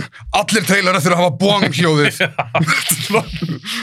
Bara svona, nei, þetta var klár, original, sci-fi eh, fokk ykkur, ok, þið skilji, Hollywood tekur alltaf vitleysu aspektan, þetta er saman með shared universe dæmið, það er alltaf bara eitthvað, Uh, af hverju er fólk að fíla þetta? Já, við getum gert þetta líka, sjá, nei, ok. þeir fatt ekki hvað það var sem virkaði í alvegni. Nefnilega. En ég, bara- ég held það að með 3D-dótið, ef þeir eru bara haldið sér við Hugo, Avatar, einhver svona myndir sem voru, Life bara, of Pi. já, sem voru gerðar frá grunni, Mhm. Sem bara þessi leikstjórin Mhm. vildi gera 3D mynd, teknar upp með einhverju 3D kamerum og svona, ef þeir eru haldið sér bara við það, hætti, hætti að breyti sér post-production, bara setjum bara 3D, ef þeir eru hætti því, ég held Mhm. það að 3D var alveg ennþá í dag, Ég, já, algjörlega. fyrir ákveðnar event myndir. Já, bara space þetta svolítið út. Ég reyndar sko, var ein mynd, ein mynd frá sum, suminu 2011 sem ég glemdi og það mögulega kannski fær mér til að leiða þetta sjálf og segja, ok, þetta var allt í lagi í sumar. Og það var mynd sem leit mjög vel út í 3D af manni sem skilur visual touchiðin og ég held mér að þú, þú skemmti þér yfir henni. Gætir að hafa séð henni New York. Ef svo, þá vona ég að þú að fara hann í IMAX, það er Transformers Dark of the Moon. Það er eina Transformers myndin sem ég kem, þetta var gaman. Sitt hvað þetta var gaman. Já, en það sem gerðist líka þar, með þá mynd, að því að hún er nefnilega haldið fín sem svona mynd, Mhm. en það sem gerðist út á 3D-dótinu, að því að Michael Bay vissi að hann þurfti að gera henni í 3D og var búin að ákvaða það, hann þurfti að breyta sínu stíl. Já. Hann breytti um aðeins. Aksjón í þeirri mynd er aðeins öðruvísi heldur en í fyrstu tveimur. Mm -hmm. Að því hann vissi það, að ef hann ætlar að- vera með svo snöggu klippingar og svona, Já. það er, það transferast ekki eins vel í Nei. 3D. Nefnilega. Og mér fannst, þá fannst mér 3D þjóna svo góðan tilgangi. Þannig að hann slakaði aðeins á. Já, og líka bara, þú veist, epíkin og hvernig hann skilur og komið þessi aerial skot og hvernig bara allur setni helmingun er bara geðveik alien invasion mynd. Hún var einmitt, já, það er bara svona þessi, þessi, þessi snirtileg heit sem voru, sko. Ég þól einmitt, sko, við skilst að margir séu nostalgíski fyrir fyrstu Transformers myndinni, en ég þól ekki klæmaksin í þeirri mynd. Það finnst mér vera bara eins og gríngrass á styrum. Það sem er bara, hvað þú veist, Já, mismyndin eins og hér og þar, klift, klift, klift, klift, hver að berist og hvern, hvern, mér er sama, klank, klank, klank, ok, flott, og þú veist, en Dark of the Moon einhvern veginn í sínum furðuleg heitum einhvern veginn fyrir mig gekk upp og ég get ennþá hort á hana og verið bara eitthvað, þetta var gaman, þetta er Transformers mynd. Já, ég reynda að sá hana, ég sá hana í bíó í 3D og ég skemmt mig konunglega, það var reyndar á Íslandi. Ég man ekki alveg hvernig á sínd. Var hún sínd kannski í júni? Júni, Já, júni, þá var ég ekki farin út. Já, mér fannst hún skemmtileg. mjög skemmtileg. Já, en svo restin, eins og eftir það, er Já, eftir hann, eftir hann er komið leiðalegsta mynd, það, ég, finnst bara, ég, seg, segi oft bara, Age of Extinction er bara einn leiðalegsta mynd í heimi. Þetta er bara. Age of Extinction, var það nummer það 5? var, nei, var Fjögur. það var þryggja tíma slagfestið þarna sem að endaði á einhverjum þreymri mínundum af Dinobottum og var hann að Kínarungið og Mark Wahlberg að selja allt sem komst inn í ramman. Já, betur, fymta var hann að Nightmyndin. Hvað Já, The Last Night. það? Sem, Michael Bay gæti ekki ákveðið sér í hvað aspektir þessu átt að skjóta. Bara eitthvað, nótum þau öll. Já, alveg rétt. Ég bara Hún eitthvað, svissaðist ég bara gaur. En ég sá hann reyndar ekki í bíó. Uh, ok, Má ég skjóta henni inn, við, finnum varandi það. hvað er það? Hérna, ég, mér finnst hún heldur ekki hræðileg Ha? Sérst Thomas? en er Last Night, en það er alveg bara að hún er svo, hún er svo snar og Anthony Hopkins er bara í svo miklum veist, það, það er svolítið svona fuck it Transformers myndin. Ég var búin að gleyma hann var í. Þetta er svona, þetta þetta er svona afbreyðir sem ég fannst einhvern veginn virka í skemmtarnagildi en þetta er náttúrulega bara ruslmynd með öllu, skilur við. En þetta er svona eins og Michael Bay hafa komið, "Ö, ég vil smá, eða ok, hvað er vinsælt? Game of Thrones, ok, myndin byrjar hérna bara, hérna, The Dark Ages. Það er mér sem textaspjál sem heitir The Dark Ages. Já. Og svo ertu með hressan, hérna, Anthony Hopkins og var eitthvað, "Ö, stelpa og vélmenni, svona BB-8 típa, ok, heyrðu, inn með það, og hvað meira og meira, en þú veist, þannig ég sá hana tvisvar í bíó, það var, gæti að vera mistök, Mhm. en í setna skiptið, þá var einhver sem kvartaði í hlénu, bara hvað, er byluð. Mm. Þannig að þau læst hana í einu Nei. og að zoomuðu hann inn og bara lokaðu hana þannig og ég bara, þetta er miklu betra. Ég get hægt að pæla í rammaskiptingunum. En var það samt ekki skrítið? Nei, eh, nei, þetta lukkaði eðlilega. Ok. Manstu hvernig það var? Nei. Senu. Ég man þetta var eitthvað svona, hann var alltaf að leika sig með eitthvað að skiptum og eitthvað. sko, þú veist, þú ert með hérna, Mhm. þennan gæja, svo ert með letterbox-ramma, svo fyrir þú veist í IMAX-ramman, Aha. svo kannski aðeins, hérna, það var basically, hún var alltaf að hoppa millir mismunandi típum variationum af, þú veist, er það IMAX-rammi, letterbox-rammi eða 16.9, Mhm. hann bara hendi svo öllu og oft í einni senu var bara two-shot eða shot reverse shot, þú veist, eða hérna, eins og þú væri með þessar þrjár kamerur, þú ert í letterboxi, ég er hérna í IMAX, og, og svo er við sko þið bara í 16, ég getur ímyndaði hvað þetta er mikið æsor að horfa á þetta, hvað þá í bíósal. Þannig að já, eins mikið að Michael Bay grætti á því að gera 30-myndinni sína, þá sko- skipar hún okkur á það bara eitthvað svona, þú lærið þér ekki neitt. Vá, ég man ekki svo af hvað fórum að tala um, var út af Hugo 3D. Já. Hugo 3D yfir í Dark of the Moon, Tangentin, en við erum þá komin í, Þú veist, þú erum búin að tala í tvo tíma. við erum alltaf törsluðu, já, þetta er alltaf lægi. Þetta er langu þáttur. Fólk bara verður og að hérna, uh, ok, átta sig á því. ég ætla, ég ætla aðeins að reyna að gefa í með allavega tillana sem eru bara svona, ok, það er svona En nummið tvö fyrir 2011 er The Skin I Live In eftir Pedro Almodovar, ég er svona geðsjúk, frábær. Sá hann ekki. Ég elska Pedro Almo- Almodovar, ég get alltaf einhvern veginn, ég fæ alltaf eitthvað út úr myndunum hans og þetta er svona, þetta er hann að tækla psykológískan body horror meira en minna og ég mæli eindrið með henni ef fólk hefur ekki, hefur ekki séð hana. Ok. Númer eitt er mynd sem að örgulega mörgum finnst leiðileg en mér fannst hún mjög impactful, Mm. segja mig mikið með litlu og bara eitt besti performance frá eiginlega bara einu besta leikara á okkar tíma og það er Michael Fassbender og myndin er Shame. Það er númer eitt. Ég sá hann ekki. Er þetta, er, er, þetta er ekki Steve McQueen sem gera hann? Jú, mér finnst það besta myndin hans. Hann gerir Hunger líka ekki. Hunger, jú, á undan svo gera hann, Er þetta ekki svolítið þungt? hún er mjög þung. Er þetta ekki svolítið leðilegt? Ég sé, mörgum það þung. En þú veist, hvað, eitt góður, góður vinnu minn. Ég ætla ekki að nafngreina hann. þung þarf ekki að vera saman sem leiðir. Það getur verið bömmandi. En, en hans, En þú getur, myndi getur setið í þig og fengið til að hugsa sem er skemmtun. en hann, þess, þessi vinnu, ég ætla ekki að nafngreina hann. Sagði, heitir hann ekki Hunger sem hann gerir líka? Sem, Það finnst, jú, fastbundir líka í henni. Jú. Hann sagði að það væri bara einn mynd sem hann æfis í ég sé. skil það alveg. Þannig ég ætla að spurja þig, uh -huh. er Shame aðeins skemmtilegri? Mér fannst hún persónulega meira grípandi. Mér fannst Ok. meira, meira svona meira evolvering, meira svona meira tension í henni. Er hann ekki eitthvað kynlísvíkill? Jú. Já, ég mitt. Og hann og Kari Múlleika leika sískinni sem eru bara að gera upp sín sár og það er bara, það er ímislegt að gerast þarna. Ég, ég maður bara, mér finnst hún dúndur dáleiðandi. Bara svona Ok. á svipuðu leveli, alls ekki sama masterpiece level og ég myndi sem Requiem for a Dream, en þú veist, þetta er svona þungt en impact. Svona Ok. góð list gefur impact. Þannig að það er mín nummer 1 frá 2011. Þannig að þá er komin í 2012 og ég byrjaði þá eða ekki. Þú byrjar núna. þetta, þetta, er svo, þetta er svo langi þættir, það er ekki ekki. Ok, 2012, þú byrjar, hvað er með fimm hjá þér? Nummer 5, já, við erum actually búin að dekka hana, það er The Raid. Ok, Ég búin að hana, hana, æðislega mynd, Basically búin að tala um hana. geggjur hasa mynd. Mm, nummer 4 er mynd sem þér finnst örgulega leðileg. En frá vinum mínum uppáhald skrimningjaramanni, það er The Master. Þetta er, þetta er önnur Tour de Force ræma. Mynd sem ég hef aldrei búist við þegar ég sá hana fyrst að ég myndi geta og vilja horfa hana aftur og aftur. En En okkur heldur mér finnst þú leðileg. Að þú veist, ég fíl ekki Paul Thomas Anderson. ég veit þú fyrir ekki Póldum Sanderson í dag og þú segir alltaf hvað er Boogie Nights? Hvað er gaurinn? sko, ég vil ekki Boogie Nights gauri, það er gauri sem var að kópera Scorsese og allt mann og þú veist bara, ég vil fá hann sem sitt dating, Boogie Nights er mjög skemmtileg en hún er líka smá bara svona já, Hún er sann svo góð. hún er mjög góð En ok, Master, mm -hmm. ég er með smá svona stutt að sögum hana. Af því að við vorum held ég eitthvað svona, ekki kannski bent ég og þú, ég var að rökra í eitthvað svona grúp á Facebook um Paul Thomas Anderson. eins og maður gerir og, og ég var eitthvað grænni við því hann var ekki að gera ennþá búkinætsmyndir og ég held að þú hefði sagt já hann að master eitthvað, góð Mhm. eitthvað Herru, ég tjekkað á henni eftir þú sagði og þetta. gafst upp eftir tvær. Nei, reynda komst 15 minnur inn í það. Ég skil það ógslag vel. Og ég á bara eitthvað, með náttúrulega að segja við Pól. Pól, getur reyndi að gera þetta allan svona smá aðgengilegt. Hún er svona langt frá því.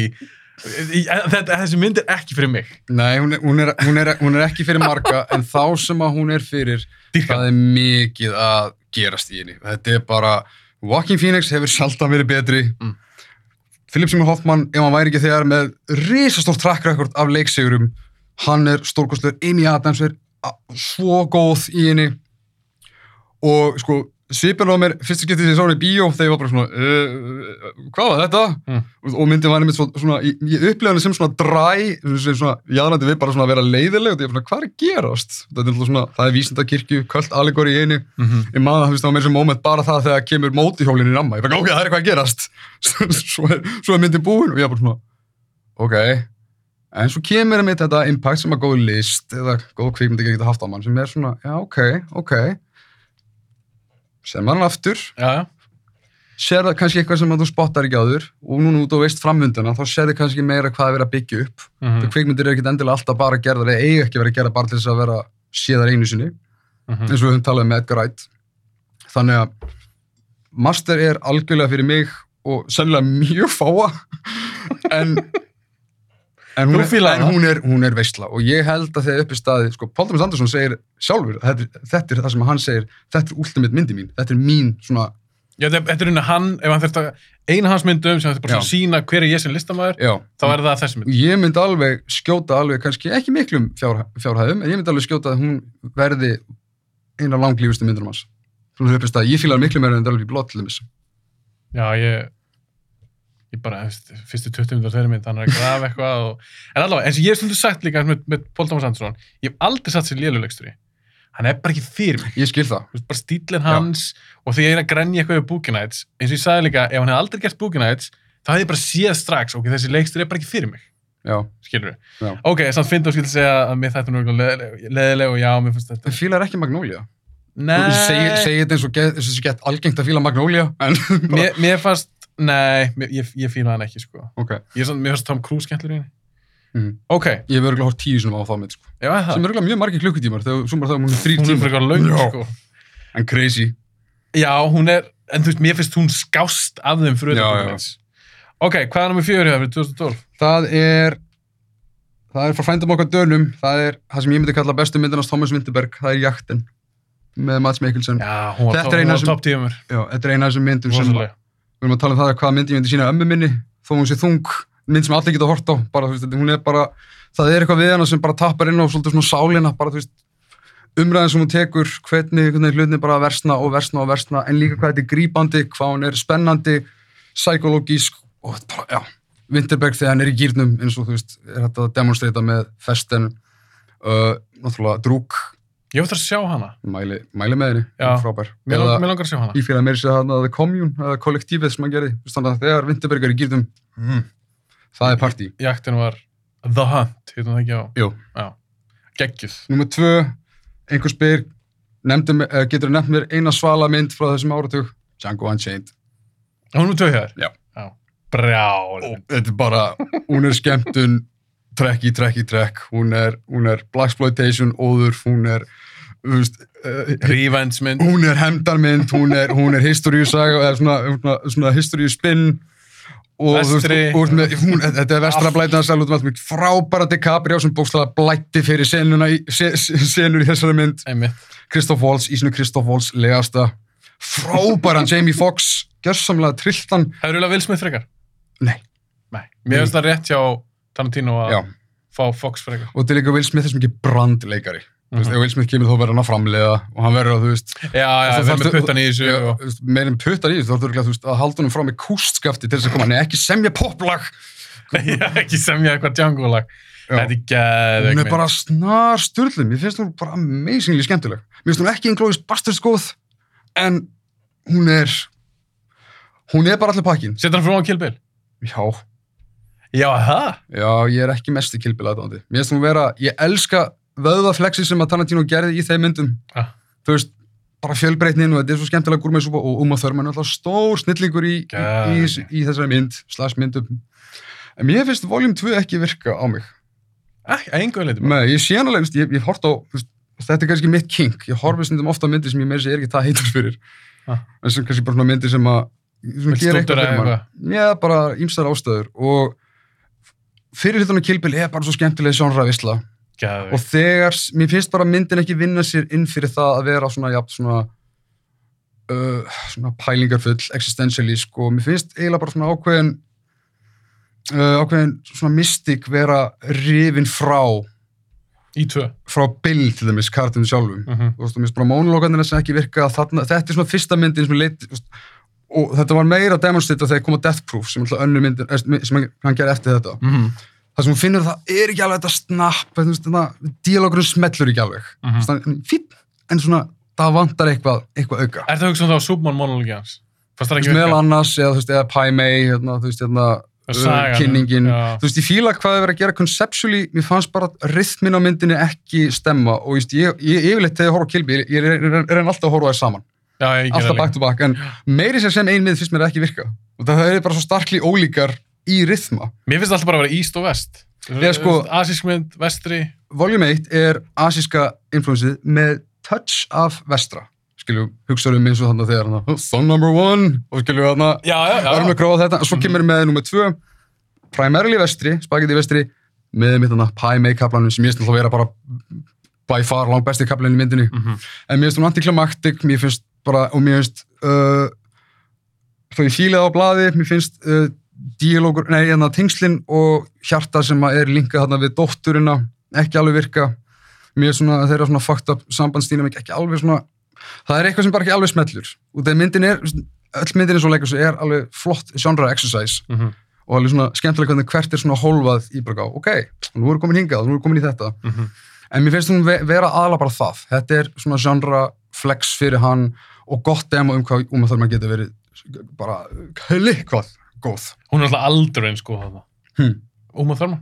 Finnst hún eiga einhver, eitthvað annar hlutverk sem er flottara en í... þetta held ekki Ég held ekki. ég þyrst alveg, neða sko, ef ég þarf að hugsa þá mögulega ekki sko, Hún er alltaf flott í Pulp Fiction og allt það, en já, mér finnst bara, hún ónar Kill Bill sko. það, já en þú veist, það, það er ímis góð element í Kill Bill en þú veist, mér finnst hún bara þú veist, ef ég tek Kill Bill sem heild mér finnst það er ómikið, svona, hún flöktur ómikið upp og niður Það Django er ofar hér. Django er bara gegnugangandi, bara briljant um, Gæðveik þá mynd. er komin í nummer eitt, mynd sem ég hef talað um aður það er ein með öllu myndin Klátt allas. bara mynd, myndana 2012, Geggjumynd. stórkostleg Sem, hva- hvað er þessi margir búin að sjá á Íslandi? 20 maður? það fóru alveg, 20 maður, fóru, það fóru tíust á hann í bíó hún, henni gekk betur Fóru tíu svona í bíó? hún var frumsýn sömu helgi á Argo og Cloud Atlas vann Nei! ég var mjög ánægð með það hún við hittum auglustlega ekki í mark hjá öllum en, þú veist, en það var alveg Voru svo margir sem sá hana? það var alveg, já, já það kom mér óvart og ég get vottað fyrir það að það kom senu óvart Já, svo var dreifinni. já, Það var sena með Klátt allas. Já. Þetta er ekki sambjörn. Þetta er, þetta er ekki vonumynd. hún er, hún er náttúrulega bara risastór rándir indímynd sem gerir svo alls konar dreifingar aðala díla. Já, þú meinar. Þetta er alltaf mjög sérstök bíómynd. Mjög sérstök bíómynd en hún bara virkar. Og ef einhver vill virkilega heyra mig tala extensively um hvað Klóði Atlas er góð, þá mæl ég með þætti 54 af bíóblæri. Þannig að fyrir við þinn lista. Klátt allas. Ok, minn listi, þetta er geggja pek fyrir nummer 1. Nummer 5, Klátt allas. Tölum að þessum Klóði Atlas. Hættum ekki að tala um hana. Ég seti Avengers í fjögur. ég skil það alveg. Ástæðin Ég ekki sammálaði en, en ég man hvernig það var að horfa Avengers árið 2012. Mér fannst rosalega gana sjá hann í bíó. Og ég er náttúrulega bara algjörð svona comic book nerd. Þessu Sama hér. mynd. Að þegar ég fekk að sjá, ef ég hefði séð þessa mynd í tíu ára eða eitthvað, Mhm. það hefði örugglega bara liðið yfir. Þetta var bara eins og ég var að horfa á eitthvað, eitthvað teikmyndsu á kvítitjöldinu. Hvernig hefði tíu ára þú tekið Infinity War? Mm. Það hefði þetta jarðað mig bara. Nákvæmlega. Ok, en Avengers, alltaf Infinity War alltaf ekki komin út Nei, satt, satt, og, satt. og bara ég maður þegar ég fór á hana, ég var mjög nálægt í að fara strax á næstu sýningu. Ég, ég skil það rosalega vel. Þetta Og- var bara, Þetta var einhvern veginn upplifun, þegar við náðum samin, þetta hafði verið gert áður. Nei. þeir ná samin að aðal karaktera úr sínum myndum -hmm. í eina stóra tímapmynd hún er skemmtileg, það eru góði brandar Flæði vel, flæði við, þetta er bara svona Mér- skúrkur. loki geggjar, mér fannst hún Eldist ekki vel, stílinn á hún er ekkit rosalega cinematískur í dag. Hún lítur þessu sjónvarsmynd. það er svolítið vítun, er það ekki? jú. hann er bara sjónvarskæði Hann betru bætti lúkið sitt, mér sko minnst Age of Ultron verri mynd en hún lúkkar betur. Hann var búin að finnslýpa ákveðin element. Sammála. Ég horfði á Ultron aftur fyrir nokkrum mánuðu síðan. Ekkert svakalega góð. Ég, hún er alveg sína spretti. Mér finnst hún finnst hún Nei, hræðileg. mér finnst hún fín sko. Já. Ég er bara að segja að hún, hún, er, hún er notch below en þú sér alveg að hann er evolverið sem leikstjóri. Og næstu þrjár myndir, ég ætla bara að segja það strax, næstu þrjár myndir. Alltaf tengdar. nei, nei, nei, nei. Þetta er allt bad motherfuckers í byrju, ok. Ég er með lawless í þriðja. Ó, hún er skemmtileg, hún er geðvig. Mér finnst nefnilega, John Hillcoat maður. Ég er nefnilega John Hillcoat, Mhm. mér fannst Proposition, það er fyrsta mynd sem, er það ekki bara fyrsta mynd sem hann gerði? Jú, hún er svona svolítið þung. ekki. Svo? Já, ég, er að svipu fucking pyntingaratrið, þetta, jú, þetta, þetta er þungt, en dísis hvað þetta En- leggst í sálina, en sko. ég vil frekar eitthvað skemmtilegt. Já, ok. Ég er ekkert að gaggrina beint fyrir það. Fyrir mig persónulega, þetta er minn uppáhalds myndalisti. En, en hvað með þá undantekningar eins og We Need to Talk About Kevin? Er það þá svona sér hólfað sem, ok, en þú mátt vera. Þú ert ekkert skemmtileg, en þú náður aðtekliminni. Uh, það er miklu meira fyrir mig, eins og þá mynd, miklu meira emotional impact. Ok, Heldur til og með og Proposition. ég, ég skilji. Já, þannig að kannski, að ég hef oft tekið eftir það svona, já, mér finnst hún ekki náðu skemmtileg eða þetta, Uh -huh. en, og við minnum eins og við tölum að tala um að síðast að, þú veist, virkar það á, á mig, hvort að, sérst það sé, að mynd sé bara keið á atmói eða þemun eða whatever, sko, mér finnst Mhm. alltaf að það fer eftir, en fyrir mig er ákveðin skemmtun í því að veist, lesa í myndarama og fá impact og, veist, og upplifa tilfinningar sem ég myndi annars aldrei pæli eða stúdira eða fá sjónahort karaktera sem ég hefði aldrei áður íhugað. Algjörlega, algjörlega. Og, Og- ég er ekki að segja það, það er alveg suma þung, ég menna, það er margir sem myndi segja að Fountain er þung. Já, já, já, já, hún er ekki, það er ekki léttmyndi, Þetta er meditation um dauðan. Já, hún er þung. hún er þung. En that being said, sko, hérna, Lawless er betri en Proposition, alveg miklu betri. Mér, mér finnst náttúrulega, mér finnst þú tölur skemmtilegri og bara svo hardi í þessari Mhm. mynd. Guy Hard- Pearce. Sumir þóld ekki Guy Pearce. Þú Mér átt finnst ekki það, að þóla hann. fannst það ofíktur. Nei, mér fannst hann bara fullkomið fó og mér langaði bara að sjá hann bara stappa hann í jörðina sem gerði söguna svo grípandi út af því að já, það er þetta tangibility í svona, þú heldur með þú veist, góðu, góðu spiltugæjanum og, Og, og, og, hún er bara svo raw og svo mikið svona dirty. geggjur tónlist uh, bara ofbeldi í henni Mhm. það, er, það er visceral sko Mm -hmm. og það er alveg, maður er kildur í magan svona þannig ofbeldi og ég hafði mjög gana þessa mynd. Ég fór á hana á svona double feature síning í Eilsvöld Ég er með hana, lúpar á undan. já, Já. það voru það sem síningu en mér finnst þetta miklu skemmtileg mynd en Looper. Já, Eða, þú veist, ég bara, það- þegar ég sá þessa mynd veist, lúpar myndi segja að vera betra handrit en ég skil algjörlega hvað meira, svona, einmitt, bad motherfuckers mynd. það er Lawless lofað. allan daginn, já. bara hardi í þeirri mynd er grótar ok, nummer tvö dredd Þetta er harð, harð þessa mynd. það er basically bara reit sagan Mm, fólk gerir sér ekki alveg grein fyrir því að reit, nei, Dredd fór í framlýsla á undan. Já, þetta er samt svona, ég er ekki Já, að já, herma, já, já, já, já, já. en premissi er Já, já. basically það sama. Já, já, En ég elskaði Karl Urban í þessar mynd og líka heitur hún ekki Olivia Thurlby. Thurlby. Thurlby, já, Thurlby. Mér finnst hún geggjur í þessar mynd. Er mjög Og góð. mér finnst þau geggjur saman. Lína heit ég er frábær í henni. Já, sem vonda. Skorið svo gott í henni. Já, og, þa og það er líka kannski ekki margir sem vita. Alex Garland skrifaði myndina. Mm Þetta, þetta er alveg penni sem Já. skrifaði þessa mynd. Jöp. Og ég elskaði að Karl Urban, Urban tekur aldrei þessi í halmenni myndinni. Mm Og hann er bara bad motherfucker í þessar mynd. Jöp. Hann er bara að rústa görum og það er að skjóta fólk í slow motion, kúlun að fara í slow motion í gegnum andlit og, Skjóta, henda þeim niður. Bara, gegn, og bissan er svo sög hann getur bara að tala við hana og Mhm. panta bara eitthvað skot þetta er geðugmynd, ok, Django Unchained Gæðveikt!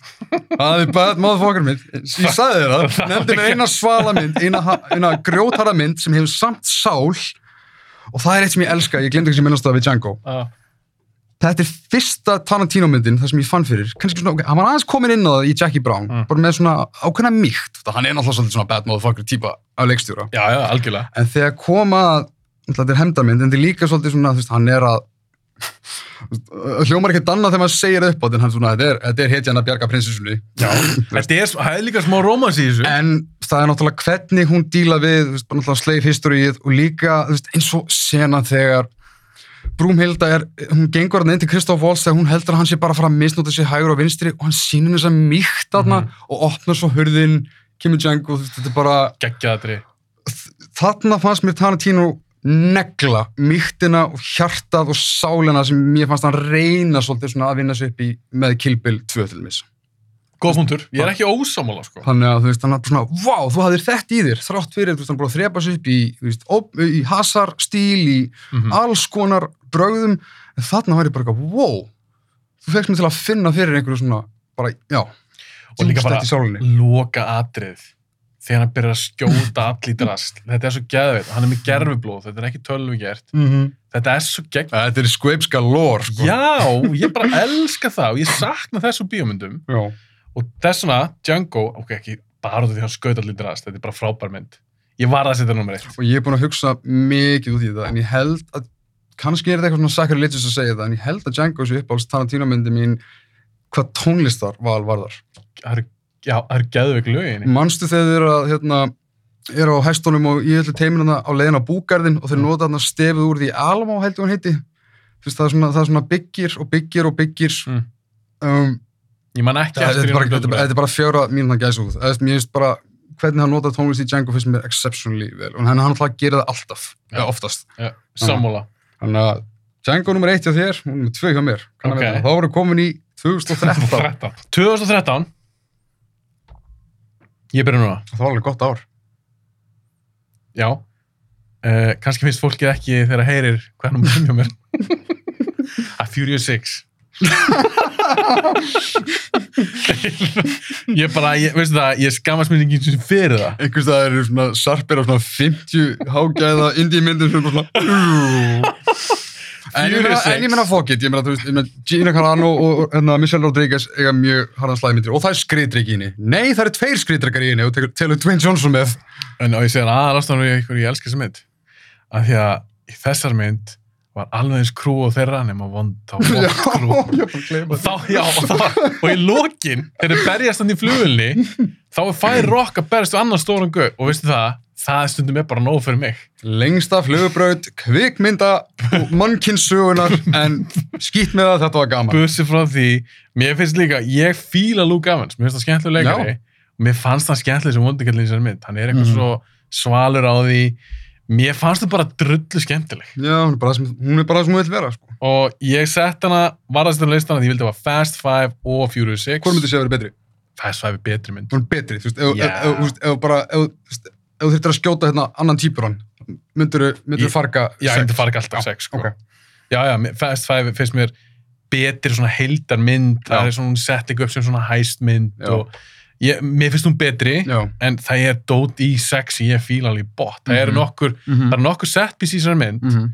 sem gæti verið climax fyrir aðra myndir. já, algjörlega, eftir- já, það er hann á hraðbröndinni mm -hmm. svo að byrjunadrið með Luka Evans hann er í go-kart-bílunum formúla þarna. 1 bíl eða eitthvað það er bara, það er, það er sumt dýni sem bara gegja og flottur hasar hjá Justin Lin ég ætla að bæta mér súri við, það er ógslag flott kreditlistin í henni ég maður ekkert hvað að sem að, sú- sem að basically bara, þú veist, ef þú hefur ekki séð myndar, þá er þetta svona, þetta er svona klipprýl og því bara hvað sér hann er langt komið fram með þessu. Það er flag líka. Ég að það í bíónum, ég er svona, ok, Já, ég er til í þetta. var það ekki, hitt það ekki eitthvað We Own It Jú, nákvæmlega það. með Two Chains Leðu og sagði þetta, fínt lag, ég var þannig góðum gýr því ég Nefnilega, maður ég það og svona, já, ég er þetta. já, uh, já, ég er nefnilega fíla ekki 7 og 8 Mhm. mér finnst það ekki skemmtlar uh, og ég líka elska hvernig þessi endar Það er svona of cartoony í hinnar þá. já, mér fannst að fara aðeins yfir stri aðeins, ég ætla að hljóma fáralegt ég á þetta besta fjörusmyndir en mér fannst Justin í 5 og 6 Já. hann skautar línni Já, já. svo þegar við vorum farnir í það er reyndar alveg fólk að það hugsa það er líka drasli þessar mynd sem er fáralegt fyrir mér persónulega þetta einhvern veginn virkaði svo þá komið sjö, við fannst það bara ekki eins skemmtilegt, kannski var ég bara komið nóg kannski var ég bara sattur já, já, ég skil það. að því mér var 7-8 ekki skemmtilegar Já. og ok, 4-6 nummer, nummer 5 Gravity nummer 4 Mm, ástæðin setti hana, það eru margir sem hafa gott Drull- 3D.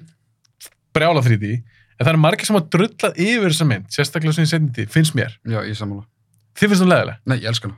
já ok, já, þú, þú fílar hana, en skilur hvað við það eru sumir sem hafa verið að drulla yfir hana Já. þetta er ekkit merkileg mynd, hún er ekki umneitt Mad Max syndrómið. Þetta er ekki saga. Já. og bara Sumar myndi mig bara að vera experience.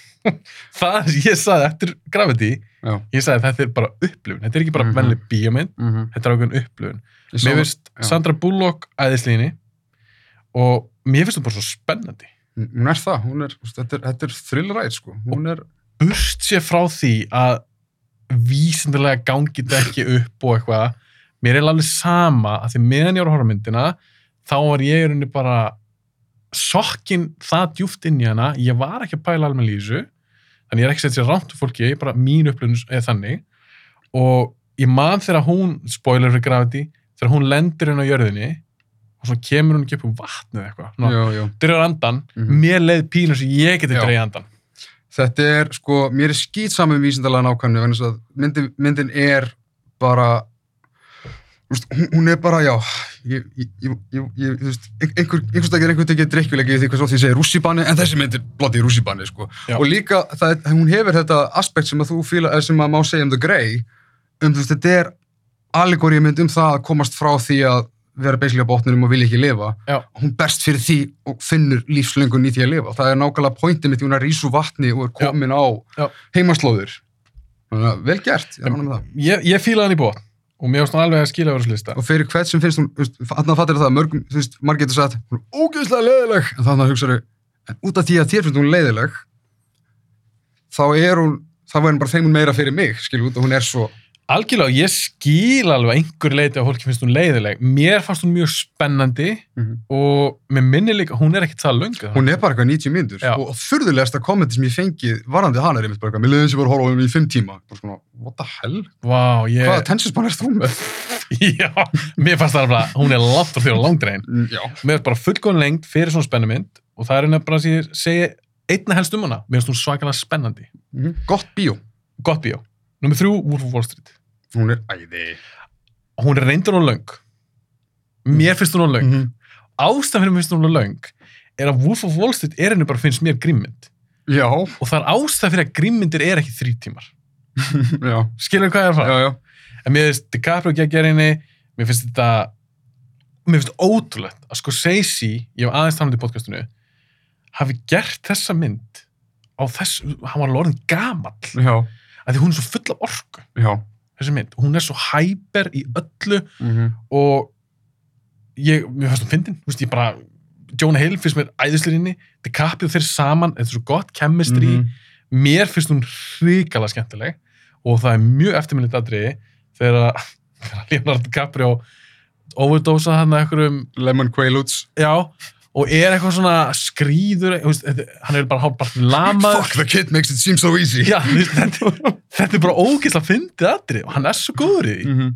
þannig að Wolf of Wall Street, nummer þrjú hjá mér nummer tvö er mynd sem að ég fílaði alltaf svo sá ég hana aftur um daginn Mhm. og ég var bara, djöl, er þetta fucking solid mynd og það er Prisoners Hún er damn góð. mér finnst hún rosalega góð og Dennis Vill- Vill- Villeneuve Denis Villeneuve. Denis Villeneuve já. Hljómar mér franskt en hann er ekki franskur. er hann kandískur það? Já. Já. já. Uh, Hún er góð. mér finnst hún helviti góð og svo er Roger Deakins er að taka hann upp Tónlistin. Tónlistin, var þetta ekki Jóhann. Heitin, frábært tónlist ég er mjög hrifun af Hugh Jackman sem Mhm. leikara, ég er mjög hrifun af Jake Gyllenhaal sem leikara, Ó, já. þeir báðir sem, ég finnst þið skemmtilegir, hún er að því að ég segi, ég horfði hann aftur um daginn hún er meira að aðeins meira dark og brútal með myndi, Já. hún er alveg þetta er alveg þung mynd Og sko, það er líka foreldrahjarta kannski líka að tala. já, ég, já, ég tala ekki um það, Já. að ég er alltaf búin að eigna svona mitt fyrsta bad, Já. en hún er bara mér finnst þú bara rosalega góð krimma dram Mjög góð. Og sem svona thriller líka, það er alltaf eitthvað svona mystery í gangi ég ætla hann að fíla hann mjög vel og ég sett hann með tvö Hún var big time hittari á Íslandi. Já, ekki- já, veistu það? Já, en ekki bara, þú veist, en ekki hérna, þú veist, bara eins og í heimalandinu, sko. Bara, þú veist, við náttúrulega fílum svolítið svona hard-edged, svona kalt, svona boilerplate, einmitt svona drama. Já, Sérstaklega svona, svona mystery thriller að það er það er touch af svona uh, revenge í henni líka. já.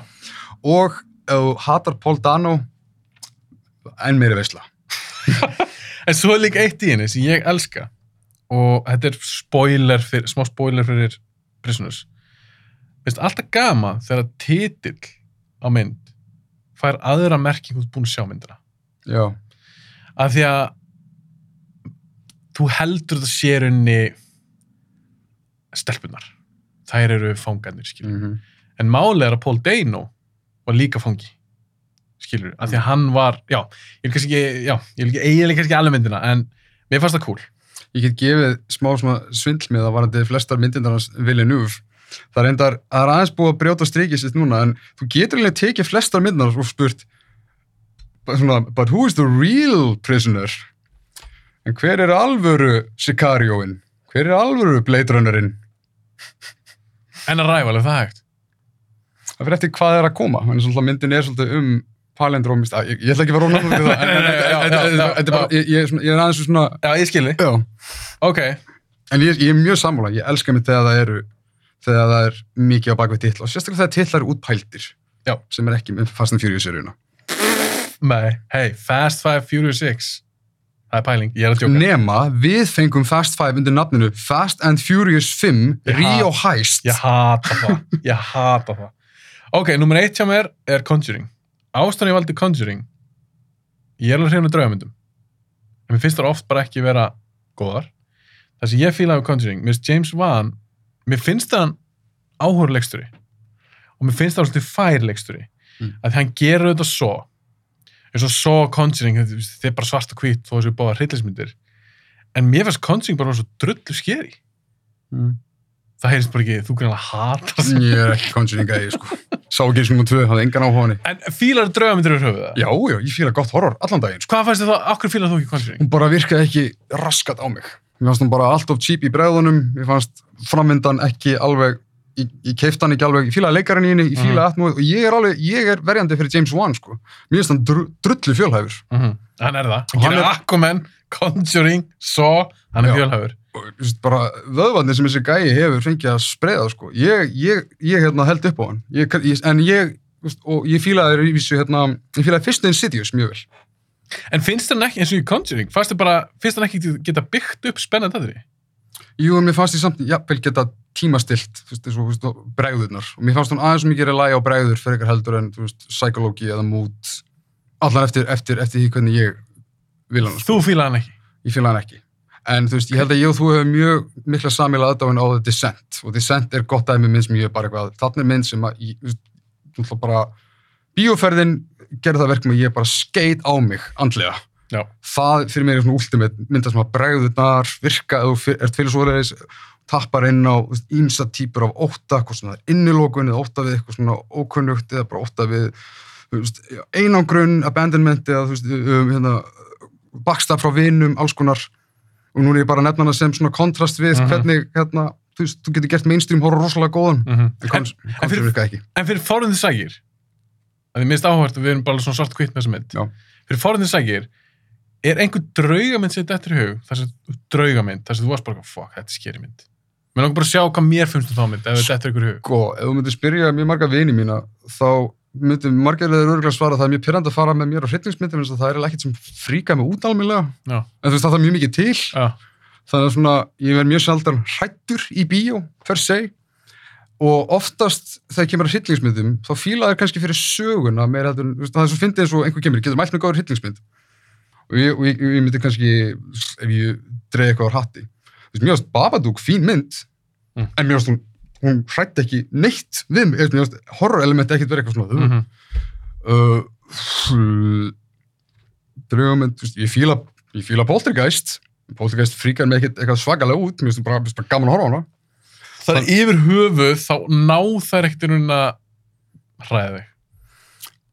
Mér langar ógeðslega mikið að vera skítræður í bíó. Ég sakna þess rosalega mikið. En ég fer ekki svona myndir í bíó. Henni? Nei. Að því mér slíða eða líka þér. Ég get trúið því. Ég get trú á því. að því að ég veit að þú veist þetta en ég, og ég er búin svo margóft tala um þetta eins og hryllismyndir, það byggja svo mikið á andrústofti, Mhm. uppbyggingu leiða að kötta á það, það kemur hlje það tekur alltaf smá tíma fyrir að detta aftur inn í myndina. Þetta er bara svo að lesa góða bók og svo kemur bara eitthvað gæi upp úr þurru bara, nei, er þetta kipan að þér, farða að kipta þér nammi eða fá þér eitthvað shoppudíl. Þetta fer algjörlega gegn því hvernig leikstjóri eða framleiðendur eða bara teimið er að vinna upp ákveðin rithma. Ég þól Mhm. ekki hlið, sko. Nei, ég hata hlje ég er líka stundu sagt það, er einhvern veginn sagt það í Og podcastinu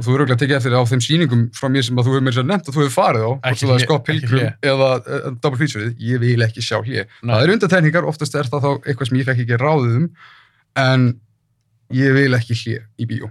ég hef stundu sagt það, eins og ég segi ef þú ert alveg kveikmyndahámaður Mm nú ætlum ég bara að, nú ætlum ég að koma með alhafingu ef þú ert alveg kveikmyndahámaður, hardcore kveikmyndahámaður þá fílar ekki hlje Já. hvernig finnst þessi? Ég er bara... heldur þið fóða heitmeil? Nei, ég er sammála. Manst eftir The Golden Days, þannig að kringum eins og aldamótin, þegar það voru sérmertar síningar í rauðu í, dag, í dagblöðunum. sem hún hlélusar Já, þú gast, það var bara búið að velja, mm -hmm. Þú gjör svo vel. Hér er það í bóðið á þessum tíma. ég dyrka það Það fannst mér bara dásamlegt að geta nýtt með það. Og það voru yfirleitt mjög fámennar á þeim tíma. mér minnir líka, ég man ekki alveg nákvæmlega klukkan hvað var það, það var einhver ákveðin tími, kannski á virkum dögum eftir einhvern Mhm. ákveðin tíma, þá var ekkert hlje Og líka, þú veist, ef það selst ekki nógu vel inn, stundu gerist það, eins og á, þú veist, alveg, þú ert að fara kannski 10-30 síningu eða eitthvað og þú veist, bara að kaupa með það eða þú veist, og þú ert að lappin í sal og það er tilkynnt kannski í hörðinni bara eitthvað, er já, það er ekki hlið? Nú, ok, okkur, og það er bara tveir í eitthvað. já, einmitt, svoleiðis. ég dyrka það sko það var bara eitthvað svona, ú, bónus! Þannig að, þú veist, og margir nota mér þess að afsökunna bara eitthvað, já, þú veist, mann- manns líka með þarf að pissa. Og menn ég hugsa bara, við getum sofið heila nótt á þess að mýga, en það verjar milli einstaklings, en þetta getur líka verið bara svona ákveðin heilaþjálfun, sko, líka með okkar er alveg gerðið þess að halda þvægi í meirinn tvo klukkutíma. já, og líka, er ekki Ísland eitt að fá landi sem er með hlje? Jú. okkur getur þá amerískir borgarar hort á bíamind á þess að fara að míga endalust, skilur, ég, ég veist Kannski er þetta sögum þess út af við erum að skeri að það myndi þá bara þýða það að ef við myndum hafa, ef við myndum að completely n- núlla og bara sleppa öllum hljum, þá myndi bíómið nörgulega kosta svona 3500 kall. Já, já, ég veit líka af, ég, ég, veit af hverju Já. ég gerir þetta þetta er svo að fara í shoppin og veist, ég, ég skil pointið -hmm. en fyrir mig sem kveikmynd áháman Skilja. ef að leikstunum vill ekki að ég sé að stoppa myndin hann í miðri mynd Einmitt. þá ætla ég ekkert að gera það þannig að Conjuring, ég keipti hann á Blu-ray vildi ekki svona bíó horfði á hana heima, bara alveg straight hún svínvirkaði fyrir mig ég alltaf að elska að vera fyrir mig, minnst aðeinslega leikuna Hún er frábær. Orfan, það er, er horrormynd sem ég virkilega fíla, en hún er meira psykológisk og dætt úrslit í slasher. Hún er með verið að mjög Það er mynd sem ég let mig bara líða óþægilega og góða rátt. ég elska orfa Gaman að heyra. minnst það ekki bara gott drama Mér minnir að hún hef ekkert verið sérstaklega vel metin. Já, hún bara, mér finnst hún bara að vera nánast bara Rosemary's Baby okkar tíma. já, já, já, já, já. Bara, þú veist, þú veist, bara að fylgjast með veist, húsmóðurinni eða skilju, hérna, bara á, á, ákveðnum karakter, bara að missa vitið en engin annar í kringum viðkomandi sér það. Nei, skilju, og nei. bara, já, og hún leikur það þeirri já. Ok, 2013, það kom að þér nú fer ég held ég að, ég ætla að segja þetta Thomas, ég, nú fyrir að detta í þú fyrir að koma fullt af einhverjum myndir sem ég er ekki búin að sjá sko. ég leiti yfir þessi Mm. ári, ég var bara eitthvað djöðli myndir Nei, sem ég ekki í þessu tilfelli. sé En ég ætla að reyna bara vegna þess að ég, þú veist, út af því að árið sem er á eftir þessu ári er miklu meira djúsi fannst mér, þá ætla ég að reyna svona að brenna eins rætt í gegnum þennan part og ég get. Uh, myndum með 5 er ógeðslega steikt og bara weird en á móti hef ég aldrei séð neitt nokkuð tíma líkingu við hana. Þetta er frá leikstjóra sem ég þól ekki venjulega, sem heitir Harmony Corinne, myndin heitir Spring Breakers. Thomas, Hún er eitthvað annað og ég elska hana. er það? Mér finnst hún frábær fucking frábær svo uník og hún er þú veist, þú getur lesið í hana eins og, eins og vilt fengið margt úr henni hún er kommentari á svo margt og hún er bara ég finnst hún ekki leiðileg. Og ég er misrýðan að James Franco en hann gjör samlega, hann á þessa mynd skuldlaust, fíla kastið bara, já, já, þér fannst þú skemmtileg. Mér finnst hún æði? Ég, að ég, ég, hún kom ekki í bíó, ég held síninga á henni. Ég fór á hana þetta út í, New York. Ég Ég ég að hann á New York. þetta er mjög repellent mynd en þetta er svona eitt af þessum dæmi sem bara svona, eða, eða, eða svona ekkert mjög aðgengileg en, en hún er líka rosalega áhört pacing þetta er svona, hún er rosalega svona þetta er svona, svona, svona fljótandi bara, þetta er svona, hún hefur ekki eðlilega senubyggingar en samt út af því hún er svo mikið rætt og hún er svo furðuleg svona krimma saga ég bara, já, mér er svona, ég er svona klikkuð og ég einhvern veginn get ekki hægt að hugsa um hana. Ég er svona elsku að setja hann á listaðin. En já, þetta var ekki alveg mynd fyrir mig. Það er enginn að fara að elska myndina sem ég seti í fjórðarsæti.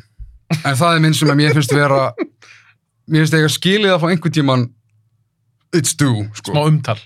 Smá, ekki bara umtak, bara ég vil, ég vil sjá meira appreciation fyrir henni. Þegar hún kom út, Mm. flesti voru bara eitthvað, er of, orðið sem ég heyrði oftast var pretentious.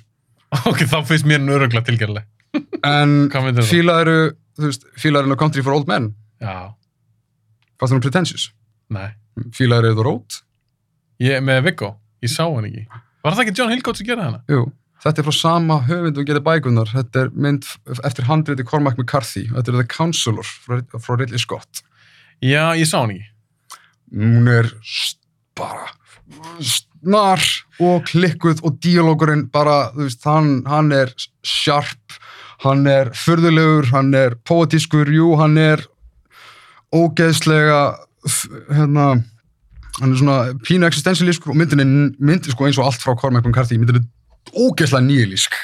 Hún er bara, þú veist, þetta er veist, en hún er eiginlega út af því að hún, er, hún var svolítið svona seld sem svona svona stúdíu og glæpa með, með fullt af skiluru alveg svona aðlist leikurum, þú veist, Cameron Diaz, Javier Bardem, Penel- Penelope Cruz Michael Fassbender, aftur að vera frábær. Með Brad Pitt og Já, Se- pitt í henni. og hérna það eru senur í þessari mynd sem eru bara með því grimmasta sem að ég sá það árið. Og þetta er fyrsta myndin sem Ridley Scott gerði eftir að bróður hans stó og þetta er grimmasta Ridley Scott myndin. Og ég sjaldan síðan verið með eins mikla tennur og þegar hann gerði þessa mynd. Örgulega, örgulega bara það svartasta sem ég sé frá honum síðan Alien. En nú ertu búin að aðeins heyra svona minn smekk og svona. Mm. Heldur í fílana? ég segja, geði henni sjens en ef þú ert ekki dottin í hann á fyrstu 20-25 mínútonum Þá er ólíkt í æ, samt út, út af því að ég veist payoffið í henni er svo klikkað og bara svona þú veist að tala um magahögg. Þetta er magahöggsmynd. Hún er, hún er sko, jú, hún er þung en hún er samt playfully þung eins og hún er nýlísk en, Ó, ok. en það er líka veist, hún er svona darkly fyndin á levelin sem að mörgum finnst bara viðbjóðslegt. En ég bara einhvern veginn, já ég sé hann nokkuð oft, það er mér sér til lengri útgáfa myndinni sem að gaf mér aðeins mér appreciation fyrir henni. Mm. og mér já, ég var alveg st- stór hrifin að henni. Og, og enn þann dag í dag, next, enn þann, þann dag í dag, en síðan þá Mm. ég hafði, uh, eftir að ég skrifaði dómum hana, ég hafði aldrei nokkuð tíma fengið eins mikið af heitmeili og þegar ég, veist, gaf henni lof. Er það bara ein lengi sem fílana? Það er margir sem fíla hana, en þú veist, það er ofta svona kvikmyndaháminn. Já, ok, nördar. Ekki, ekki kvikmyndasnopp, per se, Já. en svona, þú þarft að vera svolítið svona tjúnar inn í hvað þessi mynd er að bjóða upp á. Svi, Þú- svipaði mér að þú fer ekkert á the road og býst við, skilur, Mad Max.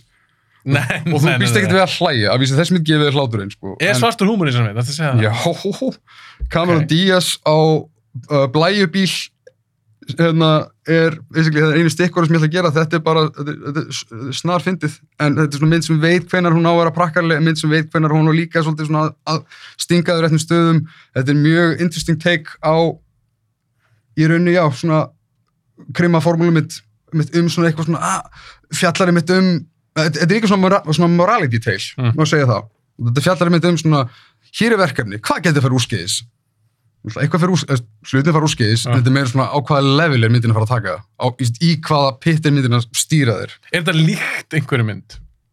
eina sem ég get boran saman við, saman við er svona, e- eru Það væpið í henni eða eitthvað? já, mögulega það eru allavega tvær myndir, nei það er kannski ein mynd Mm. en ég á eftir að koma að henni Já, ok, þú vilt geima hana. Já. Ok, En- en þú mátt endilega minna mig þá á að það, Já, já. sú mynd myndi The það. Counselor, fjórðarsæti Ég þarf að tjekka hann í. uh, þriðarsæti, mynd sem er ákaflandum finnst heldur ekki að fá náma mikla ást Ah. kannski bara vegna þess að ég veit að fólk fílar hana Ah. en ég held að fólk hefur ekki svona alveg hort á hana jafn oft og myndina sem að hún á ímislegt sammeilegt með Ah. The World's End Ertu að tala um... Uh, með, Þriðja Cornetto með, með myndin. Pegg og, og, og, og Frost? Já. Já, þú varst hrifin henni? ég elska hana Já. Mér finnst það besta Cornetto myndin Mér finnst það? mest að segja Mér finnst hún fyndnust Mér finnst bara það sem hún býður upp á að vera æði kastið, tónlistavalið og ég fæ alltaf eitthvað út henni hverskipti sem ég horf hana Ég sá hana sexinum í bíó og hafði það í huga hún kom ekki út í bíó Býtu, býtu, býtu, hvað mennur, sást hann að sexin í bíó og hann aldrei sínd í bíó? Nei, sorry, svona sjössinni bíó. Þe- Þeir sýndi hann ekki hér, hún fór ekki almenna sýningar, þannig að hérna, ég championaði það að fá sýningar á henni. Hún var sínd, þú veist, við, við tókum allan septembermánuð árið 2013, síndum hann einu sinni í viku, Ha. síndum hann líka á Akureyri. Já, bara því þú náður að, að væla það út, eða? Nei, Það ég, er bara, svona ég, ég sýnt, bara eða? stundaði það náttúrulega mjög mikið á vegum, þú veist, kvikmyndasíðunar að vera að vera með, þú veist, íventa, Ja. vera með nördi íventa og þú veist, ég er náttúrulega eins og, eins og ég kannski nefndi á þann, ég fór oft á pröfusýningar þar sem að, hérna, annarkvort var að vera, þú veist, tjekka textan eða maður bara á hann með dreifingaralum, bara Mhm. svona, þetta var svona the perks of the job, þannig að þetta enn síðu núna, en ég man, ég á hann sérst með dreifingaralum bíó, bíósins og enginn fílaði sem mitt þá var bara eitthvað, þetta er ekki fyrir bíó. Og ég held að segja að það sem að var deciding vote við því hún myndi ekki fyrir bíó var að Scott Pilgrim græti ekki nóg og Paul græti ekki sérstaklega nóg. Já, já, ég skil. þannig að það var bara World's End kemur ekkert í bíó. Og ég, ég sá hann og ég var svona fyrst var ég svona, já, hún er smá vombriði en svona, æ, af hverju er það? Æ, Edgar Wright var svo góð róli með Scott Pilgrim. En svo, veginn, já, eins og myndi ég gera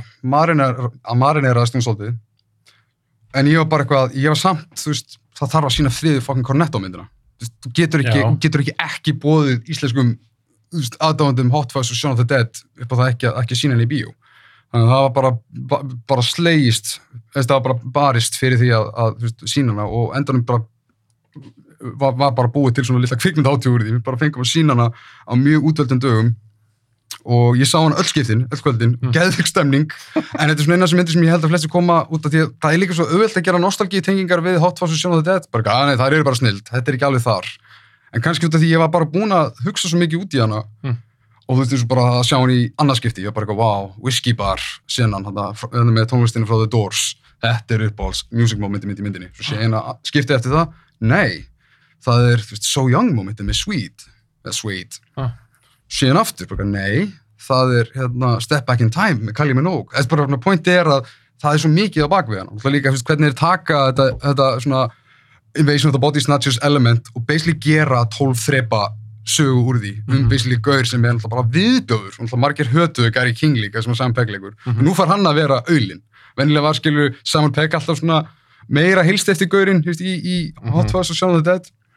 Og nú vikslaðist það og, og hún eiginlega svona byggir á svolítið svona eins og vináttu elementin sem er í gegnum gangað í hinu töfum myndunum og svona kappar þríleikin hefur náttúrulega geðsjúkt skemmtilegan og fyndin endi sem hefur basically bara ég ætla aðeins að spoila myndina en Mhm. basically með því að gera sig að betri mannesku þess Gary King með því að basically hérna, hann er bara að stíga yfir alkoholisma og alls konar búin að vera bara lefandi í fortíðin, hann er bókstæð lefandi í fortíðin Er þetta ekki svona bara maður sem ekki þroskast eða breytast og basically þegar, þegar er komið að því að hann er fann að, og hann bara, hann bara finnur sig ekki í svona, þessum, þessum social circleum sem að eru svona í kringum og myndin er basically bara um svolítið uh, svona það hvernig geimverurnar eru basically að bara taka yfir jörðina með því basically svona, eins eins og satt í myndina að Starbucks þetta basically bara svona, þú ert, þú ert, þú ert bara partur af systeminu, Mhm. allir, allir eru sama. Þú ert bara, jú, consume, gerðu þetta gerðu þetta. Mhm. og þegar Gary King er svo mikið rebel hann er bara eitthvað, nei, ég ætla bara að gera þetta á minn veg.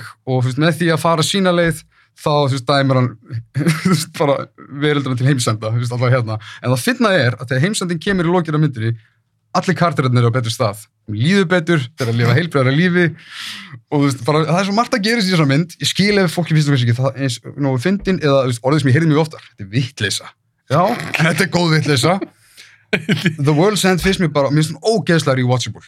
Mér er rosalega andum þessi mynd og ég elska allar myndirnar þú veist. það er, ég myndi næstu segja að Hot Fuzz sé besta myndin af þeim en ég þól ekki part af endi þeirra myndar. Þegar þú veist, kemur svona eins og svona tacked on endir sem að, þú veist, hérna, lögreglubyggingin springur og bara, nei, þú ert dauður nei, sæk það er ekkert ekki, það er hún Já, já, já. hún fer svolítið svona, já. what the fuck en út af því að Edgar Wright og, þetta fyrsta myndi sem ég gerði eftir Scott Pilgrim þá byrja hann líka takt eftir því þegar horror á þessum myndir aftur Mm.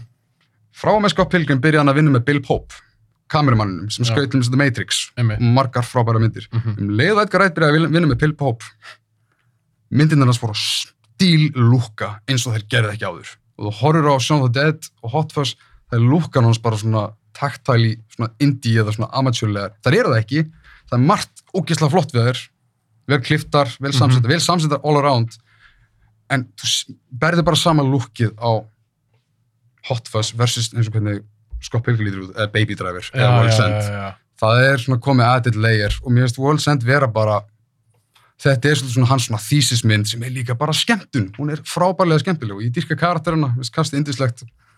Ég, ma ég man sko, ég sá hana, ég kefti kassa, bara Cornetto Trilogy eitthvað á Blu-ray og ég sá World's End bara þá og ég man ég var bara svona, var fyrir pínu vonbröðum, fannst hann ekki eins góða hérna Ég, ég tengi nefnilega við það svolítið. en þú ert alveg pínu að selja mig núna að sjá hann aftur en þess, ég man bara þegar ég sá hana ég átti eitthvað smá erlögum með þetta alien dæmi. Ég skil það vel. Ég var svolítið það líka. fyrst þú sást hana?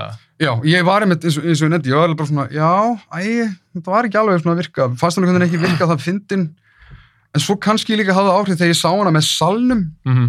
þá var svona, já, þetta var brandari, skilur svona, já, ok, þetta er svo ég fyndið, skil eða, eða ég fór að fatta tengingarnar og þú veist, hvernig Edgar Wright er líka alltaf í myndunum hans, að svolítið svona, gefa þér hindin um hvert saman fer, á Mhm. þess að segja það beint, já, þessi mynd er morandi í svo fyndum páskaækjum skilur bara allt intro í þessari mynd er að mappa út fyrir hvert öll frammyndan fer öll heitin á, á kránum á börunum, þessum Mhm. tólf sem, sem, sem að representa þessi tólf þrep. Þeir heita allir heitum sem að tengjast narratífinu og hvert hún er að fara. Hún er, eins og sé, þetta er, þetta er, þetta er veistla þessi mynd. Og, ég, og mér þykir leitt að fleiri hafi ekki svona explora hana meira, þannig mér finnst hún mér finnst hún æði. Ég þarf ekki að gefa hann séns. Ég sá bara einu sinni, Þetta var þriðja sæti mitt á árið 2013 Númer tvö. Er Wolf of Wall Street, að fara í gegnum hana frábær. Og mér finnst hún bara að finna hann í flesta gafmynda sem kom út þetta árið. Og eiginlega bara árun og þar á undan. Jú, hún er löng, en myndin er svolítið um excess, myndin er um það að indulge sig. Hún er svona um það að veist, og margir náttúrulega koma út af sem mynd bara, "Oj, hvernig þetta er að horta og fíla myndin svona ógislegt fólk? Það er pointið. Martin Scorsese er basically að segja já, þessi menn eru hálfvitar. Og bara svona sérðu hvað þeir lifa miklu svona skýta lífi? Skilju, þeir eru í dvergakasti og þeir eru, þannig bara fárunles dikkandi fólk hægur og er ógeð, en Scorsese er svo góð með það, að hann dæmir aldrei. Hann er bara eitthvað, hér, hérna, dæmdi sjálfur. Mhm. þetta er viðstu, en hann líka gerir eitthvað sem ekki marga kveikmyndir gera nú oft svona, hann býr til svigrun þar sem þú mátt hlæja því. Já, 100% uh, mynd nummer eitt er mynd sem mér óendanlega andum partur af það sem ég kalla uh, minni uppáhalds þríleikur sem er mynd sem heitir Before Midnight. Já, ég sá enga, uh, Linklater. Já. ég sá enga. Mælu með, Aha. mælu með. Af hverju er að gera þrjár? Er þetta eitthvað Af- sem býður upp á það? Já, en þetta, þetta er eitt af þannig tilfellum sem að það var ekkert ákveðið fyrir að gera framhald. Þetta er bara var þetta ekki hvað, Before Sunrise Before eitthvað, Before Sunrise kemur 94 það er fyrsta og þetta er bara sjálfstæði saga. Þetta er bara ógeðslega falleg saga um Mhm. bara exploration á romance, á, um dýnamík, um, þú veist, bara kemistríu, um bara hvað er það sem tengir okkur sem fólk og þetta er umsaldið svona hvar við sjáum okkar svona idealíska romance á þessum aldri. Svo nýja ára setna kemur Before Sunset og hún er að tækla miklu, miklu þroskaðari hluti og byggja mm -hmm. sem undan kom og ég held að Linklater hafi einhvern veginn sagt að, að þetta er, þetta er þær framhaldsmyndir sem að framleiðendunir skildi ekki þeir bara eitthvað svona, af hvað viltu gera framhald að mynd sem græti ekki kanil bara, svo, við höfum bara sögu að segja við Já. teljum okkur geta bætt við þetta Já.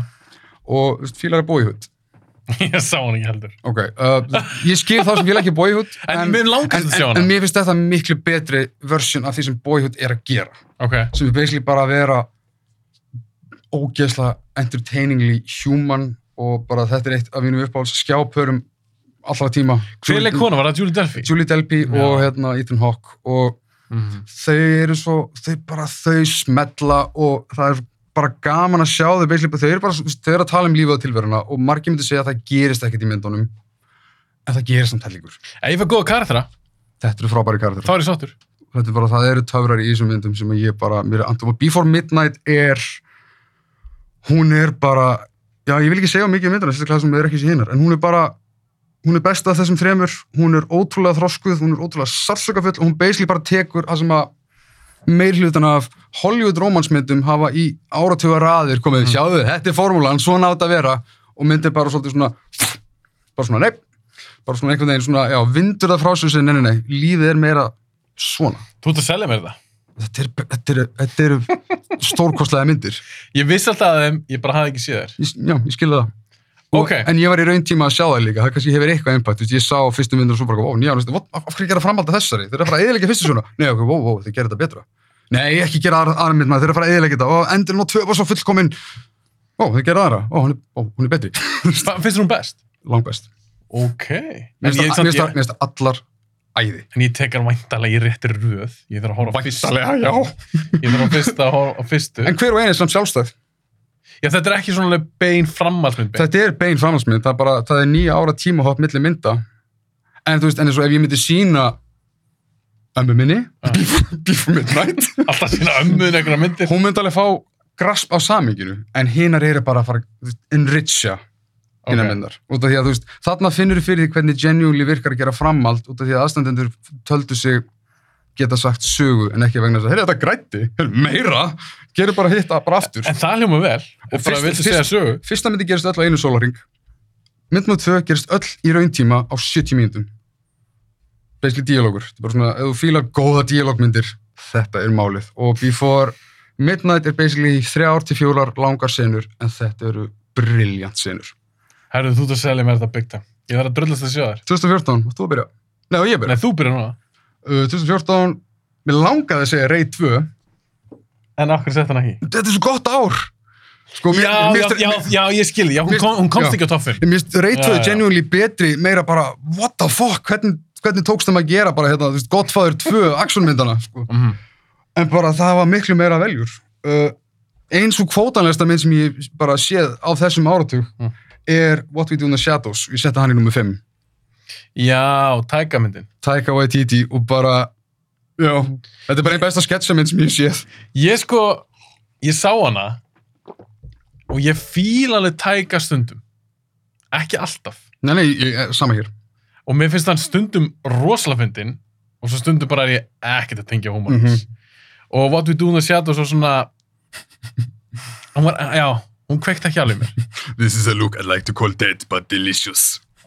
Ég bara, já, hún var ekki, ekki óra hjá mér. Finnst hún, frábær, þetta er svona, á þeim tíma hef ég aldrei sett hana.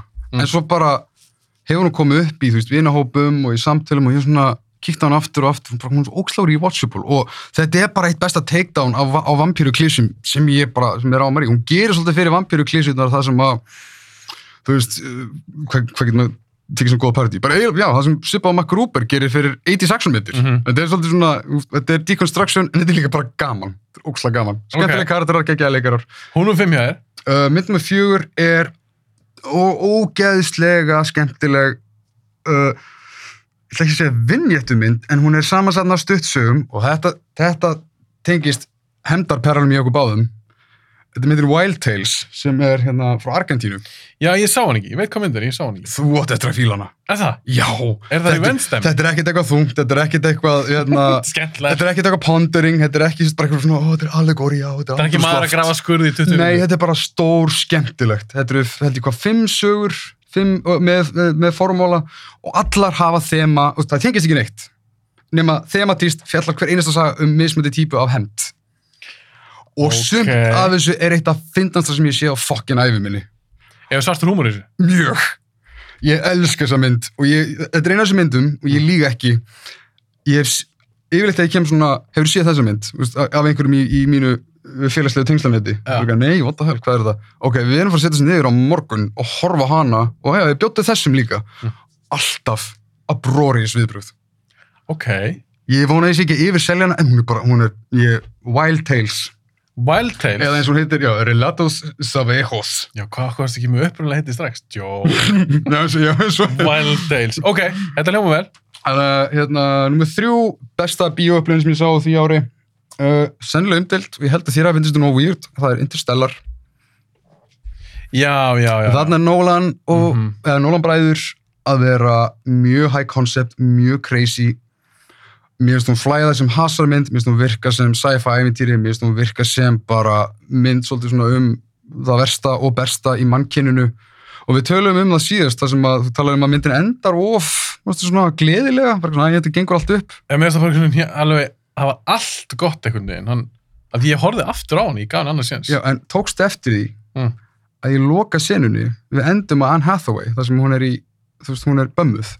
Við sem áhörvendur vitum að Matthew McConaughey er, er að fara að koma til hennar. Við sem áhörvendur vitum að það er allt í góðu. Á þeim tímpunkti sem myndin endar á, Mm. allt í styrlaðri eimt.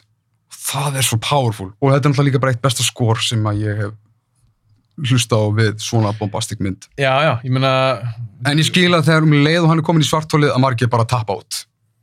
Ég skil það. Já, ég manni hvort að við tölum um þetta eða hvort ég var að tala um þetta einhvern annan Mér fannst einhvern veginn svona að það farið að því hann, hann er stundum fyrir að hafa svo gaggrinni, Nolan hann er svolítið kalduleiksturi Já. að það er svona að fara svona alveg over tölum við kannski Jú, séð jú. að fóla svona overboard alveg í Ég, mér, Ást mér og- fannst það alveg flottur stíl hjá hann, menn hann actually hafði eitthvað að segja. Hann var ekki bara að vera Spielberg væmin. Mæ, Og myndin er bara, já, mér finnst hún bara, frábær hún virkar. Hún bara gjóðsvonlega virkar. Þetta er svona, þú veist, jú, jú, hann var að reyna að vera einhvers svona Spielberg og líka svona Space Odyssey okkar tíma, en ég bara sé hann einhvern veginn ekki þannig. Ég sé þetta sem meira sem svona ef að kontakt væri meira hasarmynd, skilur. Mér finnst það kontakt miklu skemmtilega mynd Já, og- ég get ekki sagt það. Ég, fíla samt alveg kontakt, en, kontakt finnst mér rosalega svona, thematísku fokki, sko, sérstaklega með hvernig hún endar. En ég meina, þetta þetta- þetta er leikstur að taka Big Swing, og Big Swing virkar ekki alltaf. En þannig að þú horfður hann aftur eftir að varst fóreldri. Ég venjulega púla aldrei þetta spil, en kannski er líka, en, Þetta tóa hjartastrengina mína ég, er að reyna það. Það böggar mig líka pínu í þessari mynd að því hann átti alltaf stelpu og strák Já, og mér veist einhvern veginn svo bara alveg saman stráki sinni var hann, mér, sp ég mér minnir svona hafi ekki svona spurt út í hann eða neitt þetta segja sér ekki til fóreldri sem velja sér uppáhald. Jú, ég er, ekki- ég er ekki að segja þessi ekki til mér finnst alltaf alveg var svolítið galið að gera það ertu meina hann var svolítið svona sidelineaður? Já, mér fannst það alveg pínu skrítið Já, sko, það er samt alveg kommenta á það. Þú veist, hann er, hann alltaf er svolítið svona strákur, er alltaf meira, þú veist, uh, hvað segir maður, svona, svona uppkominn og þú veist, það er alveg, veist, hann, veist, og hann er líka, þú, þú, finnur fyrir, uh, hvað segir maður, bara, Ég fann ekki fyrir hann að elska þú finnur fyrir væntu þykjunni og það súmast kannski svona best upp í, í senu það sem að Matthew McConaughey grætir yfir skilabóðunum, en ég held að út af því að, veist, Coop í myndinni, þetta Matthew McConaughey, hann bara, hann var sjálfur, náttúrulega myndin er líka svolítið um, um það að hann er eigingett gaur, Mhm. þú veist, hann er að velja, versus, jú, hann er að gera sem er besta fyrir mannkinni, en hann vill líka ultimately bara fókust út í geimin og svolítið svona að lifa í sínu. Og svo er öll myndin um það að hann er að sjá eftir og hann er að sjá hverju hann er að missa af. Já, Og- ég, ég tengdi ekki við ég tengdi ekki við þessa mynd ég tengdi ekki við hennar karakter og hún, hún, hún bara veginn, hún er ekki fyrir mig sko. Nei, ég skil það. og eins og ég segi, ég gaf henni aftur hans, ég gaf henni hans séns, ég sá henni í bíó og ég man að ég var fyrir pínum að bröð með hana svo eru rosa margir sem ég þekki sem bara dýrka hana Mm -hmm. og ég bara, ég verð að horfa aftur índistellar Mm -hmm. ekki, hún er ekki ólega mér þessi mynd sko. Já. Svipað með prestige svona hjá mér. Svona, ég, ég dýrka hann svona, ég kann að meta element við hana en mér finnst hún fara overport. En já, það er ekki bara eins hjá okkur er mér og prestíts þetta er, svona, það kemur bara svona fire sale af nólamyndum, bara svona, hérna, Hafstein færa, já, prestige, ég tek eitthvað stellar, ok, gott, herrið, sjá og við erum báðið bara geðveitt samt Já, sweet! Herri, mynd nummer tvö er Nightcrawler með Jake Gyllenhaal í sínu besta. Þetta er basically, þetta er basically nútíma taxidræfir bara með mjög, mjög morbid twisti. Og þetta er svo mynd sem og að kannski- skemmtleri Já. Og þetta er myndi sem að, mynd, sem að ég myndi segja Counselor væri pínu lík. að það? Já.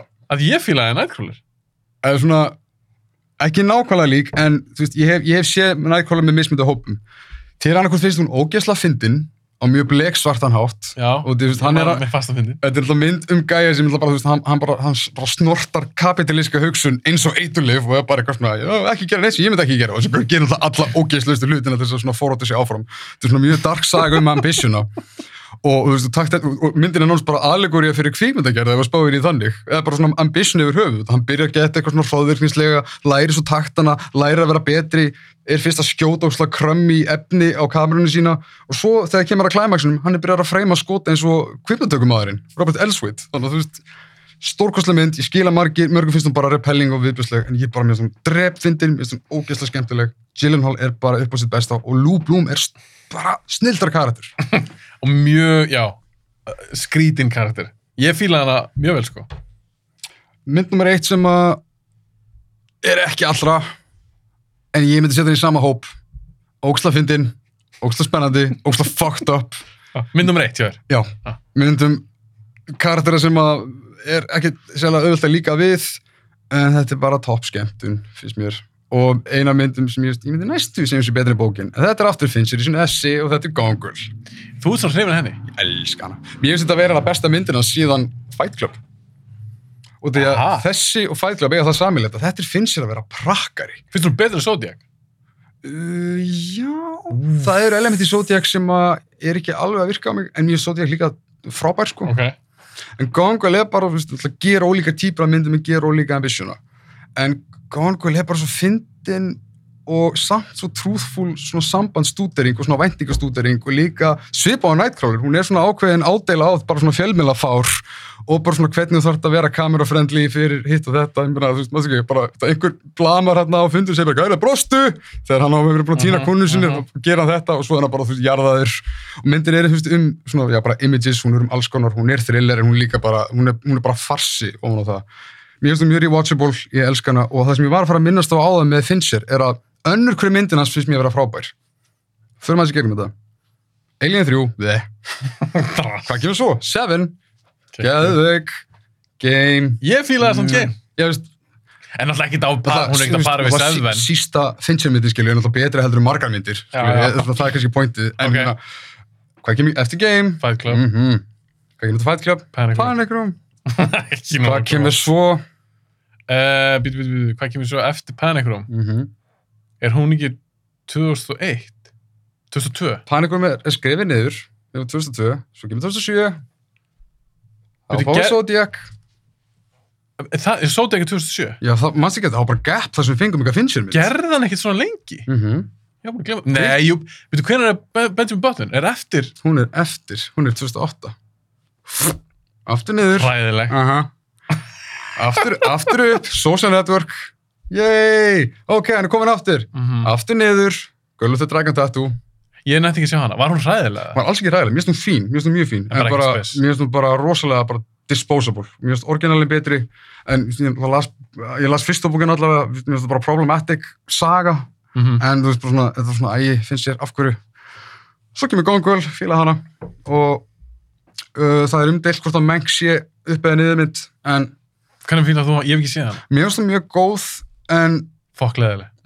Nei, mér finnst þetta mjög Er skemmtileg. það? Ég hef bara viljað aðeins, aðeins meira. Svona Ok. Aðeins meira á hana. En þú veist, ég myndi samt setja hana í, þú veist, þetta er ekki príma Fincher. Já, þannig að næsta mynd sem hann gerir, Vum. samkvæmt þinni svona Fincher Það mun tölfræði, reyna þetta. Hún hvað ætti að vera góð. Sjá hvað gerist. Þannig að það er komið að þér 2014. og ég er með svo mikið létt með þetta með þig. ég tók bara, já, ok. Ég setti Dawn of the Planet of the Apes, Hún er frábær. nummer 5. Elskan hana. Mér finnst hún geggjöð, mér, persónulega finnst mér þetta besta myndin af þessum, þessum þremur. Mm -hmm. Mér finnst hún betur enn þrjú, sko. Þrjú er aðeins svo blík fyrir mig. Já. Svolítið svona The Road. svona lega. Svolítið en, mikið. En, en það gerði hopeful momentin svo ógeðslega falleg. Já, ég ætla að sjá hana aftur og ég ætla að taka þar, að því mér, þú fílar ekki ræs, mér fannst hún mjög fín. Mm -hmm. en hún er svolítið svona basic en mér varst Dawn geggjuð. Horfðu á War for the Planet of the Apes basically eins og rándýran vestra í bland við POW drama. Já, að því ég held nefnilega að sú mynd, hún var aðeins of, hún var bara öðru sem ég reiknaði með. Ég skil það. Já, já, já, og stundum þegar maður sér þannig myndir það er svona ákveðu högg og þá, það er tvennt sem gerist, ef ég horf aftur á hana þá getur vel, vel verið að ég verði bara svona ok, fuck, að því nú veit ég hvað er að fara að sjá. Einmitt. þá væri bara eitthvað, þetta er gæðveik mynd. Eða Já. þá bara, neðan ekki fyrir mig. Ég, ég- ég held að við öll svolítið upplifum það. Ég held ég gæti þetta alveg fíla, því mér varst tvö svo ótrúlega flott mynd. En mér finnst það svolítið fyndið svona bait and switch vegna þess að við fórum allir svolítið öll inn á myndina svolítið svona ok, War for the Planet of the Apes, við erum til í þetta ok, Mhm. bara species versus species. Og, svona, og það er eins og myndin sé svolítið svona prakkarlega twista úr því með því að koma ok, vildur þið svo stríðsmynd? Þú veist að stríð er ekki bara Call of Duty, Hazard og Bang Bang. Já, nú ætlum við að sína hvað stríð er. Þú ætlum að fara að fá Come and See í staðin fyrir hérna, skilur, Lone Survivor eða eitthvað. Já í staðan fyrir bara einhverja stríðsmynd. Og þá er maður bara svona, ó, Já. já, ok. Þa, það kom aftan að mér, ég veit ekki um það alveg. öllum, já, og ég skil vel Whiplashið sko, já, Whiplash er þetta frábæð líka frá 2014 já, hún er ekki listað hér nei, ekki, ekki. Um 2015 Hún 2014 nei, já, ok, ok. Ok, ég var með hana, ég var að setja um fjögur Winter Soldier. Það er upp á smaraflund mín. Flestra, myndi ég segja. Og mér finnst þú bara, mér finnst þú geggjuð. Og mér finnst rússubræður sína frábær hluti í þeirri mynd. Að því mér finnst Hasanín bara drullu góður. Og ég ekki þegar ég sá hana því ég var pínu stressaður, rétt bara ég sati bíónu, ég hugsaði með mér ef þessi mynd er léleg þá er ég pínu stressað með þessar margulmyndir að er, geta ekkert gert góða framhaldsmynd af því það var búið að koma undan Þú veist ekki hrifin Iron Man 3? nei, Ég elska hana. ég fíla hann ekki Shane Black með þetta. Ég elska- 90s orðið mitt. já, ég elska, ég elska Shane Black Já. en ég fílaði ekki Iron Man 3 Nei, nei. og mér varst 2 ekki, ekki nógu góð Mm -mm. Winter Soldier, elska hana mér varst hún geggjuð og þetta er alveg svona 100% mynd fyrir mig að hún var aðeins meira fyrir utanendan, þá var hún aðeins meira grounded og svo var flottu bílættingilegur Mjög. Sem virðist vera bara bílar að elta hvernig annan, eða skilur, þetta var ekki eitthvað tölvugjert dæmi og varst Winter Soldier sjálfur kartin geggjaður Jöp. uh, Chris Evans þarna var ég bara okkur sem þessi gaur, hann er bara geggjað þessi Steve Rogers Captain America er sérst uppáðs karakter minn í MCU Saman hér. já, við vorum kannski múin að nefna það síðast Númer þrjú, Raid 2 Mm -hmm. Raid 2 er bara með betri hún er á topp 5 með bestu hasmynds í síðan Ég, ég, ég, verði eiginlega að vera pínu sammálaði. Hún er brjálu þessi mynd Þetta er svona, ég trúði ekki að, að betri Gareth gætt sagt, já ok, varst að, varst að hæla mér fyrir hérna fyrstu myndina. Þetta var, þetta var æfing. Nú skal ég sína þér epíska hasarvislu sem samt virkar í steiksum og í bara escalationu öllu. algjörlega og byrja, þetta er besti nýja bardagi ever í bíómyndum það er lokaðrið Já, ef ekki einn af tveimur. Sem, já, já, já, alveg rétt, já, þegar best, þegar er berjast þarna maður undir manni í eldursunu þetta er besti nýja bardagi ever í bíómyndum styrlaður. hann er bara geðveikur. Og mér fannst hann líka þarna verið alltaf sniður, af því hann gerði ekki bara hann tók ekki til reyt eitt og þetta er svona svipast dæhært dæhært gerist í blokk, svo gerist tvö bara eins, en núna er hann flugulli hann gerði það ekki með reyt tvö. Þetta er allt öðru sem mynd, þetta er miklu meira bara svona gangster, krimma, godfather-esk liggu við eitthvað Mhm. mynd. Miklu svona íktari líka, ég fýla og bara, bara svona comic book mynd ánast. Alveg 100% eitthvað svona hammer girl og eitthvað Mhm. gæmi baseball kilvu, Mm ég dyrkaði það. Ég elska þessa mynd. og hún er fucking brutal maður. Þú veist, Ef ég held að ég hef verið and, eða svona andstuttur eftir fyrstu myndina, ég man, ég, ég, sko, ég þurfti bara að leggja mig eftir nummer tvö, ég hef svona, úf, ok, maður horfa á þetta aftur. ég meina þetta er bara er brjálu mynd. Og líka ég held sér 150 mínútur eða Já, þetta er epic. já, Og þú tók skrefið sem ég, sem ég tók, sem ég þóla ekki að taka, þú sett hann á listan, þú, náður að koma henni fyrir. að því málega er eins og áðan þessar síðustu þrjá myndir þetta er allt bad motherfuckers myndir. Reyð 2, nummer 2 er mynd sem þú reynda fílar ekkert svakalega en ég elska Equalizer. Já, alveg bara, já. Mm ég er búin að tala sem ekki um hann í þessu podcasti mér finnst hún geðveik, elska Vostuninni hvernig er tvö? mér finnst hún ekki góð, Ok, ég fíla hann ekki. Ok. og svo er núna Queen Latifah ykkur um Equalizer þáttum. Ok. það er ok. en mynd nummer 1 Bad Motherfuckers mynd frá 2014. hann er bad motherfucker í þessu Ég ætti John Wick! nei, Nei, ok, ká. John Wick er nefnilega ekki hjá mér Ok. og það er ástæð fyrir því, við tölum um það kannski aðeins eftir Númer eitt er The Guest Hún er mjög góð. mér finnst hún geggi þessu mynd og finnst Dan Stevens í þessu mynd ég bara, ég, þetta er einn af mér bara held ég uppáhaldskartum ever Velkomin í Dan Stevens íslenska aðdándaklúbin, eða klappstýruklúbin. Ég hef alltaf dyrkað hana leikara, sérstaklega eftir þessa mynd. Já, ég er enda, hann var náttúrulega í Downton Abbey ég sá það ekkert. Þegar ég sá hann í Guest, af því hann leikur þar svona Herman og eitthvað hann er bad motherfucker í þessari mynd. Já. og hann er svo styrlaður hann er bara psycho í þessari mynd. Og ég elski þetta eitthvað svona Halloween tenging líka. Og hann er í rauninni bara svona svo okkur slasser morðing, þetta er bara mér finnst og tónlistin, Mhm. geggjuð. Ég elski þessa mynd, ég er búin að sjá hann alveg frekar oft Hún er alveg helluð. þannig ég fór í svona, þetta er svona aðeins meira léttmyndi kannski hjá mér Ég, þe- þetta er bara, þetta er dundur svalið titlar og ef fólk kannast ekki við The Guest, bara í, í Guðs bænum, og ég meina, þetta er, það, hann, það má ekki vannmynda það hvað Dan Stevens er efnilegu leikari, leikari. En það sem aðeins er náttúrulega bara, veist, bara wholesale, hann stál til þessi Eurovision myndin í fyrra. hann er það blangbesta mynd Bara, þú veist, þetta er bara, hann getur ekki, ekki drámt. Nei. Veist, ég, ég meiri sér að síndi Night at the Museum 3 áhuga bara þegar ég komst að því að hann var illminnið. Ég var bara eitthvað, ég er bara að horfa á þessi mynd. Skýt saman er báður hinnar. Og Dan Stevens, já, er þetta flott varmaður. það gæst, ég er annar að þú fílar hann mér finnst þú náttúrulega alveg æðisleg, fór svolítið svona til rattan hjá mörgum ok, ef að skella ykkur 2015 Besta árið þitt. eða svona, já svona svolítið uppáhalds Ok. 2014 og 15 er örugglega svona uppáhalds ára mín ok, nummer 5 Bone Tomahawk Ó, hann er svo frábær! Ég var að etja hann út. Örgulega bara áðurinn í kominga. Svona, skrifa hana niður um mitt. En þá getur líka sömu sagt um mig. En Hafsteinn, þú ert að tala um að fílir ekki þunga myndir. Því Bone Tomahawk er svona pínu þung. Bad motherfucker með samt. Bad Motherfucker mynd, Kurt Russell, með geggja skegg og ég hvað hvað. Hún er brútal. Málega ég dýrk hana leikstjóra. Já. Mér finnst all, hann er búin að gera þrjár myndir, mér finnst það alla hellaðar. Hann er með sérstakann stíl og ég tengi bara veginn við hann að gæja. Hann er einhvern veginn að gera, mér finnst einhvern, einhvern veginn ekkert eins og einhver annar nákvæmlega. Nei, Hann gerir sérstakka myndir. hann gerir græntásmyndir eins og engin annars. Má segja, sko. Já, Bara svona svona- svona nýstárlegar, svona hard-edged, bara já, nútíma græntásmyndir. Ég, ma- já. Með yfirgengulegu ofbeldi og, og, og, þannig er einhverja, þetta er, það eru atrið í þessari mynd sem eru Mhm. ógæðisleg. Já. Bara svona, fyrir þá sem veit ekki, þetta er svona vestri með líka einhver svona, ekki beint skrimslum, en þetta er svona mannættu, dæmi eitthvað. Ég mæli sterklega með Bone Tomahawk, mér finnst hún æðisleg og Kurt Russell geggjar, mér finnst Matthew Fox skemmtlur í henni. -hmm. Hann leikur svolítið svona svaf, gaur eitthvað, en hann er samt alveg negli. Já. Fíla hann í bótt. Númer fjögur, The Lobster. Svo stanna. Já. Fíla hann ekki. Hún er á listanum mínum. Þetta sem er er bleksvört, hilarious mynd. Og talað um sambandstúteringar og bara social allegory og bara skemmtun. Þessi mynd er... Jorgos Lanthimos, hann er bara, hann er mitt jam, sko. Ég þarf, ég reyndar ekki sé marga myndir eftir hann, en ég er búin svo tvær og það eru báðar á þessum listum. Lobster. Ó. Ég er líka mikil Colin Farrell maður. Mér finnst það mjög skemmtileg leikari. Og mér finnst hann alveg taka sjensa hér og þar. Hann er ekkit bara í ykkur, hann er ekki bara í Daredevil. En hvað finnst þér þá um, um, um svona þumalputtaregluna að því dýrar þessi myndin er, því meira latur er hann? Total Recall, ógeðslega dýrmynd. Fantastic Beasts, ógeðslega dýrmynd, hann er sofandi. Einu undartekningin myndi kannski vera Minority Report.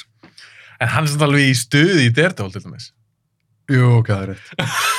Þetta er ekki Þægilegt, ég, ég, ég, heyri þetta rosalega oft, þetta er svona, svona, æ, þessi mynd er, þessi mynd er dýr, er, eða svona, eða basically, þú veist, þegar hann er í indie-myndum, þú veist, hvort sem hún heitir, þú veist, Tigerland eða whatever, eða en Bruce eða eitthvað, þá er hann, já, ég, ég, er ekki ósamalega, en með hann lobster, þetta er svo fucking steikt mynd, þetta er sko þessi mynd. en það er sem er svo geggja við hana, bæði við þessa og Killing of a Sacred Deer sem er, kemur setna hjá mér, masterpiece líka, það sem ég finnst þessi leikstur að gera, og ég eftir að sjá fleiri myndir eftir hann, það er bara stutt sinni kynntistónum, hann næra búa til einhvern svona heim, og mér finnst hann einhvern veginn svo skýr heimurinn, mér finnst sínin hann svo skýr, og þó að þetta sé fáránlegu sögurþráður, Mm ég var investið allan tíman ég keifti einhvern veginn allt í myndinni. Mér- og, ég, ég er, skilur hvað er fara Algjörlega. hann, hann er rosa fær í þessu. Ég, mér finnst hann eiginlega bara eins lúmskur og hægt er að vera með því að, talandi um að, að deliver eitthvað blík, en hann er svona undirliggjandi að vera einmitt prakkarinn.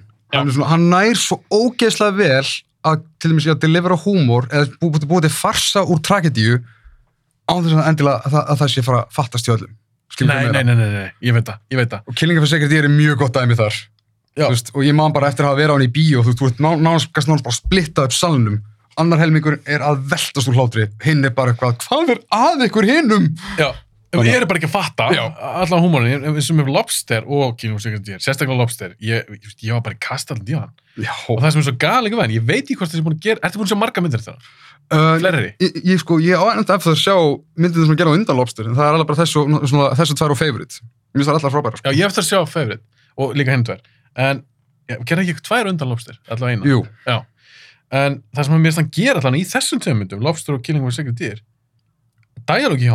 Hvernig fólk talar þetta er svo velrænt, Mhm. svo óheflað mm og þetta er eitthvað svo mér finnst það svo geðveikt já, e- e- þetta er svona dry farsi, einmitt. Svona- alveg bara hardcore Mhm. þannig að Lobster nummer fjör, dýrkana nummer þrjú er Sicario Mhm.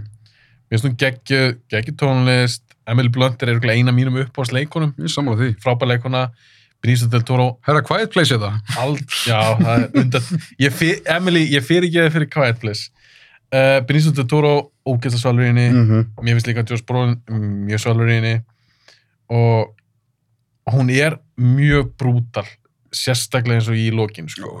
Þetta með mataborðið? já, þú veist að ég var bara eitthvað, vá, ég er að horfa okkur svona stórmynd með Hollywood leikurum og þeir fóru alveg þangað og það, mér fannst það gegja þannig Já. ég var að hafa Sicario á listanum mínum nummer tvö, Hateful Eight mér finnst hún geggjuð. Mér finnst hún frábær. margir sem fílaði hann ekki, fannst hún leðilega fannst hún langdrein ok, mér fannst það ekki. Mér fannst brilljant hvernig hann byggði upp þessa sögu. Mér fannst hún alltaf áhugavert, mér fannst hún alltaf spennandi. Gæði ekki karakterar dýrkaði Samuel Jackson í henni. Eh, mér finnst Walton Goggins mjög skemmtlur í henni. Mm. mér finnst hún bara æðisleg. Jennifer Jason Leigh geggi í henni. En nummer eitt er Fury Road. Já. ég gat ekki sett aðra en Fury Road nummer eitt og ég ætla ekki að segja miklum tíma að tala um hana. Nei, Við höfum talað um hann áður. við höfum talað um hana ég, veist, ég finnst svolítið talað um hann í podcastinu. Uh mér finnst það bara masterpiece mér finnst það bara einn besta hasament sem við erum búin til. Bara frá upphafi ég bara dyrka hana. Ég er spenntur að sjá Furiosa spin-offið þó að ég ættir að sakna svolítið Charlize. Mér finnst það pínu mér finnst það kjarkaður. Af því að Charlize með Furiosa, hún bjóð til finnst mér karakter Já. sem ég held að ættir að standa setna, að það er kannski ekki það langt síðan hún kom út hún ættir að standa á hlinn og Ripley, Algjörlega. Sarah Connor Algjörlega. ég er alveg vissu það þannig að mér finnst það að vera svolítið kjarkar að nota hann ekki aftur Já. og því hann ætlar að gera eitthvað spin-off sem Mm. er eitthvað svona prequel Mm -hmm. en eftir Fury Road gera svo vilt, ég skal tjekka það Já. þetta er 2015 með mér Þetta var mjög flottur listi. Og ég fíla, Takk, maður. ég fíla að með t- tvo titla með þessu verðluna Kurt Russell skeggi. nákvæmlega, bæði bón og svo ég heitur leitt Ok, heppilega að vera þetta stutt ránd vegna þess að við erum að fara ekki mjög mikið að sama. Við, það er gaman við komum aðeins inn á hérna, eina mynd mynd áðan, ég ætla að fara, fara snögt í gegnum þetta, með fimm hjá mér er Steve Jobs. já, hún voru topp 10 hjá mér Mér finnst þetta bara merkjum það að þú getur gert biopic þess að hafa það leiðilegt. Þú þarft ekki að gera Wikipedia útgáfi á því að, þú veist, kvikmynda checkpunktuna frá, þú veist, hérna, vöggu til dauða. Þú getur tekið, eins og Steve Jobs er náttúrulega bara þrjára langar senur. En hver einasta sena gerist á mismöndi tímalínum og Allar þetta þetta mapp, allar briljant, intense, vel leikstýrar og er bara svona, já, móturmáð, bara snildar díalógur, tónlistin, performancearnir og þessi myndi bara, já, ég, mér, mér finnst það mjög einmitt, endur áhóruleg mjög vannmetin og ég held að Aston Kutcher afbreyðið þarna, hræðileg. ég held að hún hafi skemmt fyrir þessari. Já, í samlæður og titillin kannski líka. er bara svona Steve. Jobs og það er nefnilega, nei, bara nei, Danny Boyle getur verið stórkostlegur þegar hann er í sínum gýr alveg svo Sorkin, alveg svo Fassbender Kate Winslet er hann líka, alveg gjörsanlega frábær og það er, mynd, sko. það er sál ég bara, þessi mynd er hún algjörlega syngur mér finnst hún æðisleg Já, ég er bara, ég, ég, ég ætlaði að edja hann út fyrir, fyrir, fyrir annað, en svo bara svona, nei, ég bara, mér er ofandum þessa mynd. þetta er eina myndu sem ég þurfti að katta út hún var á topp 10 hjá Mhm. mér Ég tók við, ég tók við því í staðin.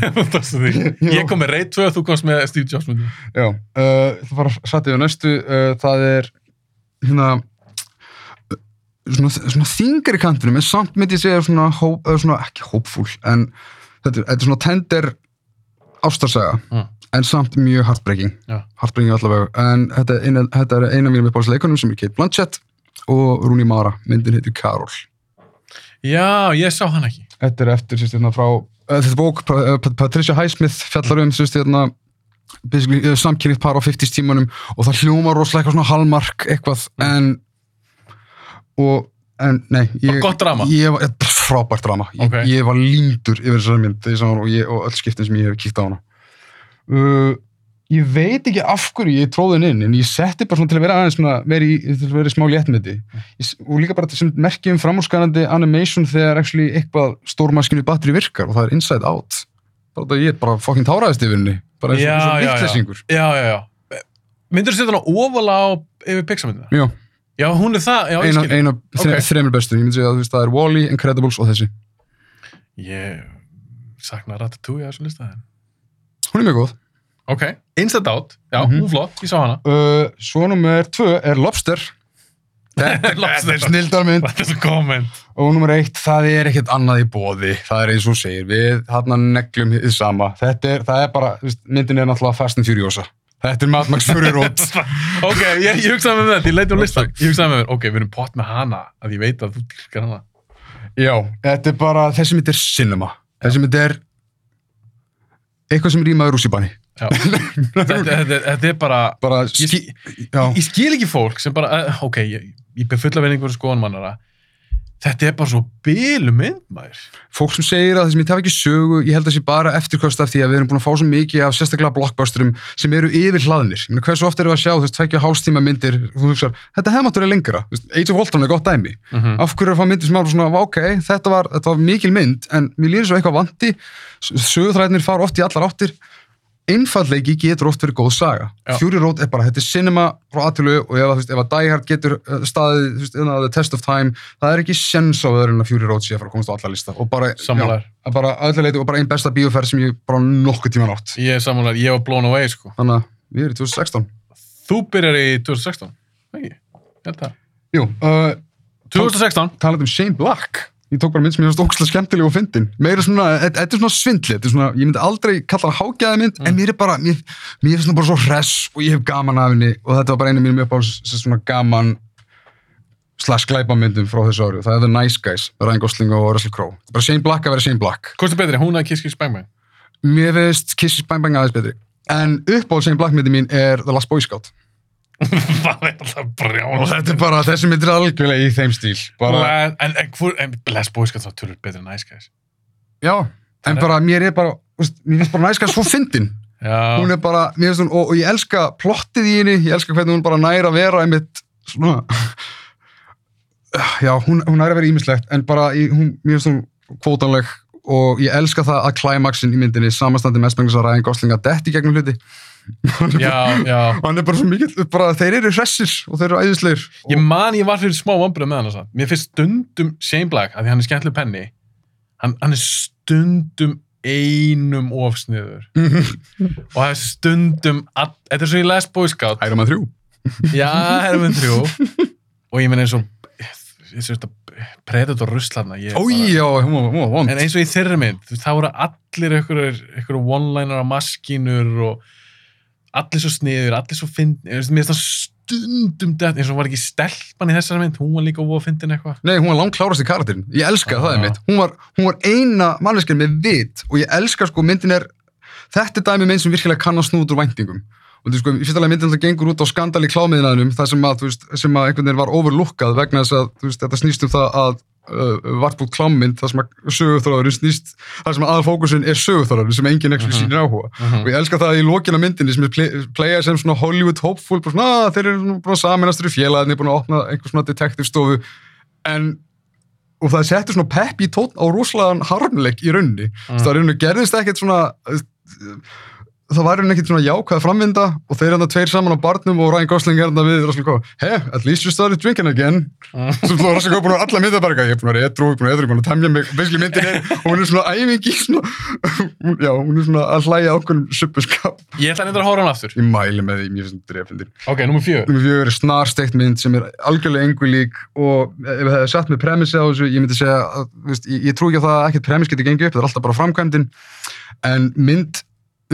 með ógeðslega, einlæga bara soulful vináttu en á sama tíma bara svona einhvern veginn svona hjúp af lí- lífsleksjum Mm.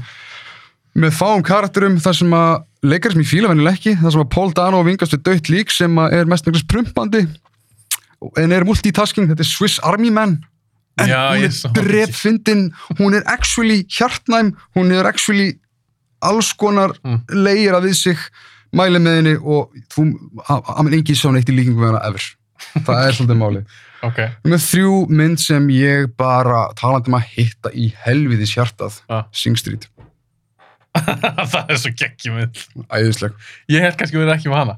Ég ætla að koma því líka sprengju, svona bombu. ég hlusta á dræfiðlega stólið á leiðningað Ég meina, þetta er, ég er ekki að djóka, þetta er bara á öllum þessum myndum, öllum þessi ár, ég held þessi upp á þessu myndi mín, sko. Af þessum tíu árum, sko. ég skil það alveg, Frá 2010 til 19, sko. ég skil það bara hún er bara hún- er bara æði, bytti falleg, good, tónlistin, brjálæslega vel skrifuð, vel leikin.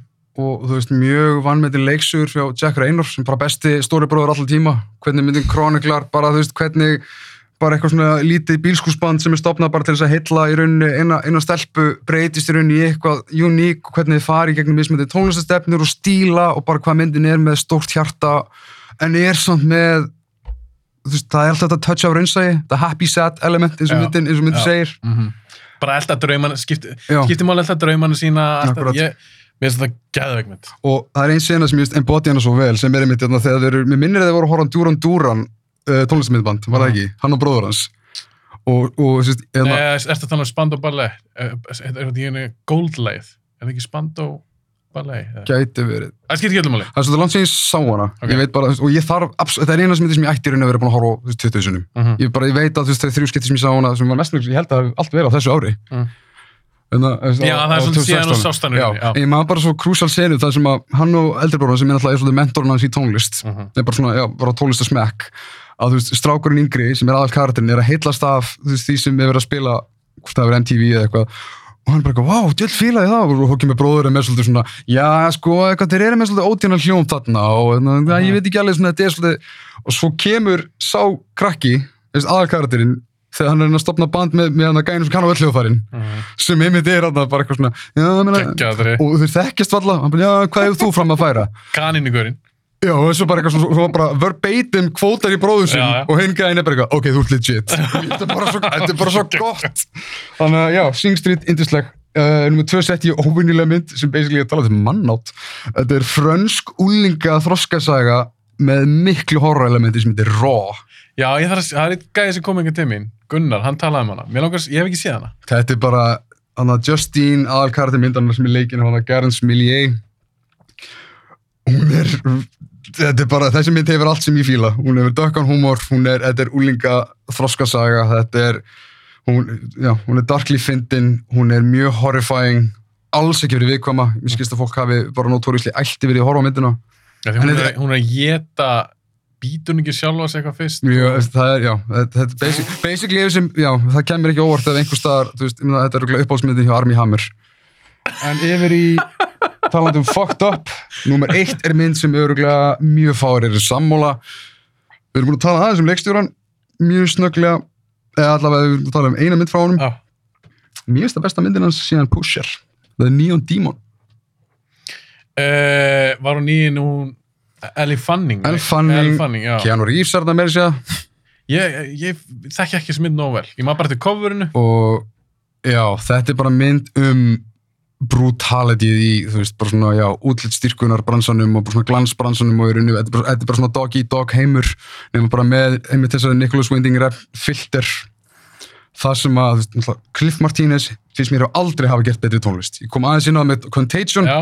og hann alltaf gerir indislega tónlist í Drive og, og ég bara þetta er bara eina mínum uppáhalds horrormyndum það er svona Er þetta horrormynd eða? hún er ekki, þú veist, þetta er ekki drauga horrormynd, en hún er, hún er, hún er svona, hún er horrifying, Ok, þú veist, hún er óþægileg, en hún er líka fyndin ok. og hún er bara, að hún er svolítið snar, senustu 15 mínúnar, ég, ég hef, ég, hef, já, ég, Ég þarf að tjekka á henni. þessum ég gekk alveg fram að fyrfirandi, mann, mann og Aha. ég skil það mjög vel, Ah. en samt er þetta ekki, við veistum gæt hort á Raw og elska hana, það er ekki mikið, ég myndi segja að Raw væri aðeins mér, en bara, þetta er my kind of fucked up, segjum Ok. það. og við erum líka með mjög reyðan Keanu Reeves í henni en bara líka almennt gott kast frábær, Það er nummer eitt fjör. það er nummer eitt Ok. Fara aðeins ra- hratt yfir þetta. Það við erum búin að vera sko í... Já, hálfan. Þetta var langur þáttur, Tómas. Nú þarf að gera bóli, ég hlusta á allan þáttinn Ekki á bóli. Ég sem Ok. já. Nummer fimm er Don't Breathe. Ú, Það sem ég fílaði við hana, að því að Fede Alvarez, þetta er ekki Fede Alvarez, þetta er alveg þessi gerði ég með Evil Dead endurgerina. Og, Eða- og Dragon Tattoo, hann nýjustu Já, ég nefndur ekki sjá hana. En með þessari mynd, þá var svona ná, ná að gera heldur góða spennum. mjög Og ég er rosa þreyttur á þessum home, home invasion myndum. myndum. Mér var Stónbríði virkilega góð, Stephen Lang hann það skemmtlur. Og að ég held fyrst er alltaf svona gimmicky. já, ég sammála Hann er eitthvað blindur og eitthvað, þau ráðast eitthvað, bla bla, en mér veist hann leikstyrinni bara alveg í drass, sko. Þá, ég meina það sem hrós. Já. Hún er úkislega flott, hún er alveg fucked up. soundscapeið, visualin Já, bara, þú vilt að karakterinu komist burt. Já, og já, bara, mér finnst hún bara virkilega góð. Númer fjögur, Autopsy of Jane Doe. Mm. mér finnst hún virkilega góð. Þetta er svona einfalt premiss Mhm. gerist eða bara einu stað. Mm. mér finnst það spennandi, mér finnst það skeri partar í henni, virkilega góð. Er að Númer þrjú, Green Room vel gert. Hún og með Don't Breathe eiga svolítið samilegt nefnilega finnst mér. Þetta er báður svolítið svona, þú ert með tense thriller Já. um fólk sem er að þú veist, sleppa frá erfiðum aðstæðum nema þú ert ekki að horfa á vittlisinga. Þú veist, þú ert að, veist, sérstaklega gríningum. Já. Skilur hvað ég meina? Sammála. Þau eru að taka mjög skarpar ákvarðanir en það er samt það sem kemur í mjög meira fucked up scenario og mjög brútal mynd líka. Hún er brútal, sko. Og Patrick Stewart með skaman sem hann í. Bara svona öðruvísi, hann er bara nýnasisti og eitthvað ógeð. Green, Room er á mínum top 10 sko. Já, einmitt, einmitt. Mér, mér finnst hún bara æðisleg og mér finnst hún bara drullu spennandi. Já. Bara mjög spennandi mynd. Ég maður bara þegar hún var búin, ég var bara, uff, ekki mynd. Svona thriller en það er ekkert svona bíólegt við hana. Hún er bara mjög matter of fact. Já, já, 100%. Uh, Númer tvö er að rævar. Jú, góður. Mér finnst hún bara frábær. Mér finnst það rosalega falleg mynd. Ég horfði hann aftur um daginn og þetta er rosalega svona heartbreaking mynd Já. og hún í rauninni, þetta gemverudót, þetta, þetta er bara svona yfirbústdæmi. Það snýst miklu meira einmitt um hana, Jep. dóttir hennar. Þetta er, mér finnst það bara algjört svona, eini Adams finnst mér rosalega góð eini, Mjög. rennar líka. Þetta er, þetta er rosalega svona sætmynd, falleg mynd. Mjög. Númer eitt er Sing Street. Já. ég ætla að vera eitthvað voða sniður, ég hugsa að Thomas er ekki með hana, ég ætla að vera með Sing Street. en ekki það, hún hefði alltaf verið nummer eitt sem mér. Mér finnst hún frábær og ég elska hann bara svo mikið. 2017. 2017. Um, talandi um að, talandi um mynd sem fekk mig til að grenja. Er, er það ég eða þú núna? Ég held þú... Það ekki? Jú, ég fór úr, ég Fury Road yfir ekki? Akkurat, jú, þú ert að byrja. En þú veist alltaf að, að fymta myndin er mynd sem að fekk til að tárast. ég læti það bara vita ef við overlappum. Og ef þetta er sama mynd, ef þú ert með sömu mynd og ég, þá kannski ég var pínum fyndin, fyndin um það. ok. Nei, nummer 5 hjá mér er með mynd sem að mjög margir fíla ekki. Hat þessa mynd. Ú, ég kannast við það. Það er Mother. Ég er með móðir. Er það? Já, þú fílar hana. Þetta er, ég ætla bara aðeins að, bara fyrir, fyrir bratt, for the sake of brevity, þetta Ah. er nummer eitt hjá mér. Já, ó, já, Mother er 1 hjá þér. Já. Já, en mér finnst hún hrikalega áhugaverð. Þetta er æði. Ég þarf enda að sjá hana aftur, en Mm. mér fannst hún rosalega svona fyrst. Þetta er rosalega mynd. En svo eru sumir, svo Bjarni, sem tók upp með 2000 þáttinn, og hann fyrir hann ekki, hann finnst það tilgjörlegt og eitthvað. Ég er ekki sammála, mér finnst hann, hann var að segja eitthvað, mér finnst áhugaverð hvernig hann sagði það, mér finnst ég hann Willem Dafoe í henni, Nei, var, ekki, Willem Dafoe í henni? nei, haf haf ég bara dem. Ó, Er ekki tala um móður? jú, Já. jésus, nú var ég að dörluð upp á bak núna. Hafið bara þeim, já, Ed, var það Ed Harris? Ed Harris, já. Já, já. Frábæri leikarar, Michelle Pfeiffer. já, vá, já, mér sem að gleyma henni. Mhm. Mér finnst þú bara rosalega áhugaverð, en ég skil vel að fólk skul ekki fíla. Já, hún er mjög punk. Já, hún er alveg, hún er steikt. Hún er öðruvísi. En mér finnst hún geggju. Já, er hún nummer eitt? Hún er nummer eitt hjá mér. Mér finnst hún bara, þessi mynd er goddamn mistaraverk. Ok. Hún er bara, þú veist, líka, þetta er svona, ef við ætlum að tala um sko súrar, nánast horrifying artmyndir sem hafa samt lík húmor líka, ég fekk bara náttúrulega sömu visual viðbrúr þessari mynd og, og Fury Road, skilur við. Já, Bara að horfa hann í bíó og sjá hann bara skólast yfir mig, ég var í alveg svona aktofa og það er tilfinning sem ég elska að fá.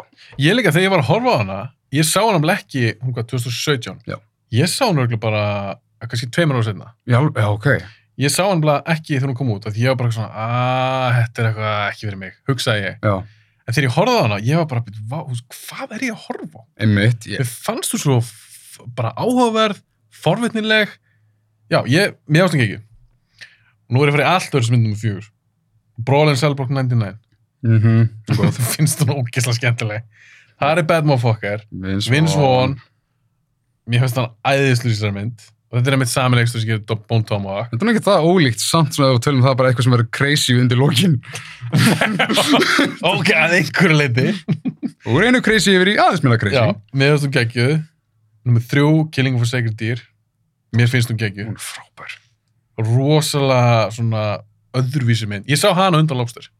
Ó, ok.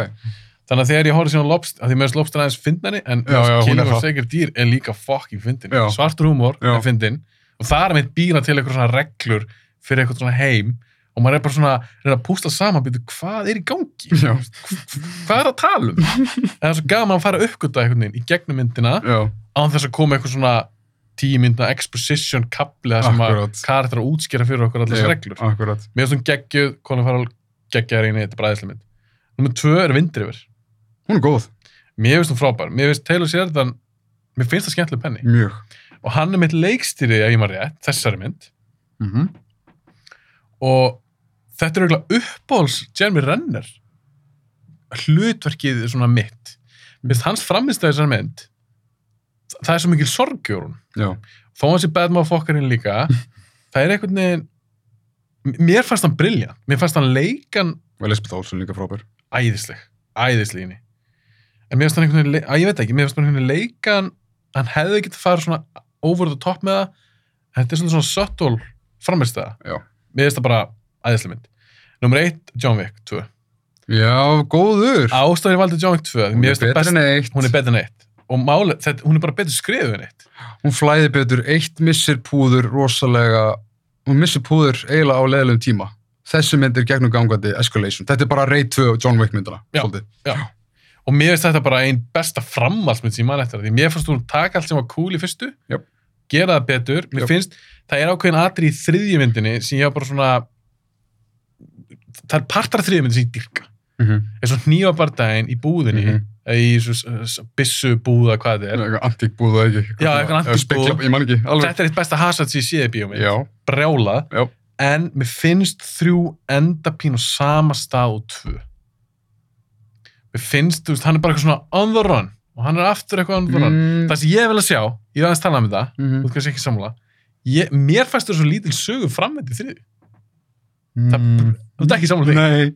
Að ég hef viljað sjá, í, eftir tvö, þriði hefði verið High Council, ekki fjórða. Já, ég, ég, ég, ég veit ekki að ég bjóst við því líka, en þú veist, á meðan hann er á flótta í nummer tvö, hann spytni tilbaka í lokinu á þriðju. Ég fíla það svolítið, út öll myndin er um, já, ok, fyrir ekki, kláraði Já, allan. nei, ég er bara búinn bara John Wick, finnst aðeinslega mynd, mér finnst það besta John Wick myndi. Þannig að það er nummer eitt. Það er nú eitt hjá mér. Það er flott pick. Hvað er þú með? 2017? 2017, já, myndin sem fær mig til að gráta. Það er bad motherfucker mynd. En samt svona Nú. slight, slight touch of unforgiven. Þetta er Logan. Ég elska Logan. Já, þú ert með hana.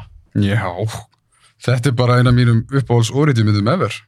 Mér finnst hún bara, þetta er, þetta er nútíma vestri, mér finnst hún ógeðslega góður kapper á frekar mistæka seríu sem X-Men myndar hafa verið, en bara þetta er, þetta er alveg, þetta er alveg all-timer performance frá Hugh Jackman, ég elska líka, hvað er ekki, Daphne Keane sem líka. Jú, Já. jú, stelpan. Og bara hún er heartbreaking, Patrick Stewart talandi um hann, hann aftur, mér finnst hún flæða, hún er það, ógeðslega brútal og hún er mjög svona tragísk en samt svona hófúl.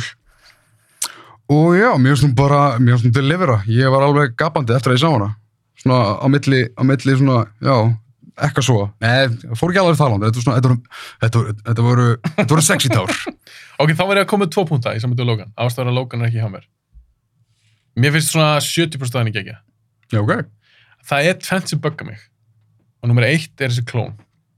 Ó já, Ég alveg rétt, ég tekið þessu umræði. ég hefði viljað sjá, ég las þetta eitthvað, þetta er ekki punktu beint frá mér, ég las þetta eitthvað á netinu, eitthvað svona umræðum í Logan. Af hverju var þetta ekki bara Sabretooth?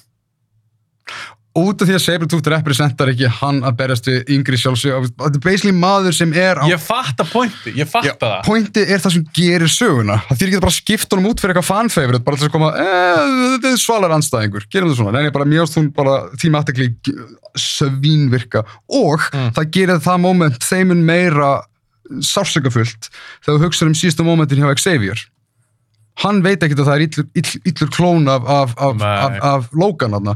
í hans huga er bara eitthvað, wow, okkur það stinga mig, fýblið bara svona, og hann var búin að vera að geta tender Mhm. við sem vjúar að vitum ekkert hvað er að gerast og þetta bara kemur og þú veist, og Logan mætir hann þarna og bara eitthvað bara, já, þetta Þa- er Þannig að þú fílaði það alveg.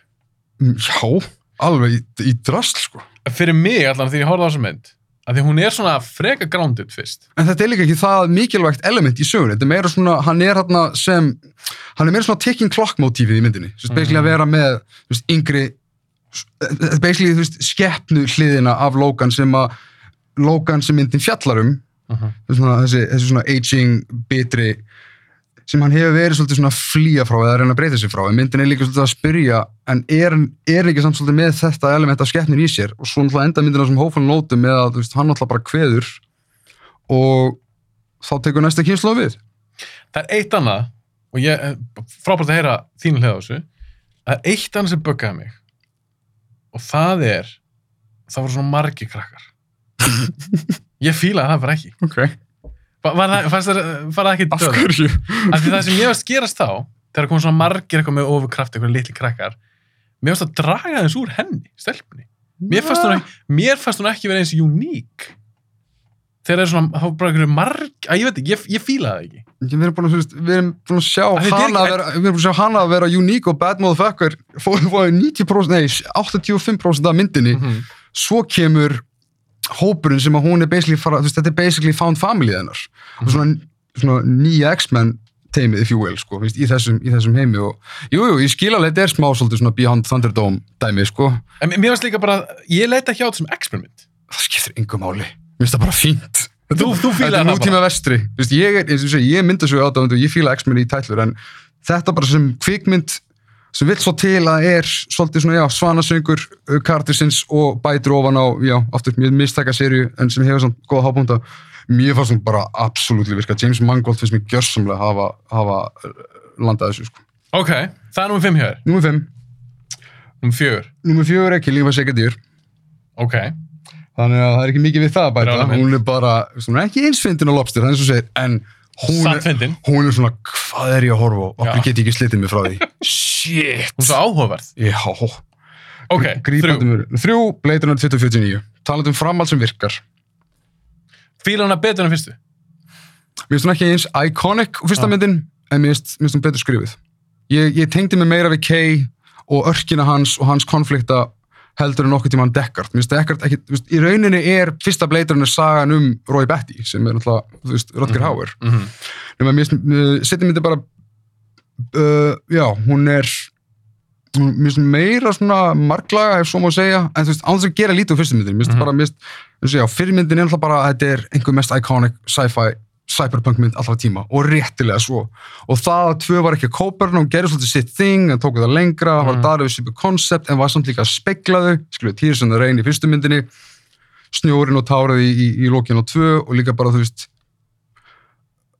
já, bara sögustefnunda sem hún gerir og þetta er líka bara, just, það, það er klísið að segja að hver rammi sé listaverk eða málverk, en það bara á við um það sem Roger Deakins gerði fyrir þessa mynd frá Villeneuve og hún svona fulli innsiklaði fyrir mér hvað Villeneuve er snar klikkað góðu leikstjóri þegar kemur að til að balansera tóna sem mann veginn eins og ég get að fara saman og það er bara líka senur í myndi sem ég finnst bara að vera með því besta frá þessum áratug Finnst þér hún rewatchable? mjög, Er hún sjálf oft? mjög, já Já, er það? Já, mér finnst hún bara cozy, kamó, fílana, en er samt, þú veist, hún er, hún er, hún er dýpri en ég fyrst, einhvern veginn hugsaði við fyrsta gláp. Mm. Þegar ég sá hana fyrst í bíó, ég var bara svona, vá, hvað er gott. Svo sagði hann aftur og þá gæti ég bara svona, svona flætt með henni, skilur hvað ég meina. Mm -hmm. Ég var ekkert að spá í plottinu, ég er bara svona, þú bara, þú bara rúlar með henni. Svo, Er- svi, svo svipa á fyrsta myndinu, sko. Ertu mikill bleiturinn maður? Ekkert svo mikið nefnilega.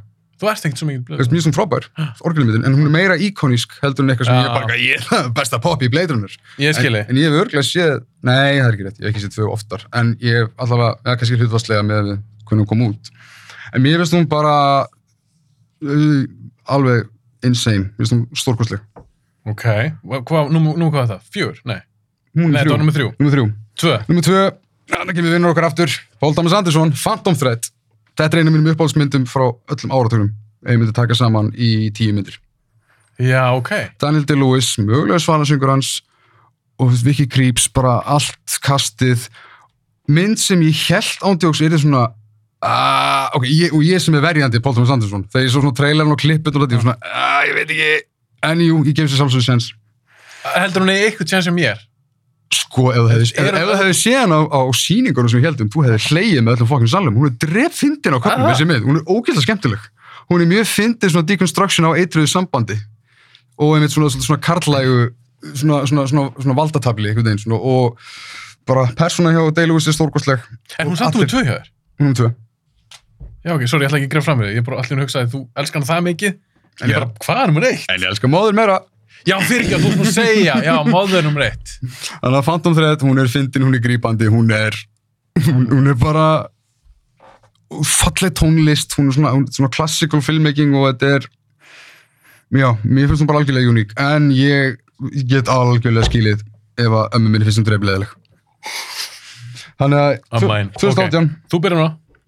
Ekki, ég held það. jú, uh, ég ákvað að setja Mandy í nummer 5, 2018. Nicolas Cage. Já, Ég hef eftir að sjá hana. Cage að vera Cage. Þetta er, þetta er, svolítið, þetta er svona, þú fíla hann eða fíla hann ekki. Þú getur verið tilgjörlega en allt saman. En hún er náttúrulega hendarmynd. Þetta er, þetta er prima exploitation hendar klám og þú ert með Jóa Jóhans í bara hínum besta synthgýr og Gerði hann tónlistina? já, Ég vissi það ekki. Og þetta er náttúrulega, þú veist, ég, ef þú fíla gest þá ertu örgulega að fara að fíla rithman í þessari mynd, sko. Fyrsti helmingurum er kannski að mörgum talin hægur, en mér finnst það að vera meira svona, svona abstrakt, mjög warped, svona, já, segjum bara artmynd. Ég sá trailerin, mér finnst hún virka svona kannski, ég hef ekki séð hann, ég sá bara trailerin, virka svona kannski aðeins og skrýta fyrir mig. Það gæti verið. Það gæti verið, en, en, en seinasti, setni helmingin á myndinni er bara rúlandi óbeldis súpa af Crazy Cage og bara einhverjum snarklikkum aksjónsenum. Og í rauninni bregja, hún er, hún er bara, hún er, já, hún, hún flæðir, hún er rætt, hún er uník og þú veist, bara svona að horfa á hana, hún einhvern veginn er bara svo, hún náttúrulega bara psychedelic, hún er bara einhvern veginn svona í sínum eigin heimi. Ok, Mandy, ég verði að Mandy hann. er heilikkuð. Ok, Númer fjögur talandi um, já, talandi um gott horror. Þetta er mynd sem ég er tiltölulega nýfarin að horfa mjög oft á, aftur. Mm.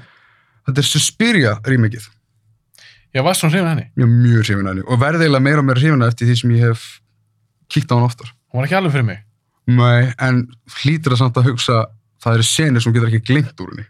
Já, hún er alveg, það eru atriðinni og skot og svona sem eru mjög eftirminnileg. Ég, ég tek það ekki af henni, sko. Mér finnst hún betri, neða, jú, jú, mér finnst hún betri en orginalinn sem er alltaf bara meira svona stílsúpa en, en líka svona atmosúpa. Ég, ég fíla svo spyrja í drast, en mér finnst endurgerinn taka konsept úr orginalum og vera svolítið svona prím example af því hvernig þú getur gert geðvögt remake. Uh Bæði eiginlega fara í alltaf rátt en þú samt svolítið svona halda í ákveðin ráefni ert að kommenta á því að öðru sér hátt frábært kast, minn sem svona eiginlega síndi mér að Dakota Johnson væri bara, hún getur verið trill leikona Hún er, er fín í þessar mynd, sko. og hérna, og já, Tilda Swinton can't do no Alltaf wrong, aðeins. hún er alveg hún er svakaleg, þannig að já, sem spyrja Ok, áhugavert á Valdrana. mm -hmm. uh, svo er ég loksins komin að nei, ekkert loksins, hérna, ok, nú er ég komin svona í þetta er ekki hvað, fyrsta mainstream óreitið með því sem ég vel, Er það nummer tvö eða? Nei, þetta er nú þrjú er það nummer þrjú? ég þurfti svolítið að velja um milli þannig að þetta hugsaði, ok, ef ég er að fara að taka mér óreitið slott það er fátt sem jafnaðast á við upplifinu sem ég fekk úr Infinity War mér finnst hún eiginlega mínu uppáhalds Marvel mynd í rauninni þannig sko, en Mhm. ég valdi ekki Infinity War ég valdi mynd sem að gjörsamlega slóm út á læginu í lúki, feeling, sögu, hjarta, aksjón það er Into the Spider-Verse Já, já, þú valdir ekki, þú valdir spæt, hún er geðveik spæt. þetta er bara pop art listaverk þessi mynd Hún er brjáluð. Þetta er bara, þú veist, til allra nútið sem að, þú veist, af einhvern tímann ég, ég veit ekki, þetta er svona mynd sem svona, þú veist, tekur, þú veist, örfand efni fyrir þig líka við, sko bara um leið og hún byrjar, ég er bara hvaða grill er þetta? Mhm. En svo er þetta bara frábær saga, ógíslega mikil sál, ógeðslega Ekki Nei, þú veist bara gett inclusive tough sögu og það, Mhm. bara það þeir, þeim tókst að taka svona weird ass flotta nálgun á Spiderman mynd þegar við vorum búin að fá ekki nema Spiderman myndi líka annarkvært ár í mismjöndi formum Já. og bara, já, Þetta ég, ég elska þessa mynd mér nánast langar ekki í framhald ég finnst þetta svo, er svo góð eins og hún er Ég er náttúrulega, ég elska, voru þetta ekki Lord of Miller sem skrifaði hana? Jú, Já, ég, mér og, og framlega ég Já, mér finnst þeir mjög skemmtlir. mm -hmm. Mér finnst þeir mjög skemmtlir. Ég hef vel sólumyndina þeirra. Númer tvö, mynd sem, þér, mynd sem er örgulega ógslæðileg en hún dálæti mig í döðlur Hvað myndi það? það myndi vera mynd frá leikstöra sem að gerði Gravity þetta er Roma Já, ég er ekki búin að sjá hana. Nei, þetta er bara Ég held þessi ekki myndur um mig. Nei, ég, ég, ég, ég, ég, ætla, ég ætla að giska á það Það sama er ekki skaða. en ég satt límdur yfir henni það er Mhm. bara soundscapeið, performancearnir, sagan allt sem er understatað og ósagt og hvernig myndin spila með myndmál og spila með þagnir og spila með þvílíkan harmleik á þess að vera pressa andlutinu inn og nýja Mhm. ég var alveg, já, ég var blown away á rosalega miniskjulum á það ég maður bara svona hún, hún, já, hún satt í mig á leveli sem var algjörlega uník fyrir mér sko. Þú var nummer tvö hér. þetta er nú tvö Hvað er nummer eitt? Númer eitt er Bad Times at the El Royale Hún er nummer eitt hér. Já. Hvað fýlar það svo mikið með hana? Ég elska allt við þessa mynd. Mér finnst það bara modern mistarverk. Er það? Já. Hvernig myndur þú selja mér hana? Ég er búin að sjá hana, en hvernig myndur þú selja mér hana ef ég ekki sé hana? Ok, Af hvernig er hún góð? Fyrsta lagi, ég myndi koma, fílaru, hérna, ok, Drew Goddard finnst mér bara að vera ógeðslega klár penni. Hann er, bara, þú veist, hann er, hann er Fílar að keppa með Woods. mjög, já, Ok.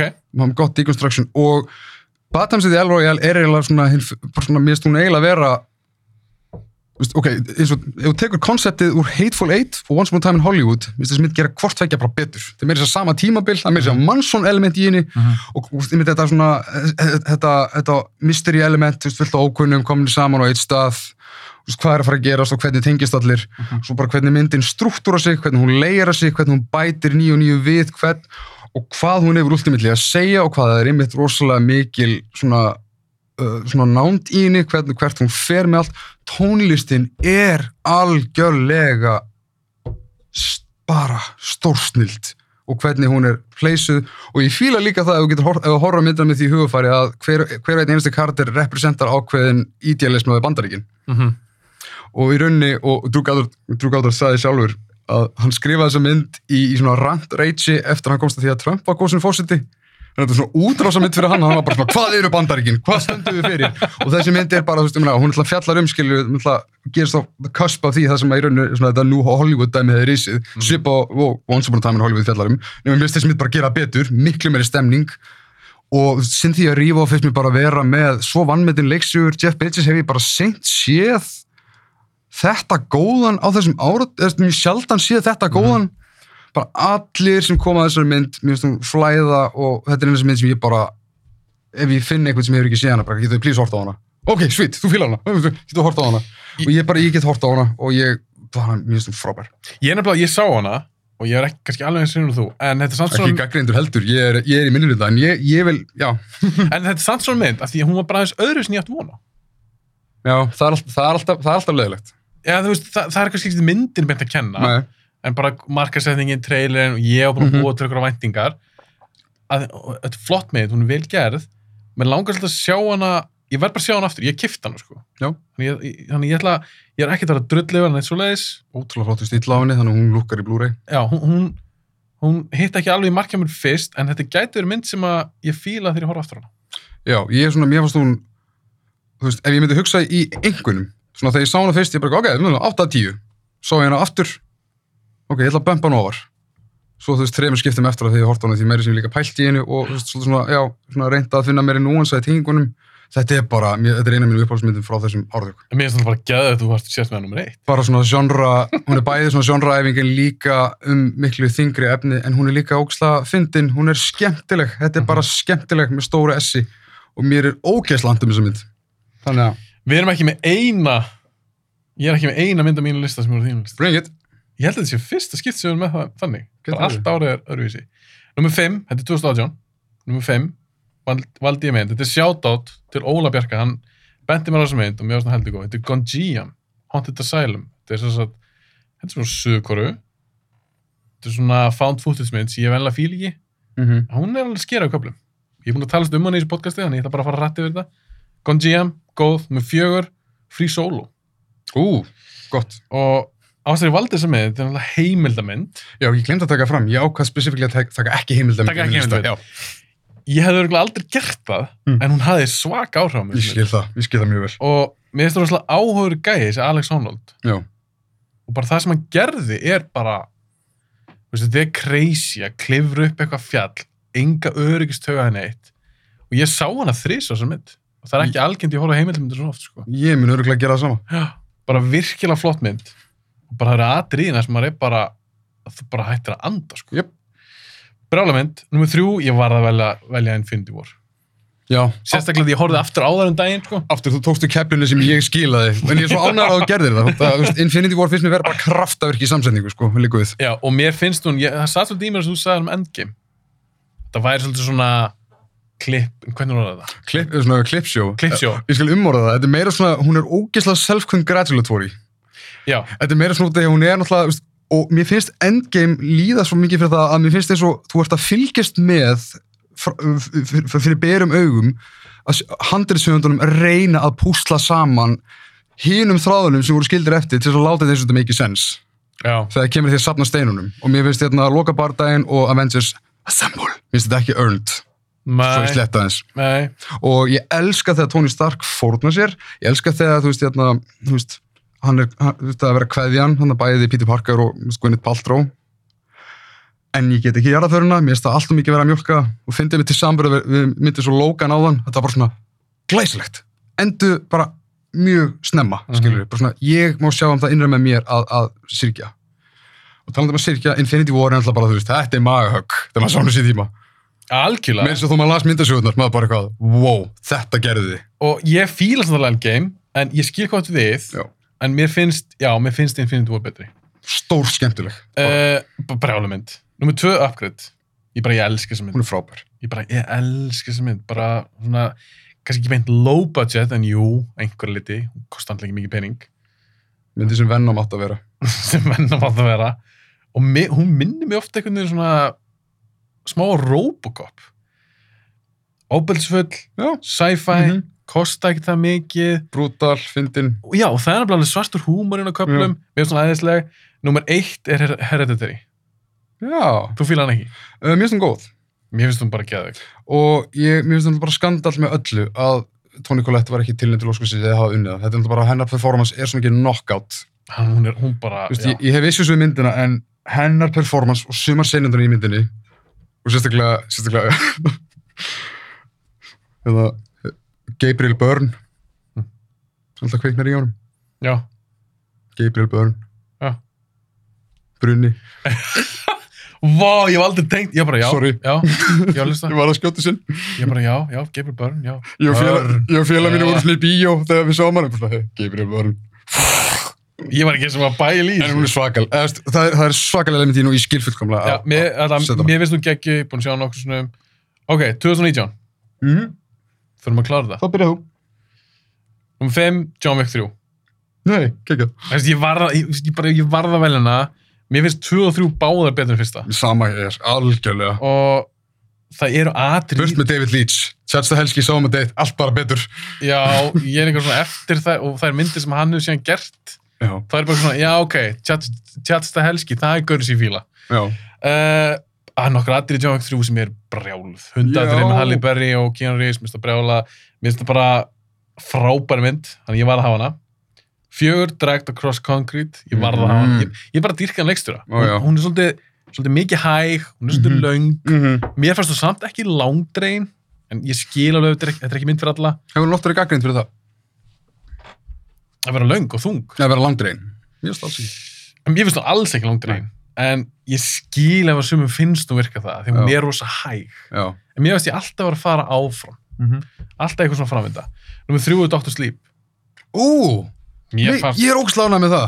Já, þú fílar hana? Ég bara sétir eftirskattið. Já, en þú fílar hana? Ég fíla hann í tætlur. Já, ég, mér finnst það eðislega mynd. Mm -hmm. Ég bara, og Rebecca Ferguson er Ó, geggjuð í þessari mynd. Hún er geðveik í þessari mynd. Já. Og, Og, öskrið í stráknum, þannig í skójunum, þannig að baseballstrákurinn. já, þetta er... Þetta er mín típa horror. Er, Þetta leggst í mig, sko. hún er brútal. Hún Já. er mjög brútal. Já.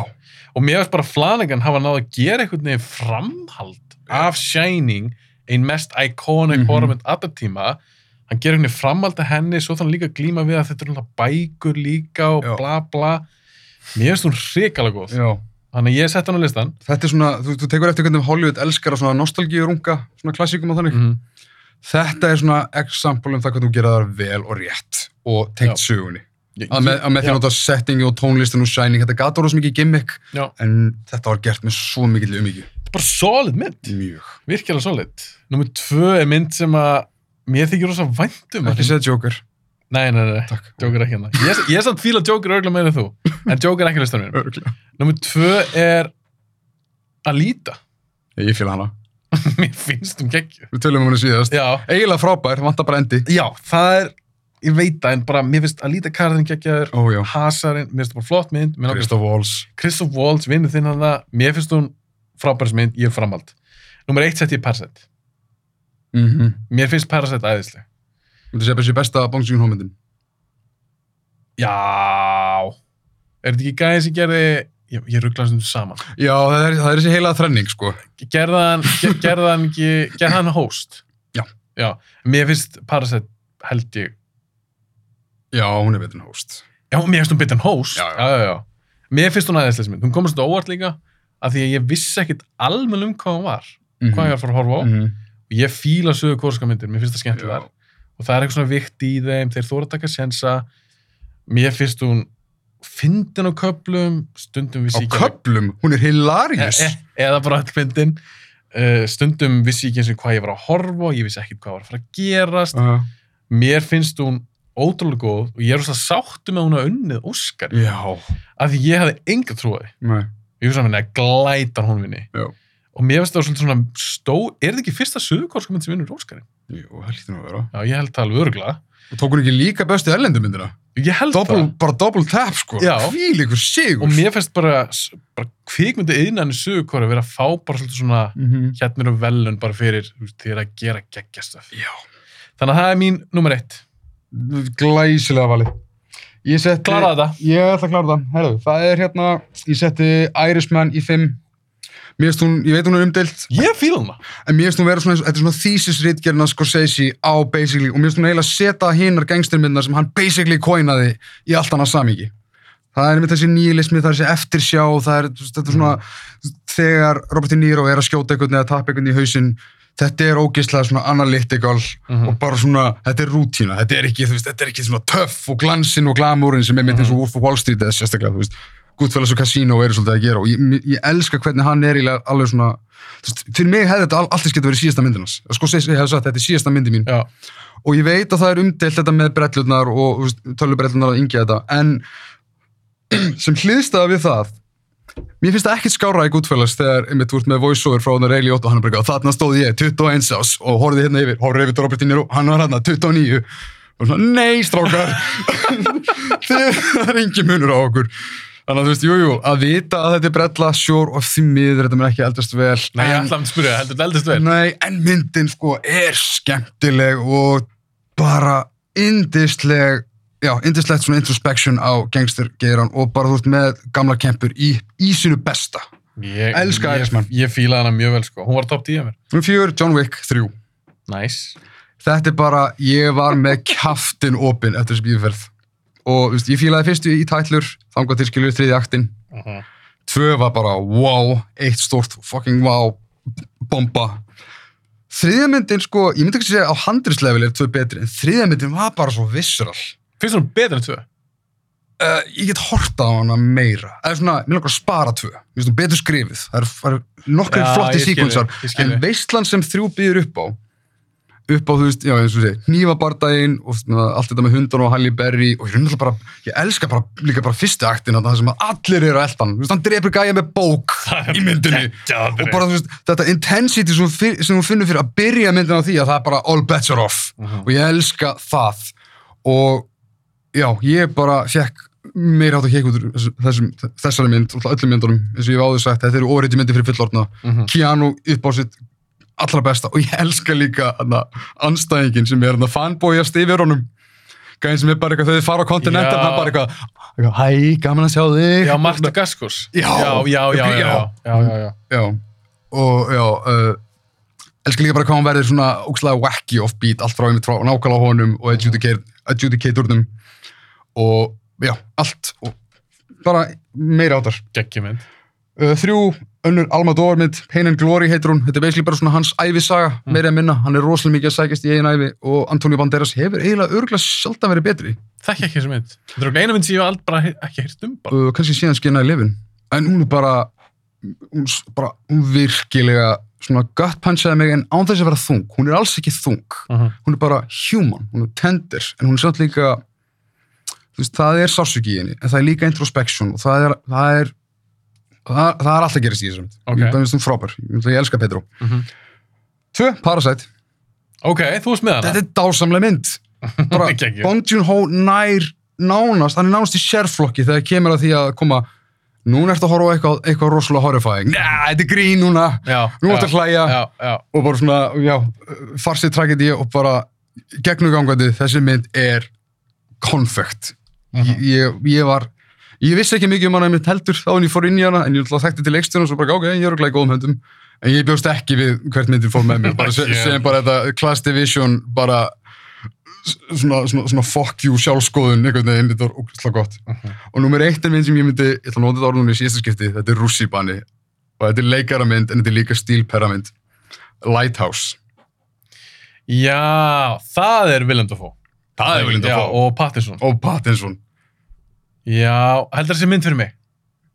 Ég veit Ég fílaði ekki Wits. Nei, en ég, ég, ég hef heyrt það sama frá fólki sem elskar þessa, sko. Og hún er bara svo nuts.